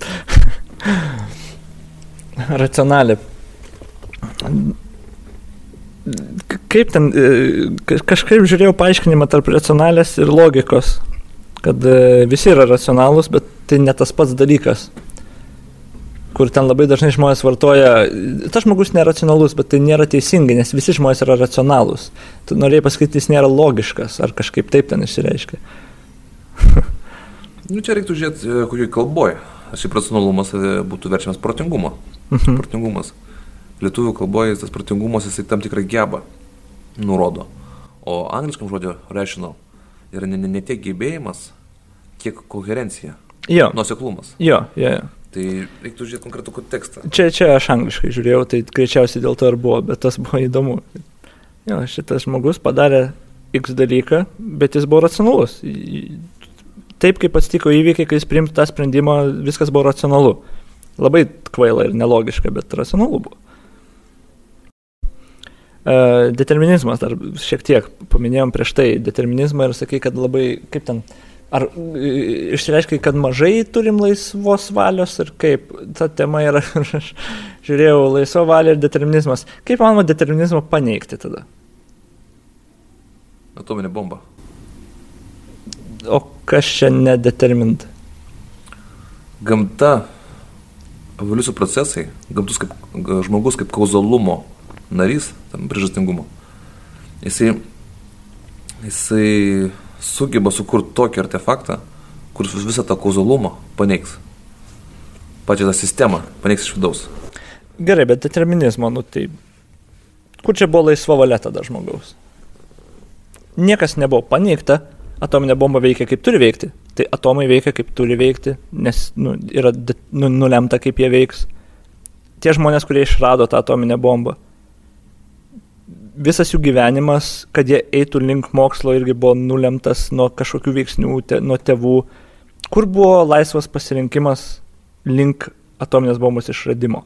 Na, aš kalbu, teisingiau būtų sakyti vandenilio bomba, nes vandenilio bomba turi potencialą susprūdinti žemę. Atominė to neturi. Mhm. Tai mano klausimas toks, jeigu... Plau, vandeninė bomba, kodėl? Nes tai žymiai stipresnė yra. Jo, bet, nu, tu gali išmatuoti stipru, stiprumo vis tiek, bus nulemta kokiu stiprumu. Taip, taip bet pats, pats pati mintis, negali sus, susprodinti žemę. Uh mhm. -huh. Dabar, jeigu viskas yra kauzalumas ir e, žemėje būtų nutikę toks momentas, kad nebūtų žmonių, ar tai, ar tai ne, pats buvimas vanilio bombos ar nepakeičia šitos e, grandinės? Čia momentas yra tas, kas būtų, jeigu būtum, argumentas yra toks, kad e, aš fiksuoju su žmogaus, su žmogaus sąmonė, su žmogaus buvimu, kokybinį skirtumą nuo gamtoje esančių sąryšingumo dėsnių. Hmm. Vandenilinė bomba. Nes vandenilio bomba turi potencialą, mes turim tokį įrankį, kuris paneigtų visą procesą, kuris atvedė mus iki šio taško. Jo, mes nesukūrėm vandenilio sintezės. Nes šitie patys procesai vandenilio bombai, jie vyksta ir Saulėje, kurios metu įsiskiria didesnė energija negu atominė bomba. Tačiau pats faktas, kad tu žmogus, būdamas Žemėje, sugeba padaryti mažą Saulę. Jo, bet aš vėlgi nematau šį čia, kom tai paneigtų galbūt labiau. Kur buvo vėlgi, kur buvo laisva valia žmogaus? Jis nerado jos. Yra toks, dar kad mintis ta yra. Uh, ar žinai, kas yra falsifikabilumo kriterijus? Ne. Čia yra toks popierio, reiškia, yra tam tikros idėjos, kurios būtų, kad būtų mokslinės, jos turi tikti falsifikabilumo, falsif, jo, falsifikabilumo kriterijų. Tai kriterijus yra paprastas, tu turi nurodyti sąlygas, kurios paneigtų tavo teiginį. Mhm. Tai determinizmas kaip idėja, jinai yra ne, tam tikram kontekste, yra nefalsifikabili. Nes kad, kad ir ką aš pasakyčiau, tokių idėjų yeah. yra daug. Viena iš jų, pavyzdžiui, yra psichoanalizė. Kad ir ką tu darytum, psichoanalitikas gali paaiškinti, kad tu tai darai dėl Odipo komplekso, dėl savo vaikysės traumų. Ta visa hebra buvo nuėję iki šachmatų, šachmatų aiškinimo. Kad tipo šachmatai, kur, kur karalienė yra stipriausia, o tikslas yra nukirsti karalių, žinai, tipo, visiškai yra. Čia. Mane tuom ir sužavėjo ta determinizmo tema, ne, tik gal sužavėjo, bet galvos skausmo sukėlė, nes tu, tu negali jo paneigti kaip ir tai jo tas žodis labai gerai apibūdina. Nu, viską gali privesti kažkaip vienu ar kitu būdu. Man tada paneig, pavyzdžiui, teiginį, kad viskas yra Dievo planas. Nepaneigsi. Nes Dievas yra nepaneigiama kategorija. Matai, kur aš brėšiu gal skirtumą, determinizmas, daug determinizmo, kas su jais paaiškinimai į mokslą galų gale kažkaip, į fizinį pasaulį, molekulių kažkokį susijungimą kažkada kaip atomai veikia. Dievo mes jokio įrodymo neturim jokiam pasauliui. Kaip ten man sako, va, šiandien tas akivaizdžiausias pavyzdys užsimaniau torto. Kodėl užsimaniau torto? Nu, iš, iš determinizmo galima vesti, nes pas tavai ten skrandį vyko tam tikri procesai, kaip veikia, kodėl mes užsimanom maisto. Visi tie procesai veikia. Kodėl iš viso taip veikia? Viską galim privesti kaip biologinės, atominio lygio, kaip atomai veikia, kaip molekulės veikia. Dievas, tai man ir nereiktų net jo neigti, jis buvo sukurtas kažkieno, neegzistuoja, ne nieko, mokslė pagrindo neturi. Bet tu jau tada sujungi dvi idėjas. Mokslas. E, šitą vietą, aš žinai, Heisenbergo neužtikrintumo principą. Mm.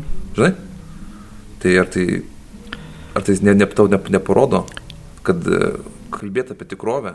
Va čia yra. Tas visas- jisai gerai. tiesiog- Jisai veikia, bet jis nieko nepasako apie tikrovę, nes metodas, Mhm. mokslas ir tikrovė susilieja. Man atrodo, kad čia yra, kaip sakai, išspręsti problemą yra daugiau mokslo. Man atrodo, čia yra problema ne tai, kad tai neveikia, kad mes nežinom tiesiog. Tas pats quantum entanglementas, nesuprantama, kaip ir mes galime, eksperimentus daro ir sujungia tas dalelės, bet pačiam baziniam lygiai nesupranta, kaip, jos, kaip tai veikia. Tas um, principas, kur um, gali ir vieną ir kitą pusę suktis atomas ir kol ne, nepažiūrėsim, ne, nežinosim. Uh, man atrodo, mes kol kas tiesiog nepakankamai žinom, kad paaiškink. Man atrodo, turi veikti procesai. Kažkada mes galvom, kad Saulė patika dėl to, kad diev, Saulės dievas yra. Tada mūsų žinios plėtėsi ir mes supratom, kodėl taip yra. Ir viskame mokslas padėjo vis daugiau ir daugiau paaiškinti. Ir dabar, man atrodo, čia tiesiog yra tas dalykas, kur mes nežinom. Bet tam irgi turėtų būti kažkokie racionalūs paaiškinimai galų gale, kodėl tas principas yra ir galbūt jisai yra aiškus. Dėl to šis principas yra fizika, o ne teologija. Mhm. Nes e, tu gali įsivaizduoti, kokios turėtų būti sąlygos, kad e, jį iš, išaiškinti. Tas yra falsifikalumo kriterijus. Mhm. Bet vėl, tu kada kalbėjai apie Dievą, tu kalbėjai apie Dievo duotis, apie jo tam tikrą interpretaciją raiškos. Bet jeigu pasimti determinizmas, yra tezė, kad viskas yra nulemta, o pavyzdžiui Dievas paimti tezę be visų tų konotacijų religinių, gali tai būti krikščionybė, Mhm. islamas, bet Dievas tai yra viso ko kuriejas, visagalis ir visur esantis. Padarom tašką. Tu šitos tezės nepaneigs. Nes nėra jokio Nu, eksperimento, nėra nei, lo- nei loginės nedarnos, nei jokio eksperimento, kurį tu galėtum padėti. Tai šitoje vietoje determinizmas reiktų, jeigu, bet žinai, dabar mes tokiam loginiam lygmenį kalbame, kaip pati, pati, pati, pati savoka, bet, šiaip aš galvoju, kad jo žmogus yra pakankamai determinuotas, esame biologinės būtybės, mūsų socialinė aplinka labai daug lemia ir jos laisvės yra nedaug, bet laisvė kaip tokia yra galima tik tai politiniam žmonių būvė, tik tai politikoje ir, ir, ir jinai kartais įvyksta. Pavyzdžiui, tam tikrai istorijos momentai, kurių, sakykime, nu, išpranašaut kažkam prieš 50 metų, kad jiems įvykstant, būtų be neįmanoma. Pasangus yra geras du terminai laisvė. Yra freedom, o freedom, etimologiškai žiūrint, yra laisvė nuo. Laisvė nuo vergyjos, laisvė nuo priespaudos, mm, tam tikras, matyt, reiškia, aš darau, ką noriu. Savivalis momentas. Bet senesnis terminas, kuris man labai patinka, yra liberty. Ir laisvė į kažką daryti. Vat, vat tas liberty momentas, jis yra būtinas, tau yra būtini kiti žmonės. Tau yra kit- kitų žmonių Mhm. uh, būvis, kada su, tu su jais susitari ir tu laisva la- valia, pavyzdžiui, priėmęs tam tikrą savo ne, nelaisvės formą. Aš, pavyzdžiui, dabar nevoksiu iš parduotuvės. Mhm. Susi- Susitarėm. Va šitoje vietoje, kad ir kaip tai paradoksaliai skamba, bet mano laisvės apsiribojimas ir yra viena iš laisvės formų. Nu jo. Nes jeigu aš vagiu ir darau tai, kas man instinktai liepia, kaip gyvuliukas, šitoje vietoje aš fiksuoju. Bet šiaip galėt, šita, šita tema vėl, šita tema yra filosofijai amžina tema, jinai iki šiol labai aktyvi, žmonės diskutuoja, determinizmas šiuo metu dėka fizikos įgauna daugiau, daugiau, daugiau proponentų, bet e, mano tokia tezė yra. Įdomu. Mes kaip, mes kaip gyvuliukai, kaip Mhm. mhm. primatai, plikos bežionės, nesame laisvi. Ir tą, tą mes matome, žinai, instinktai, norai, tipo, Mhm. visas tas, nu, kaip pa- Pavlovo šunis, kaip sako, žinai, nu, vat, kaip sugadinti koncertą. atsisės prieš orkestrą ir valgys citriną. Visi trimitininkai, saksofonistai negalės grot, nes elis skirsis. Yeah. Tai ta, ta, ta dalis yra. Bet jau, vat, kur dar, dėl ko aš toks esu labai, nu, vat, tiek labai gerbiu ir mokslą, ir racionalų mąstymą, aš manau, kad tai yra, tai yra dalis, kur, kur žmogus laisvė gali pasireikšti. Įdomu buvo, čia man įdomu buvo girdėti. Nes labai dažnai, kai aš paklausiu savo publiko, žinai, tokį klausimą, kokį, kaip tu galvoji, kokius atsakymus aš gausiu, nu, iš random žmonių, nu, nu, ant tiek banalius, kad, nu, jokios minties nes nesukels, nu, dievė žmogau. Ne toj platformai klausiu. Todėl man buvo tavęs įdomu paklausti, o būtent tokio. Nes čia buvo iš karto kelios įdomios mintis, nu, kur tikrai priverčia galvoti tada toliau, parodė net iš kiek daugiau pusių galima žiūrėti gal į tą, kas man yra labai įdomu. Hebra, ten kadangi tas yra čatas ir tu jį nematai daug eilučių, ten tik kelios eilutės yra, gali tu kažkaip nori greitai sakyti, nepamastę. Bet tai tokie dalykai, jie, nu, vat, kaip, kaip ir tu prieš, prieš tai minėjai, man yra įdomus įdomiausi pokalbiai, kada žmogus va, savo specialybę, savo profesionalumą. Kur tai praleido laiko, aš tą galiu iš jo daugiausiai pasimti. Ja, suprantama. o mes žaidimų temas iš vis visas kaverinom, aš dabar galvoju, ten, kur sąrašiukas buvo. Manau, daugiau mažiau jo. Daugiau mažiau jo. Nes atrodė, kad daug mažiau mes kalbame apie žaidimus, negu apie viską kitką. ja, jo. Tai gerai, tuo mes siūlau einam, einam pavakariniausiam. Ačiū tau už pokalbį.